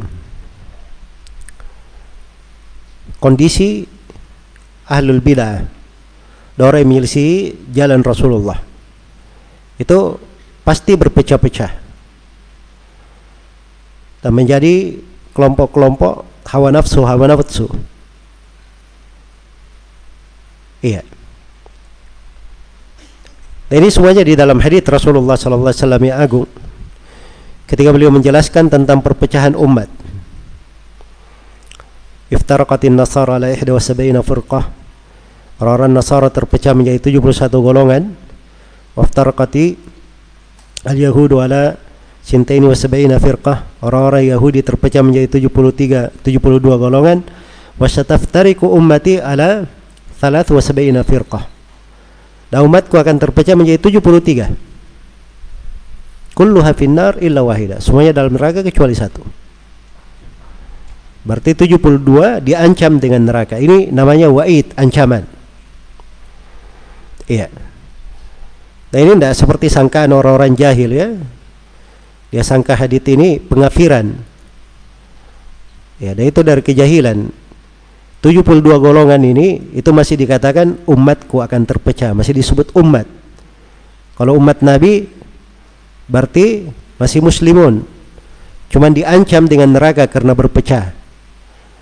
Sama dengan zina, zina diancam dengan neraka, membunuh diancam dengan neraka. Iya. Tapi semuanya itu dibawa kehendak Allah Subhanahu wa taala. Begitu maksudnya. Dan ini peringatan besar ya karena itu penulis ketika menyebutkan 72 golongan ini, beliau sifatkan dengan tiga sifat. Muhdith, mengada-adakan, zaik, menyimpang, doir, kebingungan. Nah ada beliau bahasakan kafir keluar dari Islam kekal di neraka. Nggak ada. Baik. Iya. Jadi itu hadis Nabi Shallallahu Alaihi Wasallam. Nah ini bagi orang yang mengenal sunnah adalah kegembiraan. Dia tahu indahnya menapaki sunnah, bersabar di atas sunnah. Karena itulah yang disebut oleh Nabi sebagai al-jamaah. Ketika Nabi ditanya, Siapa satu ini yang selamat ini? kata Nabi humul jamaah. Mereka adalah jamaah. Di hadits Abdullah bin Amr bin As dan ini dengan pendukunnya bisa dihasankan Rasulullah sallallahu alaihi wasallam bersabda hum ala mithli ma ana alaihi al-yawm wa ashabi mereka adalah orang-orang yang berada di petunjuk seperti aku dan para sahabatku berada di atasnya pada hari ini Itulah golongan yang selamat. Dan inilah yang dibahas oleh penulis dari tadi. Iya. Keluar dari hal tersebut itu namanya iftirak, tafarruk, perpecahan. Menyelisih jalan Nabi sallallahu alaihi wasallam. Karena itu orang yang teguh di atas sunnah dia menjaga dirinya di atas sunnah, di atas jalan dia tidak masuk di dalam perpecahan-perpecahan, tidak ikut kepada kelompok-kelompok. Iya. Tidak ikut kepada apa? Kelompok-kelompok. Sekarang ini ada sebagian orang dia menganggap dirinya salafi, ahli sunnah, tapi dia bergaul dengan semua orang, semua manusia. Di semua kelompok dia dihitung di situ. Iya. Di semua kelompok dia dihitung di situ. Dan itu bukan jalan ahli sunnah. Ahli sunnah itu tidak ada bermuka dua. Dia tampakkan apa yang dia pegang dari Rasulullah Sallallahu Alaihi Wasallam. Dia mengajak manusia kepada sunnah. Dan orang-orang yang keluar dari jalan dia seru untuk kembali kepada sunnah. Bukan dia bersama mereka mendukung dari bid'ahnya penyimpangannya atau membesarkan barisan mereka. Iya. Tidak seperti itu jalan ahli sunnah. Baik. Ini dasar penting harus dipahami. Dan ini tidak dipahami oleh sebagian orang. Jadi ada kadang sebagian sekarang ini ramai dengan bahasa-bahasa hijrah, pemuda hijrah. Kalimat-kalimat hijrah ini terlalu populer sekarang ini. Ya hijrah menurut pendapat dia sendiri. Ya. Hijrah bagaimana? Ya kalau kemarin misalnya kemungkarannya 100%, sekarang sisa 80%. Ya. Hah? Ya kalau kemarin shooting filmnya misalnya film yang macam-macam, sekarang dia religi saja. Ya. Walaupun keadaan sebagian orang disyukuri diberi semangat, dia menjadi lebih baik, tapi itu bukan jalan yang lurus. Bukan jalan yang lurus. Jalan yang lurus itu seorang selalu berpegang dengan sunnah, mendekatinya Iya. Kalau dia sudah kenal dengan sunnah itu dia gigit dengan baik. Dia tidak usah peduli dengan ucapan manusia.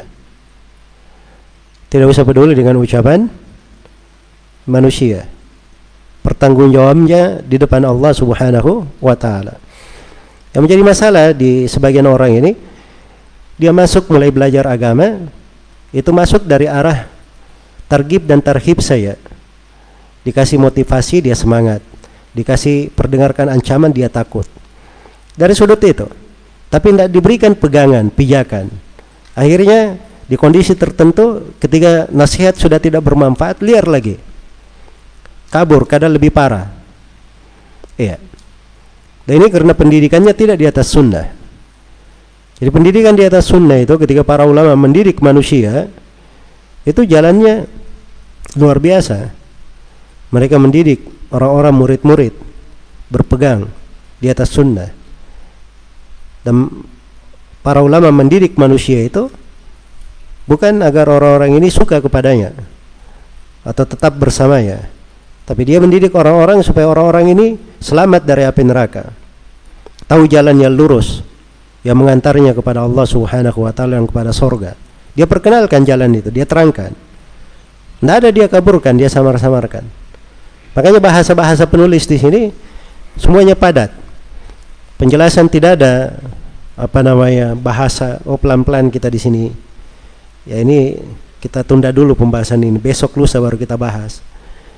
Ya. Ini semuanya kaidah bagi siapa yang ingin teguh di atas di atas sunnah. Baik. Kata beliau setelah memberikan kaidah umum terkait dengan hal ini, Beliau masuk di dalam menjelaskan beberapa bentuk bid'ah. Ini merinci ya.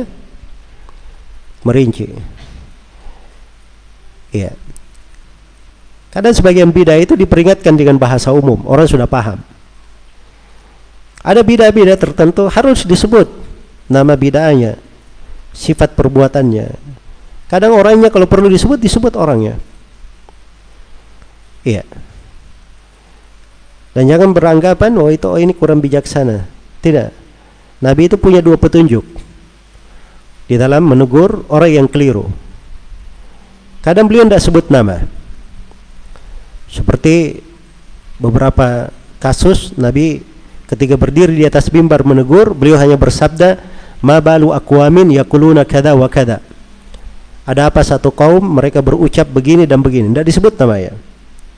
Termasuk di kejadian Alif ketika Aisyah radhiyallahu anha dituduh dengan tuduhan keji oleh kaum munafikin.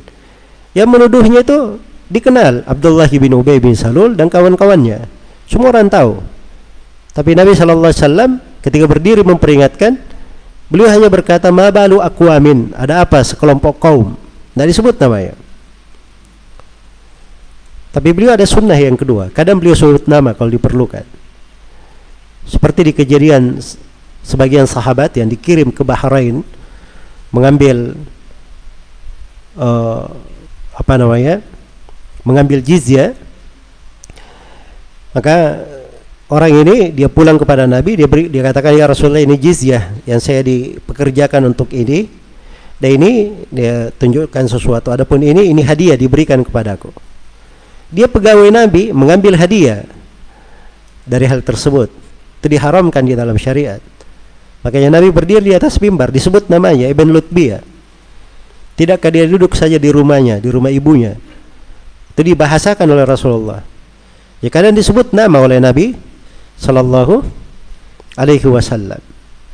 Dan ini dari keseriusan beliau memperingatkan umat. Bidah belum terjadi, beliau sudah terangkan itu bidah apa. Kaum Khawarij belum lagi muncul, baru tanda-tandanya kelihatan, Nabi sudah memperingatkan. Ya terkait dengan Ibnu Sa'id atau Ibn Sayyad. Ya min ta'dai hada akan keluar nanti dari belakang orang ini. Iya. Keluar dari dari belakang orang ini. Ditunjuk oleh Nabi. Kemudian beliau sebutkan sifat kaum Khawarij. Baik. Jadi ini dari petunjuk Nabi Sallallahu Alaihi Wasallam. Ya, dan itu benar ya bahwa itu sebagian guru kita di Masjid Nabawi. Masjid Nabawi itu kan tempat umum ya yang hadir orang awam datang dari berbagai negara orang-orang cuma datang umrah ya jadi banyak dari guru-guru kita kalau ngajar di situ memperingatkan kejelekan nggak sebut nama. Tapi saya lihat guru kami Syekh Saleh As-Suhaimi Hafizahullah itu kadang beliau sebut nama-nama sebagian manusia terang-terangan. Suatu hari beliau sebutkan beliau katakan saya kalau tidak saya sebut nama kalian nggak paham-paham katanya saya sudah coba tidak sebut nama sebelumnya nggak paham kalian. Sekarang saya sebut nama insya Allah kalian lebih paham. Ya. Jelas ya? Jadi kadang memang seperti itu keadaannya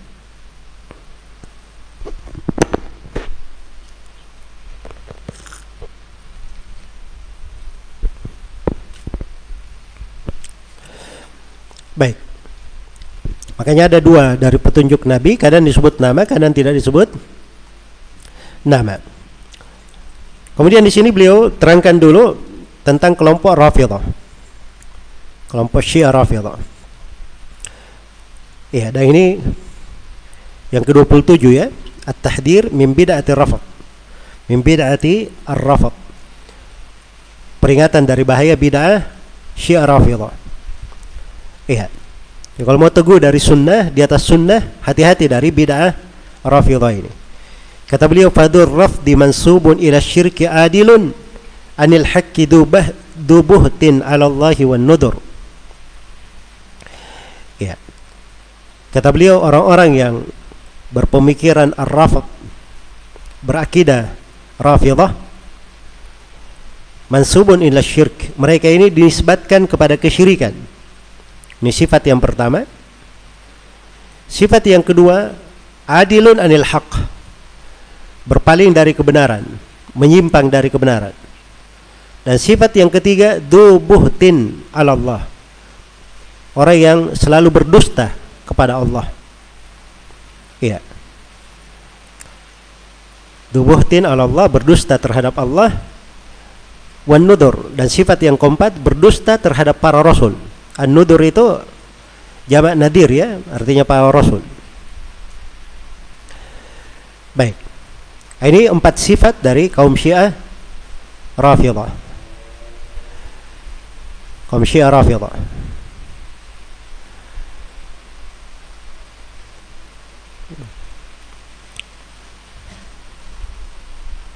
Kaum Syiah Rafidhah di sini oleh penulis rahimahullahu taala ya diterangkan empat sifat. Yang pertama, mansubun ila syirk. Dinisbatkan kepada kesyirikan. Dinisbatkan kepada kesyirikan. Kenapa dinisbatkan kepada kesyirikan? Ada sebagian hadis yang menjelaskan tentang itu, tapi hadisnya lemah. Tapi dari sudut kenyataan, mereka ini memang banyak terdapat di dalamnya perbuatan-perbuatan kesyirikan bahkan kesyirikan. Orang-orang Syiah Rafidhah ini kesyirikan orang-orang Syiah Rafidhah itu bukan hanya di masalah uluhiyah saja atau nama-nama dan sifat tapi juga di pembahasan rububiyah kesyirikan mereka. Iya. Karena itu ada di buku-buku Syiah Rafidhah. Misalnya kalau hujan begini ada guntur ada petir Nah, itu di buku-buku Syiah dikatakan itu ah, suaranya Ali bin Abi Thalib. Iya. Jelas ya? ada di buku-buku Syiah Rafidhah dengan san, di buku-buku terpercaya mereka bahwa uh, orang-orang Syiah ini orang-orang Syiah Rafidhah itu para imam mereka katanya itu tahu kapan dia akan mati dan mereka tidak akan mati kecuali kalau mereka sudah mau untuk mati iya jelas ya baik dan itu ada di buku-buku Syiah Rafidhah. Kemudian sifat mereka yang ke karena itu di masa ini sekarang yang menyembah kuburan, berhala itu semuanya disebutkan kepada Syiah ada semua di dalamnya. Kemarin orang rame-rame di pembahasan corona ini negeri Syiah menjadi tempat yang kedua terbanyak penyebaran corona. Nasallallahu alaihi Lana walakumul afiyah. Jadi orang itu membersihkan jalan ya di apa namanya? Ini kuburan-kuburannya dibersihkan, dikasih anti bakteri untuk corona itu. Ya. Baik. Jadi kalau terkait dengan penyembahan terhadap kubur dan seterusnya itu banyak dipelajari dari mereka ini. Kemudian dari bahaya mereka juga yang lain di sini bahasa penulis adilun anil haq berpaling dari dari kebenaran. Ya menyimpang darinya. Kemudian yang ketiga berdusta atas nama Allah. Kedustaan mereka terhadap Allah itu banyak sekali. Demikian pula terhadap Rasulnya. Ya terhadap Rasulnya ya kalau mau tahu tentang hal ini baca saja buku-buku yang memuat tentang ucapan-ucapan orang Syiah Rafidah itu penuh kedustaan terhadap Allah dan Rasulnya karena itu Imam Syafi'i rahimahullahu taala berkata ma raaitu asyhada bizur min ar-rafidah saya tidak pernah melihat ada orang yang lebih kental bersaksi kedustaan melebihi orang Syiah Rafidah. Iya. Melebihi orang Syiah Rafidah. Baik. Ada yang mengatakan kenapa mereka dikatakan Rafidah? Ada yang mengatakan karena mereka menolak menolong Zaid ibnu Ali. Dan ada yang mengatakan karena dikatakan Rafidah karena mereka menolak para sahabat dan keimaman asy-syaikhain. Iya. Itu penamaan-penamaan dan penamaan Rafidah ini ini dari penamaan yang apa namanya? disukai oleh orang-orang Syiah. Jadi secara global ya tentang Syiah Rafidah. Jadi asal agama mereka ini dibawa oleh seorang Yahudi pura-pura masuk Islam namanya Abdullah bin Sabah Itulah yang kemudian terus berjalan dengan berbagai sekte dan kelompoknya. Kemudian setelah itu beliau memperingatkan tentang kaum khawarij. Dan ini kaidah yang ke-28. Peringatan terhadap bahaya khawarij. Kalau ahli sunnah itu itu dikenal, dia berhati-hati dari kaum khawarij. Dan dia peringatkan bahaya kaum khawarij itu. Kata beliau wa'akdi sahihun fil khawariji annahum kilabun ta'awa fi dhalalin wa fi su'ur wa yuriduhum ma ahdathu min maqalihim ladan data lahbin la tubakki wa la tadar kata beliau dan keyakinanku akidahku sahih tentang kaum khawarij bahwa mereka ini anjing-anjing yang akan anjing-anjing yang menggonggong di dalam kesesatan. Iya. Maksudnya ini di dunia. Menggonggong dalam kesesatan di dunia. Wa fi su'ur dan di neraka, maksudnya di hari kiamat. Karena di bahasa hadis dari Nabi sallallahu alaihi wasallam Nabi bahasakan tentang kaum khawarid kilabu ahli nar. Mereka ini anjing-anjing penduduk neraka. Menjadi anjing-anjingnya penduduk neraka. Dan di dunia mereka juga anjing-anjing, anjing-anjing dalam kesesatan. Anjing-anjing di dalam kesesatan. Ini keyakinan terhadap kaum Khawarij. Iya. Dikatakan di sini oleh penulis wa yuridukum ma ahdathu min maqalihim apa yang mereka ada-adakan dari bid'ah mereka itu memasukkan mereka ladhan ke dalam neraka datalah bin yang menyala-nyala la tubakki wa la tadar yang tidak menyisakan dan tidak membiarkan. Itu sifat neraka ya. Wa ma adraka ma saqar la tubqi wala wala tadar. Cuma di sini kita baca la tubaki karena mengikuti timbangan syairnya. Iya. Dan neraka itu disifatkan kalla innaha ladha nazza'atan lisyawa. Ya. Itu dari dahsyatnya neraka. Dan ini disifatkan oleh penulis di sini untuk membahasakan neraka terhadap kaum Khawarij. Iya. Di bahasa-bahasa yang dipakai karena Nabi berkata kaum Khawarij ini kilabu ahli nar, anjing-anjingnya penduduk neraka. Itu ancaman ya. Adapun kaum khawarij, apakah mereka kafir, keluar dari agama atau tidak? Mayoritas ahli sunnah tidak mengafirkan mereka. Mayoritas ahli sunnah. Tapi sebagian ahli sunnah menganggap bahwa khawarij itu penyebutan neraka itu bukan ancaman berat saja, tapi itu hakikatnya mereka ini orang kafir keluar dari Islam akan kekal di dalam neraka. Karena bahasa di dalam hadits Nabi, yamrukuna minad din kama yamruku sahmu minar ramiyah. Mereka keluar dari agama seperti panah menembus sasarannya. Ya. Di sebagian riwayat, "Tsumma la ya'uduna ilaihi abada." Kemudian dia tidak kembali lagi selama-lamanya. Itu bahasa untuk orang yang kafir. Tidak kembali selama-lamanya. Dan ini pendapat dikuatkan oleh Syekhul Islam Ibnu Taimiyah dan dari ulama kita di masa sekarang yang menguatkan pendapat kafirnya kaum khawarid ada Syekh bin Bas rahimahullahu taala. Iya. Baik. Nah ini dari bahaya pemikiran. Karena kaum khawarid ini mereka itu mengafirkan kaum muslimin tanpa hak. Itu ciri pokok mereka. Yang kedua, mengafirkan dengan dosa besar. Kemudian yang ketiga, dari ciri kaum khawarid menghalalkan khurut terhadap pemerintah. Menghalalkan khurut terhadap pemerintah. Iya. Kemudian yang ketiga atau yang keempat dari ciri kaum khawarij, mereka menganggap bahwa iman itu satu kesatuan, tidak bertambah dan tidak berkurang, tidak berpisah-pisah. Iya. Dan ini dari kesatuan pokok di kalangan kaum khawarij. Dan ada ciri-ciri lain terkait dengan khawarij ini populer di buku-buku akidah. Iya, dan ini bahaya laten ya kaum khawarij karena mereka akan berjalan sampai hari kiamat. Akan terus keluar hingga hari kiamat kaum khawarij ini dan golongan yang paling terakhirnya keluar nanti akan ikut bersama Dajjal. Akan ikut bersama Dajjal. Iya. Ini kaum khawarij.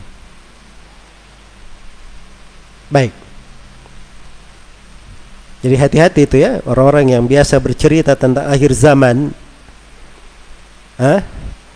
Terus kerjaannya mengafir-ngafirkan pemerintah. Mengafir-ngafirkan kaum muslimin tanpa hak. Hati-hati. Jangan sampai dia keluar bersama Dajjal di hari kiamat juga. Di akhir zaman.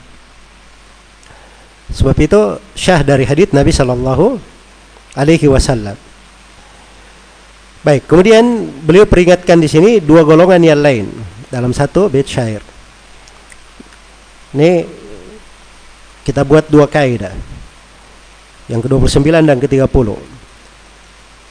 Tahdir terhadap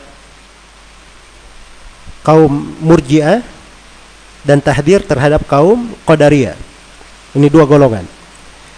Kata beliau wa abra'u min simfaini qatlu'ina ma'an. Fadaka fada adhara al-irja wa da ankara al-qadar. Dan saya berlepas diri dari dua golongan yang dilaknat secara bersamaan. Ya. Dua golongan yang dilaknat secara bersamaan. Jadi penulis di sini membahasakan berlepas diri ya, bara'ah bara'ah. Dan ini memang kewajiban dari setiap ahli sunnah. Kewajiban dari setiap ahli sunnah untuk berlepas diri dari ahlul bidah. Adapun penyebutan laknat di sini itu datang dalam sebagian riwayat dan itu yang dijadikan sandaran oleh penulis untuk melaknat. Tapi riwayatnya ada kelemahan. Riwayatnya ada kelemahan. Iya. Tapi ada laknat dalam bentuk yang kedua dalam artian dicela dan dicerca. Dan itu adalah hal yang disepakati oleh para ulama. Karena itu mereka berlepas dari dua golongan ini. Golongan yang pertama pada al irja. Golongan yang menampakkan irja. Dan golongan yang kedua wada al qadar. Golongan yang mengingkari takdir. Iya, jadi dua kaidah peringatan terhadap kaum murjiah dan peringatan terhadap kaum qadariyah. Kaum murjiah itu ada empat kelompok bersyirikat dalam makna mengeluarkan amalan dari keimanan. Ya, kaum murjiah bersyirikat dalam makna mengeluarkan amalan dari apa? Dari keimanan. Irja itu dari kata takhir, artinya diakhirkan. Jadi mereka katakan amalan itu bukan bagian dari keimanan. Iya.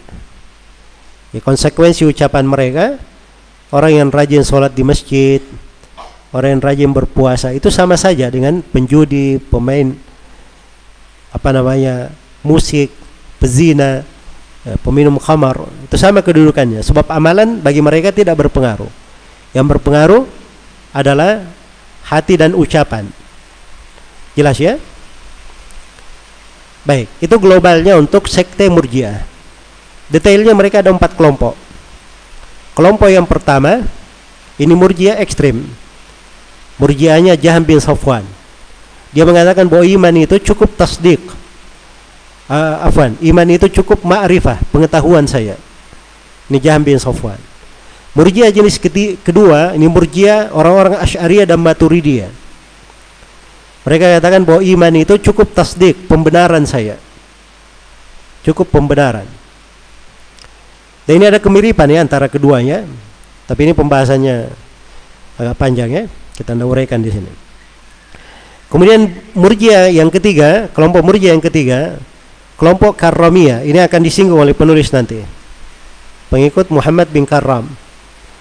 Ya. Yang mengatakan bahwa iman itu cukup dengan ucapan saya cukup dengan ucapan. Ini batil ya kalau cukup dengan ucapan kaum munafikin tidak disebut dalam Al-Qur'an innal munafikina fid darkil asfali minan nar. Kaum munafikin bersyahadat. Ya. Jelas ya? Baik. Kemudian yang keempat dari kelompok Murji'ah itulah yang mengatakan bahwa iman itu dengan keyakinan dan ucapan saja. Amalan tidak masuk dari keimanan. Ini dikenal dengan istilah murjiatul fuqaha di kalangan orang-orang belakangan. Baik, itu empat kelompok murjiah. Dan di belakangan ini banyak ya dari pemikiran-pemikiran murjiah kadang masuk menimpa orang-orang dari berbentuk berbagai bentuk pemikiran tanpa dia sadari. Tanpa dia menyadarinya. Baik. Selesai murjiah. Berlepas diri dari itu. Kelompok yang kedua namanya kelompok Qadariyah. Qadariyah itu istilah semua yang menyimpang di pembahasan takdir itu disebut dengan nama apa? Qadariyah. Dan Qadariyah terbagi dua. Ada Qadariyah nufah dan ada Qadariyah muthbitah. Atau bahasa lainnya Qadariyah mujabbirah. Iya. Jadi dua jenis Qadariyah. Ada Qadariyah nufah ada Qadariyah muthbitah atau mujabbirah. Ya. Kalau bahasa lainnya Qadariyah nufah itulah istilah umumnya Qadariyah. Biasanya kalau dipakai Qadariyah biasanya untuk Qadariyah nufah. Kalau Qadariyah mujabbirah atau muthbitah itu biasanya dipakai untuk orang-orang Jabriyah. Dipakai untuk orang-orang Jabriyah. Iya. Dan mereka ini menyimpang semuanya di pembahasan takdir di berbagai usul. Ya, kalau Qadariyah ekstrimnya di masa dahulu yang dikafirkan itu Qadariyah yang mengingkari ilmu. Qadariyah yang mengingkari ilmu. Nah, itu dikafirkan. Tapi Qadariyah yang datang belakangan itu mengingkari masyiah dan mengingkari kehendak Allah uh, penciptaan Allah. Jadi katakan si hamba berbuat dosa itu kehendak hamba sendiri, bukan kehendak Allah. Si hamba berzina itu ciptaan dia sendiri, bukan ciptaan Allah. Ini orang-orang Qadariyah menyimpang. Orang-orang Jabriyah kebalikannya berlebihan di dalam menetapkan. Dia katakan si hamba dia berbuat ya memang kelihatannya dia yang berbuat, tapi hakikatnya itu perbuatan Allah. Mereka kebalikannya di dalam menetapkan. Dan ini dua-duanya menyimpang. Iya. Dua-duanya menyimpang. Cukup satu ayat ya membantah dua kelompok ini, wa ma tasyauna illa ayyasha Allah. Tidaklah kalian berkehendak kecuali dengan kehendak Allah. Jadi potongan yang pertama, tidaklah kalian berkehendak. Ini bantahan terhadap kelompok Qadariyah. Dinisbatkan kehendak itu pada hamba. Uh, afwan, ini bantahan terhadap kelompok Jabriyah. Dinisbatkan kehendak kepada hamba. Dia hamba ini punya kehendak. Tapi kehendak hamba ini tunduk di bawah kehendak Allah. Ini bantahan terhadap kelompok Qadariyah, kaum Mu'tazilah dan semisal dengannya. Baik. Begitu rinciannya ya. Saya sudah terangkan bahwa Qadariyah terbagi dua kelompok, ada yang ekstrim, ada yang pertengahan. Dan Jabriyah juga ada dua kelompok, ada yang ekstrim dan ada yang sedang-sedang. Yang ekstrim itu itu kelompok Jahmiyah. Ekstrim. Dia mengatakan majbur, zahir dan batin. Kalau yang di bawahnya itu kelompok Asy'ariyah dan Maturidiyah mainnya di situ. Ya, mereka berdua menyimpan di pembahasan takdir. Baik. Selesai dua kelompok ini. Kemudian setelah itu kaidah yang ke-31 berlepas diri dari Jahm bin Safwan dari pemikiran Jahmiyah. Iya. Pemikiran Jahmiyah dan Bishr Al-Marisi. Ini ke-31. Baik. Kata beliau wa ma qalahu jahmun fa haqqan dalalatun wa bishrun fa ma abdahu jahlan qad intashar. Dan apa yang dikatakan oleh Jaham itu Jaham bin Safwan sungguh itu adalah kesesatan. Ya. Demikian pula apa yang dikatakan oleh Bishr yaitu Bishr bin Giyath Al-Marisi. Apa yang dia tampakkan itu adalah kejahilan yang telah tersebar. Kejahilan yang telah tersebar. Baik. Jadi ini ada dua ya. Ada Jaham bin Safwan, kepadanya lah dinisbatkan kelompok Jahmiyah. Jaham bin Safwan ini kunyanya Abu Muhriz. Iya. Dia dari Rasib dari penduduk Samarkand. Jaham bin Safwan Ar-Rasibi As-Samarkandi. Jaham bin Safwan ini berkumpul di dalamnya segala kesesatan. Iya. Berkumpul di dalamnya segala kesesatan. Karena itulah banyak dari kelompok-kelompok yang menyimpang banyak dari kelompok-kelompok yang menyimpang. Setelah Jam bin Safwan setelah Jahmiyah itu mengambil bagian dari pemikiran Jahmiyah ini. Jelas ya? Mengambil pemikiran Jahmiyah ini. Baik. Jambi Sofwan sendiri itu dia dipenggal lehernya di tahun 128 Hijriah di Maru dibunuh oleh Salim bin Ahwaz. Dari aparat keamanan di pemerintahan Nasr bin Sayyar. Setelah mengetahui pemahaman kelompok Jahmiyah ini. Jelas ya? Dari dasar pemikiran Jahmiyah di pembahasan sifat-sifat dia bosnya Al-Mu'attilah. Iya. Di pembahasan Al-Quran dia yang paling banyak mencetuskan tentang Al-Quran adalah makhluk. Di pembahasan keimanan dia murji kelas kakap di pembahasan takdir dia Jabriyah yang paling ekstrim. Di pembahasan takdir Jahmiyah ini Jahmiyah Safwan. Dia mengingkari Allah akan dilihat pada hari kiamat. Ya. Baik. Dia juga mengingkari tentang kekalnya neraka dan banyak lagi dari bidah-bidah Jahmiyah ini. Ya. Karena itulah Ibnu Al-Qayyim menyebutkan bahwa setiap orang yang datang setelah Jahm bin Sofwan itu terpengaruh dari pemikiran Jahm bin Sofwan, dapat bagian dari pemikirannya. Dan itu benar ya. Sebab kalau dilihat di firqa-firqa, pakai itu Mu'tazilah atau Kullabiyah atau Asy'ariyah atau Maturidiyah itu pasti ada hubungannya dengan pemikiran Jahmiyah. Ada hubungannya dengan pemikiran Jahmiyah. Baik. Adapun Bishr bin Giyath Al-Marisi, ini salah satu tokoh Jahmiyah yang menjadi sumber bencana di masanya, ini yang banyak mencetuskan bahwa Al-Quran itu makhluk.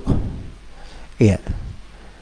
Dan naudzubillah ini orang termasuk apa namanya manusia-manusia yang membuat banyak petaka di tengah umat. Ya.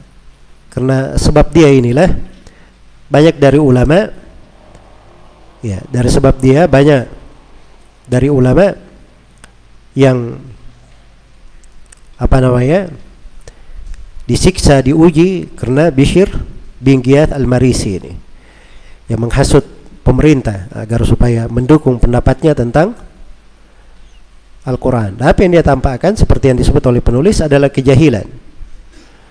Adalah kejahilan. Iya. Baik. Kemudian berikutnya dikatakan oleh penulis di sini Waja'dun qad ardaku khubtu maqalihi wa amma ibnu kullabin fa'akbih bima dakar. Adapun Ja'ad yaitu Ja'ad bin Dirham ya Ja'ad bin Dirham Ja'ad bin Dirham ini ini salah seorang ahlul bidah lain dan Jaham bin Sofwan itu mengambil bid'ahnya dari siapa? Ja'ad bin Dirham asalnya. Berasal dari Ja'ad bin Dirham. Iya. Jadi Ja'ad bin Dirham yang mempopulerkan bahwa Allah itu tidak berbicara kepada Nabi Musa. Dan Nabi Ibrahim itu bukan Khalilullah. Dia mempopulerkan itu. Makanya dibangun di atas keyakinannya ini gubernur di masa itu Khalid Al-Qasri meminta pendapat para ulama tentang hukum Ja'ad bin Dirham ini. Maka para ulama mengafirkannya. Maka pada tahun 119 Hijriah di Idul Adha Khalid Al-Qasri berdiri memberikan khutbah Idul Adha. Khutbah yang mendalam disebutkan oleh para ulama. Setelah selesai, beliau berkata kepada manusia, sekalian manusia, pulanglah kalian ke rumah kalian masing-masing, sembelilah hewan-hewan kurban kalian. Adapun saya pada hari ini, saya akan menyembeli Ja'ad bin Dirham. Maka dia turun dari mimbarnya, kemudian disembeli Ja'ad bin Dirham dibawa. Dibunuh pada tahun 119 Hijriah. Iya, ini baru pemimpin benaran ya. Sebab kalau orang-orang seperti ini dibiarkan hidup, itu kerusakan di tengah manusia. Karena itu dikatakan oleh Ibnu Al-Qayyim rahimahullah, "Wa li ajli da dhahha bi ja'din Khalidul Qasri yawma dhabaihi al-qurbani id qala إبراهيم ليس خليله كلا ولا موسى كلامه الداني كلا ولا موسى الكريم الداني. شكر الضحية كل صاحب سنة شكر الضحية كل صاحب سنة لله درك من أخي قرباني. Kata Ibn Al-Qayyim karena pendapat dia yang buruk ini maka Jad bin Dirham disembeli oleh Khalid Al-Qasri di hari kurban yaitu di hari Idul Adha di mana Ja'ad bin Dirham berkata Ibrahim bukan Khalilullah dan Nabi Musa bukan Kalimullah. Maka bahasa beliau kurban dia yang dikurbankan oleh Khalid Al-Qasri ini disyukuri oleh seluruh penganut sunnah seluruh ulama yang mengikuti sunnah. Betapa hebatnya hewan kurbanmu wahai saudaraku dipuji oleh Ibnu Qayyim bahasanya lillahi darruka. Min ukhay kurbani ukhay itu asalnya itu ukhay wahai saudaraku ya betapa hebatnya kurbanmu. Karena ini syairnya akhirnya dimasukkan ke situ ya. Itu pun ukhay harusnya ukhayya harusnya begitu. Tapi dihilangkan tasdidnya untuk menyeimbangkan kofianya ini Bahrul Kamil ya kalau Nunia Ibnul Qayyim itu timbangannya Bahrul Kamil. Baik. Jadi ini terkait dengan Ja'ad bin Dirham adapun Ibn Kullab nah ini pembahasan lain itu kaidah yang ke berapa tadi 33 ya tentang menghindari jalan Ja'ad bin Dirham yang ke-34 ya, mengenal keburukan jalan Ibn Karam. Uh, sebentar. Ibn Kullab. Ibn Kullab. Baik. Ibn Kullab ini Ibn Kullab ini perlu diketahui ya terkait dengan Ibn Kullab. Sebab dia punya punya uh, sejarah yang terkait dengan kelompok Asy'ariyah dan Maturidiyah. Ibn Kullab ini namanya Abdullah bin Said bin Kullab. Namanya Abdullah bin Said bin Kullab. Iya. Dan Ibn Kullab ini dia termasuk orang-orang yang membantah kaum Mu'tazilah, membantah Jahmiyah dan Mu'tazilah. Maka dia pun menetapkan nama-nama dan menetapkan sebagian sifat. Menetapkan sebagian sifat.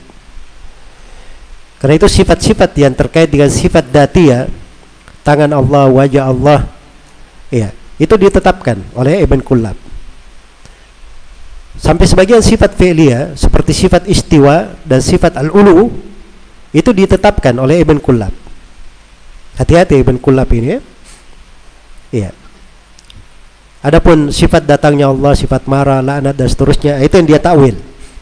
Nah, Abul Hasan al Ashari itu datang belajar dari Ibn Kullab ini. Di fase dia yang kedua. Nah, ini tempat dia mengambil sebagian ilmu untuk membantah orang-orang Mu'tazilah. Sebab Ibn Kullab ini dia jago di dalam mendebat kaum Mu'tazilah. Ya. Dibuat untal miring itu kaum Mu'tazilah oleh Ibn Kullab. Makanya Abdul Hasan al Ashari belajar dari cara Ibn Kullab ini. Tapi dia menyimpang di dalam banyak pembahasan. Termasuk di pembahasan iman yang telah kita sebutkan. Di pembahasan iman yang telah kita sebutkan. Baik. Maka dikatakan oleh beliau, Fa'akbih bima dakar. Betapa buruk apa yang dia sebutkan. Kemudian setelah itu beliau katakan, dan ini pembahasan yang ke atau kaidah yang ke 35 berhati-hati dari jalannya Ibnu Karram. Kata beliau wajah Ibnu Karramin bi hujurin walam yakun lahu qadamun fil ilmi lakinnahu jasar. Dan datang Ibn Karram ini. Ibn Karram ini Muhammad bin Karram. Iya dia datang. Datang dengan apa? Bihujur dengan kedustaan dengan kepalsuan kebatilan dari ucapan. Iya. Dan dia ini tidak punya kaki di dalam ilmu. Tidak mapan di dalam ilmu. Nah, ini dasarnya orang-orang yang tokoh-tokoh bidah itu ahlul bidah itu kalau dilihat histori belajarnya tidak kuat di dalam ilmu. Tidak kuat di dalam ilmu. Jelas ya baik. Termasuk Abdul Hasan al Ashari Abdul Hasan al Ashari itu di awal kali dia tumbuh dia belajar kepada As-Saji dari seorang penganut dari seorang pengikut Imam Ahmad. Seorang ahli sunnah yang terkenal. Tapi setelah ibunya menikah dengan Abu Ali Al-Jubbai akhirnya selama sampai umur 40 tahun dia terpengaruh pemikiran Mu'tazilah. Terpengaruh pemikiran Mu'tazilah nah, itu yang membuat dia menyimpang. Ya dasarnya tidak punya kekuatan dalam ilmu. Ya sampai guru-gurunya pun tidak banyak dia kenal dari guru-guru ahli sunnah. Andai karena dia kenal dia berguru dari banyak ahli sunnah orang-orang yang kuat ilmunya di atas sunnah maka ya orang-orang yang terlihat padanya kejujuran itu ya insya Allah taala lebih mudah untuk kembali kepada jalan. Karena itu Abu Hasan sendiri dia rujuk di akhir umurnya. Di akhir fase dari kehidupannya dia kembali kepada jalan sunnah. Baik, sebagaimana yang kita akan terangkan nanti. Jadi Ben Karram di sini dia datang dengan kedustaan, kepalsuan. Ya, dari ucapannya itu itu di pembahasan iman ya. Muhammad bin Karram ini Asijistani dan disebutkan bahwa dia ini tidak bisa membaca, tidak bisa menulis. Dia hanya jago ibadah, menunjukkan kezuhudan. Orang akan tertipu dengan penampilannya. Tertipu dengan penampilannya. Ya, dari ucapan bid'ahnya dia katakan bahwa iman itu cukup dengan ucapan. Dan dia berkata bahwa Allah itu jisim, jasad, tapi tidak sama dengan jasad-jasad. Dan dia juga berkata bahwa para nabi itu mungkin jatuh di dalam dosa besar, kecuali kedustaan dalam menyampaikan. Iya. Jadi mungkin jatuh dalam dosa besar nabi. Nah ini naudzubillah ya ucapan-ucapan mengerikan keluar dari orang-orang ini. Baik. Kemudian berikutnya perhatikan bahasa penulis ya dua bait syair khusus untuk Abdul Hasan Al Asy'ari dalam dua bait syair. Kata beliau wasaffaqa hada wasaqqafa hada al Asy'ari kalamahu wa arba ala man qablahu min dawid dabar. Faman قاله قد بان للحق ظاهرا وما في الهدى أمدا لمن ماز والذكر يدان أش... dakar. Ya dan Al-Asy'ari ini maksudnya Abul Hasan Al-Asy'ari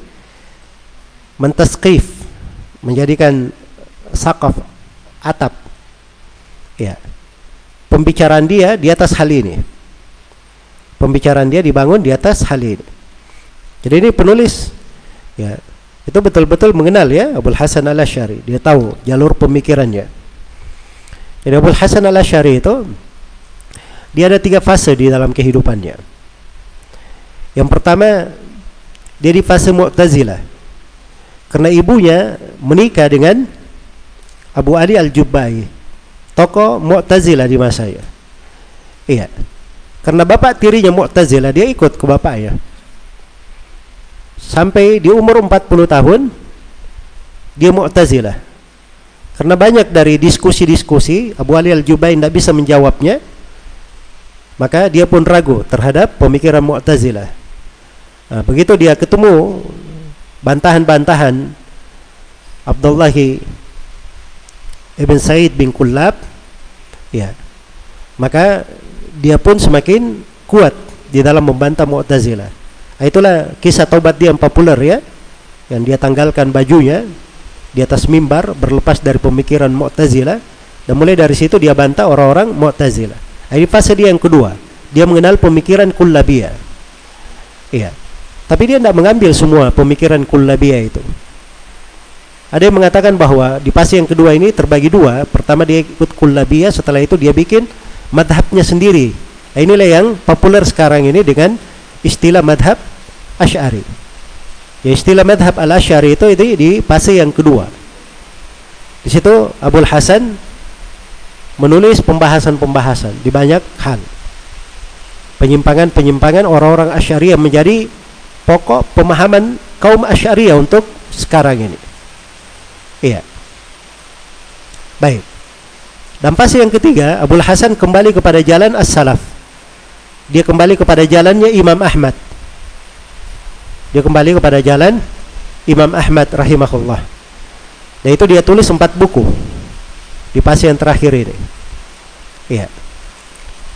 Pertama, Makalat al-Islamiyin, yang kedua al-ibana dan yang ketiga al-mujaz dan yang keempat risalah ila ahli thagar jadi ada empat buku dia tulis dan buku-bukunya kalau dibaca itu kelihatan sekali ya Abdul Hasan al-Ash'ari membantah dirinya sendiri di fase yang kedua iya sampai misalnya di pembahasan sifat-sifat sifat istiwa di al-ibana dia terangkan bahwa istiwa itu disepakati oleh seluruh ulama padahal sebelumnya dia takwil Jelas ya?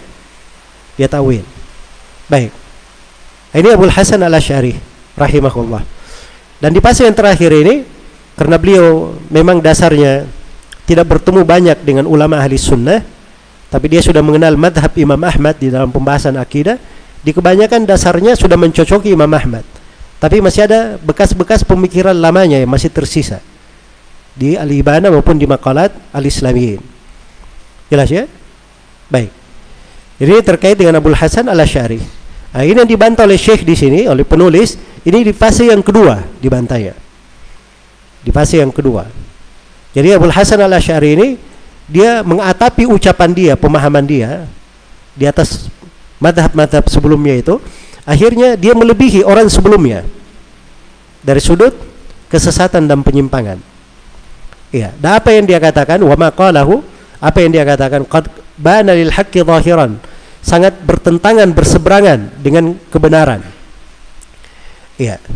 Wa ma fil huda amdan dan dia apa namanya?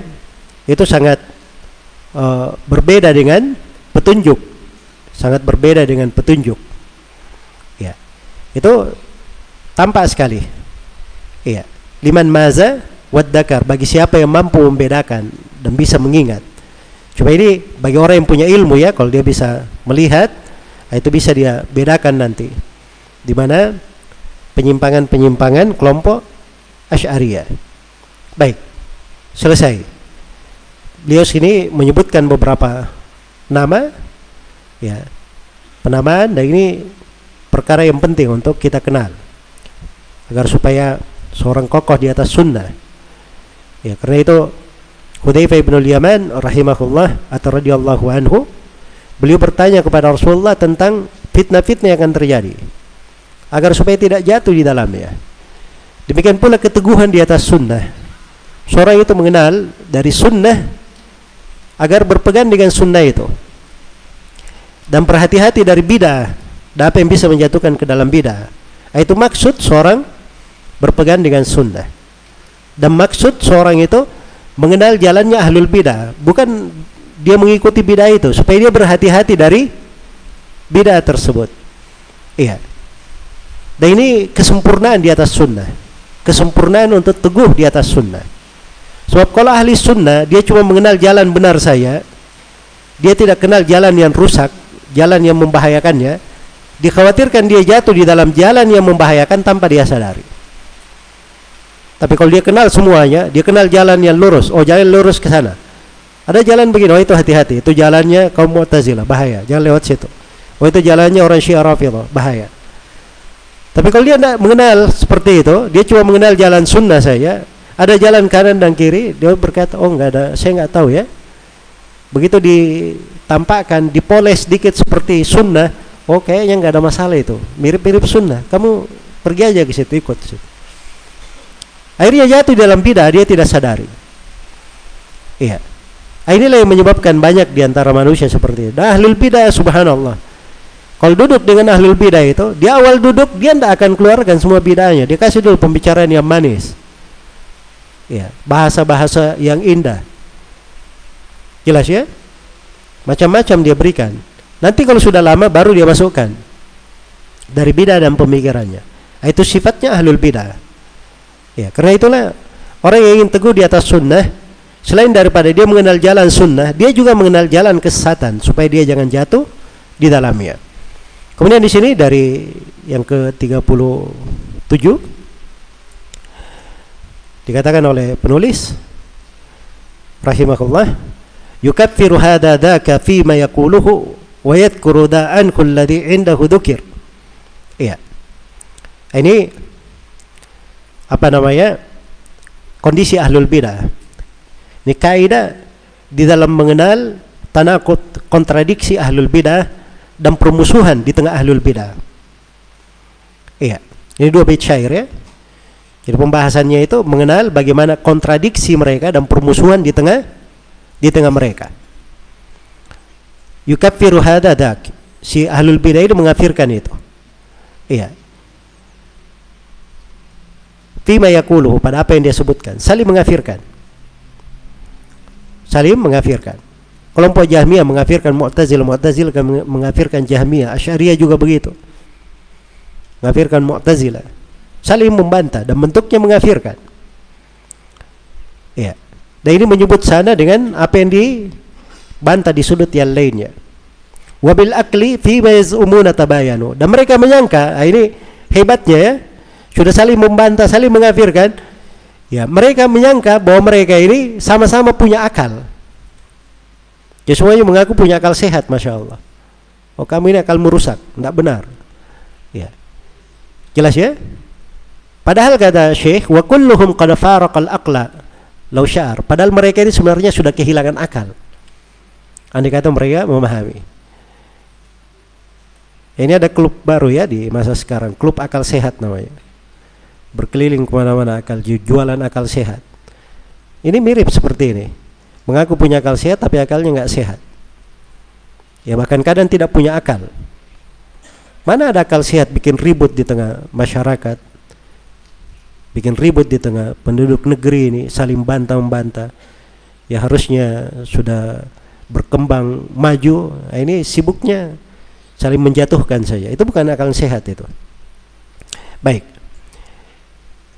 Jadi ini mirip ya, Tariqah ahlul bidah seperti itu jalannya. Keluar dari sunnah pasti seperti itu. Keluar dari sunnah. Baik. Kemudian beliau tutup di sini dengan kaidah yang ke berapa ini? Yang ke berapa sekarang? Yang ke-38. Ya. Nah ini wasiat-wasiat penting untuk orang yang mengikuti sunnah. Ini dalam dua bait syair beliau berikan wasiat-wasiat. Nah, ini pijakan ya. Pada angka makat abda'u wa tanattau hendaknya kamu tinggalkan bidah dan pelampuan batas mereka. Sikap ekstrim mereka. Nah, kalau mau selamat orang-orang yang berbuat bidah itu tinggalkan. Tinggalkan mereka dan seluruh bidahnya seluruh sikap ekstrimnya. Nasihat yang kedua, walazim tariqal haqqi wan nassi wastabir. Dan komitmenlah kamu di atas jalan kebenaran. Selalu tapaki nas dan sabarlah. Harus ada nas yang dipegang. Iya, itulah Al-Quran dan Sunnah. Dan bersabar. Nasihat yang ketiga, wa khud muqtadal athari wal wahyi fil ladhi tanaza'a fihi nasu min hadhihi al-fiqar. Dan ambillah dari athar dan wahyu yang pegang dari Al-Quran dan Sunnah jejak para sahabat athar para salaf pada apa yang manusia berselisih di dalamnya. Iya. Manusia yang berselisih di dalam al-fiqar ini perkara-perkara yang bisa menghancurkan ini dari bidah-bidah itu baik jadi ini tiga wasiat dari penulis ya meninggalkan bidah dan segala sikap ekstrim. Yang kedua, menapaki jalan kebenaran nas dan bersabar di atasnya. Kemudian yang ketiga, selalu menjadikan wahyu dan athar pijakan di dalam perselisihan di tengah manusia. Iya. Baik, ini nasihat wasiat penting ya bagi siapa yang mengikuti sunnah. Dan tiga hal ini sudah berlalu dalam uraian penulis. Cuma beliau kembali ingatkan di sini sebagai wasiat-wasiat yang harusnya kita jaga dan kita pelihara. Baik. Kata beliau, ya. Wa qad bayyana fahwahu an-nabiy bi syarhihi wa adda ila as ila al-ashabi ma anhu qad sutir. Uh, sebentar. Uh, sebelumnya, pamalidi pamalidi Fama li dawi tahsili udrun bitarki ma atahu bihi Jibrilu fi munzali suwar wa bayyana fahwahu an-nabiyyu bi syarhihi wa adda ila al-ashabi ma anhu qad sutir. Baik ini dua hal dua bait syair kaidah. Nah, ini kaidah yang ke-39 terkait dengan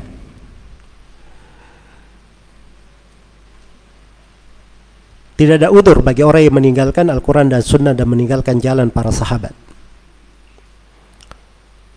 Kata beliau, "Fama lidawit tahsil." Bagi orang yang punya tahsil, ini untuk para penuntut ilmu, orang yang sudah belajar. Itu tidak ada udur. Bitar kima untuk meninggalkan apa yang dibawa oleh Jibril dalam Al-Quran. Iya munzalis suar maksudnya di dalam Al-Quran itu bahasa lain ya untuk Al-Quran dan apa yang diterangkan oleh Nabi sallallahu alaihi wasallam dengan penjelasannya dan apa yang disampaikan oleh para sahabat dalam apa namanya hal yang sudah tersurat. Iya. Ya maksudnya apa yang ada dalam Al-Qur'an, apa yang ada dalam hadis Nabi, apa yang merupakan jalannya para sahabat sudah pasti orang yang belajar tidak ada udur dalam meninggalkan itu. Harus dia pegang itu. Nih kalau sudah dia belajar, sudah diterangkan, nanti dia ditanya pada hari kiamat, tidak ada dia bisa ber, berkilah atau bisa dia minta udur. Sudah tegak untuknya di dalam hal tersebut. Iya. Baik. Dan ini kalau selalu diingat oleh seorang yang berpegang di atas sunnah, orang yang mengenal sunnah, dia tahu bahwa dirinya dapat karunia dari Allah besar di dalam hal tersebut, maka ini akan membuat dirinya semakin giat untuk belajar dan semakin serius beramal dengan sunnah-sunnah. Ya, sampai kata Sufyan ats-Tsauri rahimahullah, kalau kamu mampu tidak menggaruk kepalamu kecuali dengan suatu athar dari sunnah hendaknya kamu lakukan. Jadi cara menggaruk kepala saja, andai kata atharnya ada dari para salaf, lakukan dengan cara itu. Andai kata ada ya, itu beliau saking mendalamnya, mengajak manusia untuk berpegang dengan apa? Dengan athar para salaf. Ya rahimakumullah. Dan yang terakhir, ini wasiat yang ke-40, ini anjuran penulis dan contoh dari beliau supaya selalu mohon istiqamah berdoa kepada Allah Subhanahu wa taala. Sebab orang yang ingin istiqamah di atas sunnah dia harus banyak berdoa kepada Allah, diberi keteguhan, diberi kelurusan dan dijaga dari penyimpangan. Kata beliau, "Fabillahi taufiki wa amulu afwahu wa as'aluhu hifdan yakini minal giyar." Hanya kepada Allah taufik dari saya, hanya kepada Allah taufik untukku dan saya selalu memohon maaf darinya dan saya selalu meminta kepada Allah perlindungan penjagaan. Yakini minal giyar yang menjaga saya dari segala perubahan. Al giyar itu dari kebaikan berubah menjadi keburukan. Itu asal kata al giyar. At-tagir inna Allah la yugayyiru ma biqaumin hatta yugayyiru ma bi anfusihim jadi asal ayatnya itu berubah dari baik menjadi jelek. Ya. Dia mohon kepada Allah dijaga jangan sampai berubah. Sudah kenal jalan yang lurus, jalan yang baik, berubah kepada jalan yang buruk. Iya. Nah, itu ahli sunnah. Dia selalu mohon kepada Allah. Tidak ada yang merasa bangga dengan dirinya. Kalau dia misalnya kenal sunnah, dia bersyukur kepada Allah. Dia memohon kepada Allah taufik. Dan dia selalu akui itu keutamaan dan nikmat dari Allah dan dia selalu minta maaf kepada Allah mohon ampun. Mungkin banyak kekurangannya belum bisa melaksanakan banyak dari sunnah menegakkannya supaya dirahmati dan dijaga supaya tidak berubah. Iya. Kata beliau li as'ada bil fawzil mubini musabiqan ila jannatil firdausi fi salihiz zumar. Ya agar supaya saya berbahagia dengan keberuntungan yang terang bersegera menuju kepada surga firdaus di tengah di tengah kelompok-kelompok solih yang memasuki surga. Iya, wallahu taala alam. Selesai dari pembahasan penulis di sini. 40 kaidah ya saya ringkaskan dari manzumah ini pijakan-pijakan di dalam menapaki sunnah. Semoga Allah Subhanahu wa taala menguatkan kita semua di atas jalan yang lurus, di atas sunnah Rasulullah sallallahu alaihi wasallam, di atas jalan as-salaf dan semoga Allah Subhanahu wa taala memberkahi kita semua di dalam umur ini dan memelihara kita di atas kebaikan memalingkan kita semua dari segala kejelekan dan segala hal yang membahayakan. Innahu waliyyu dzalika wal qadiru alaihi wallahu taala alam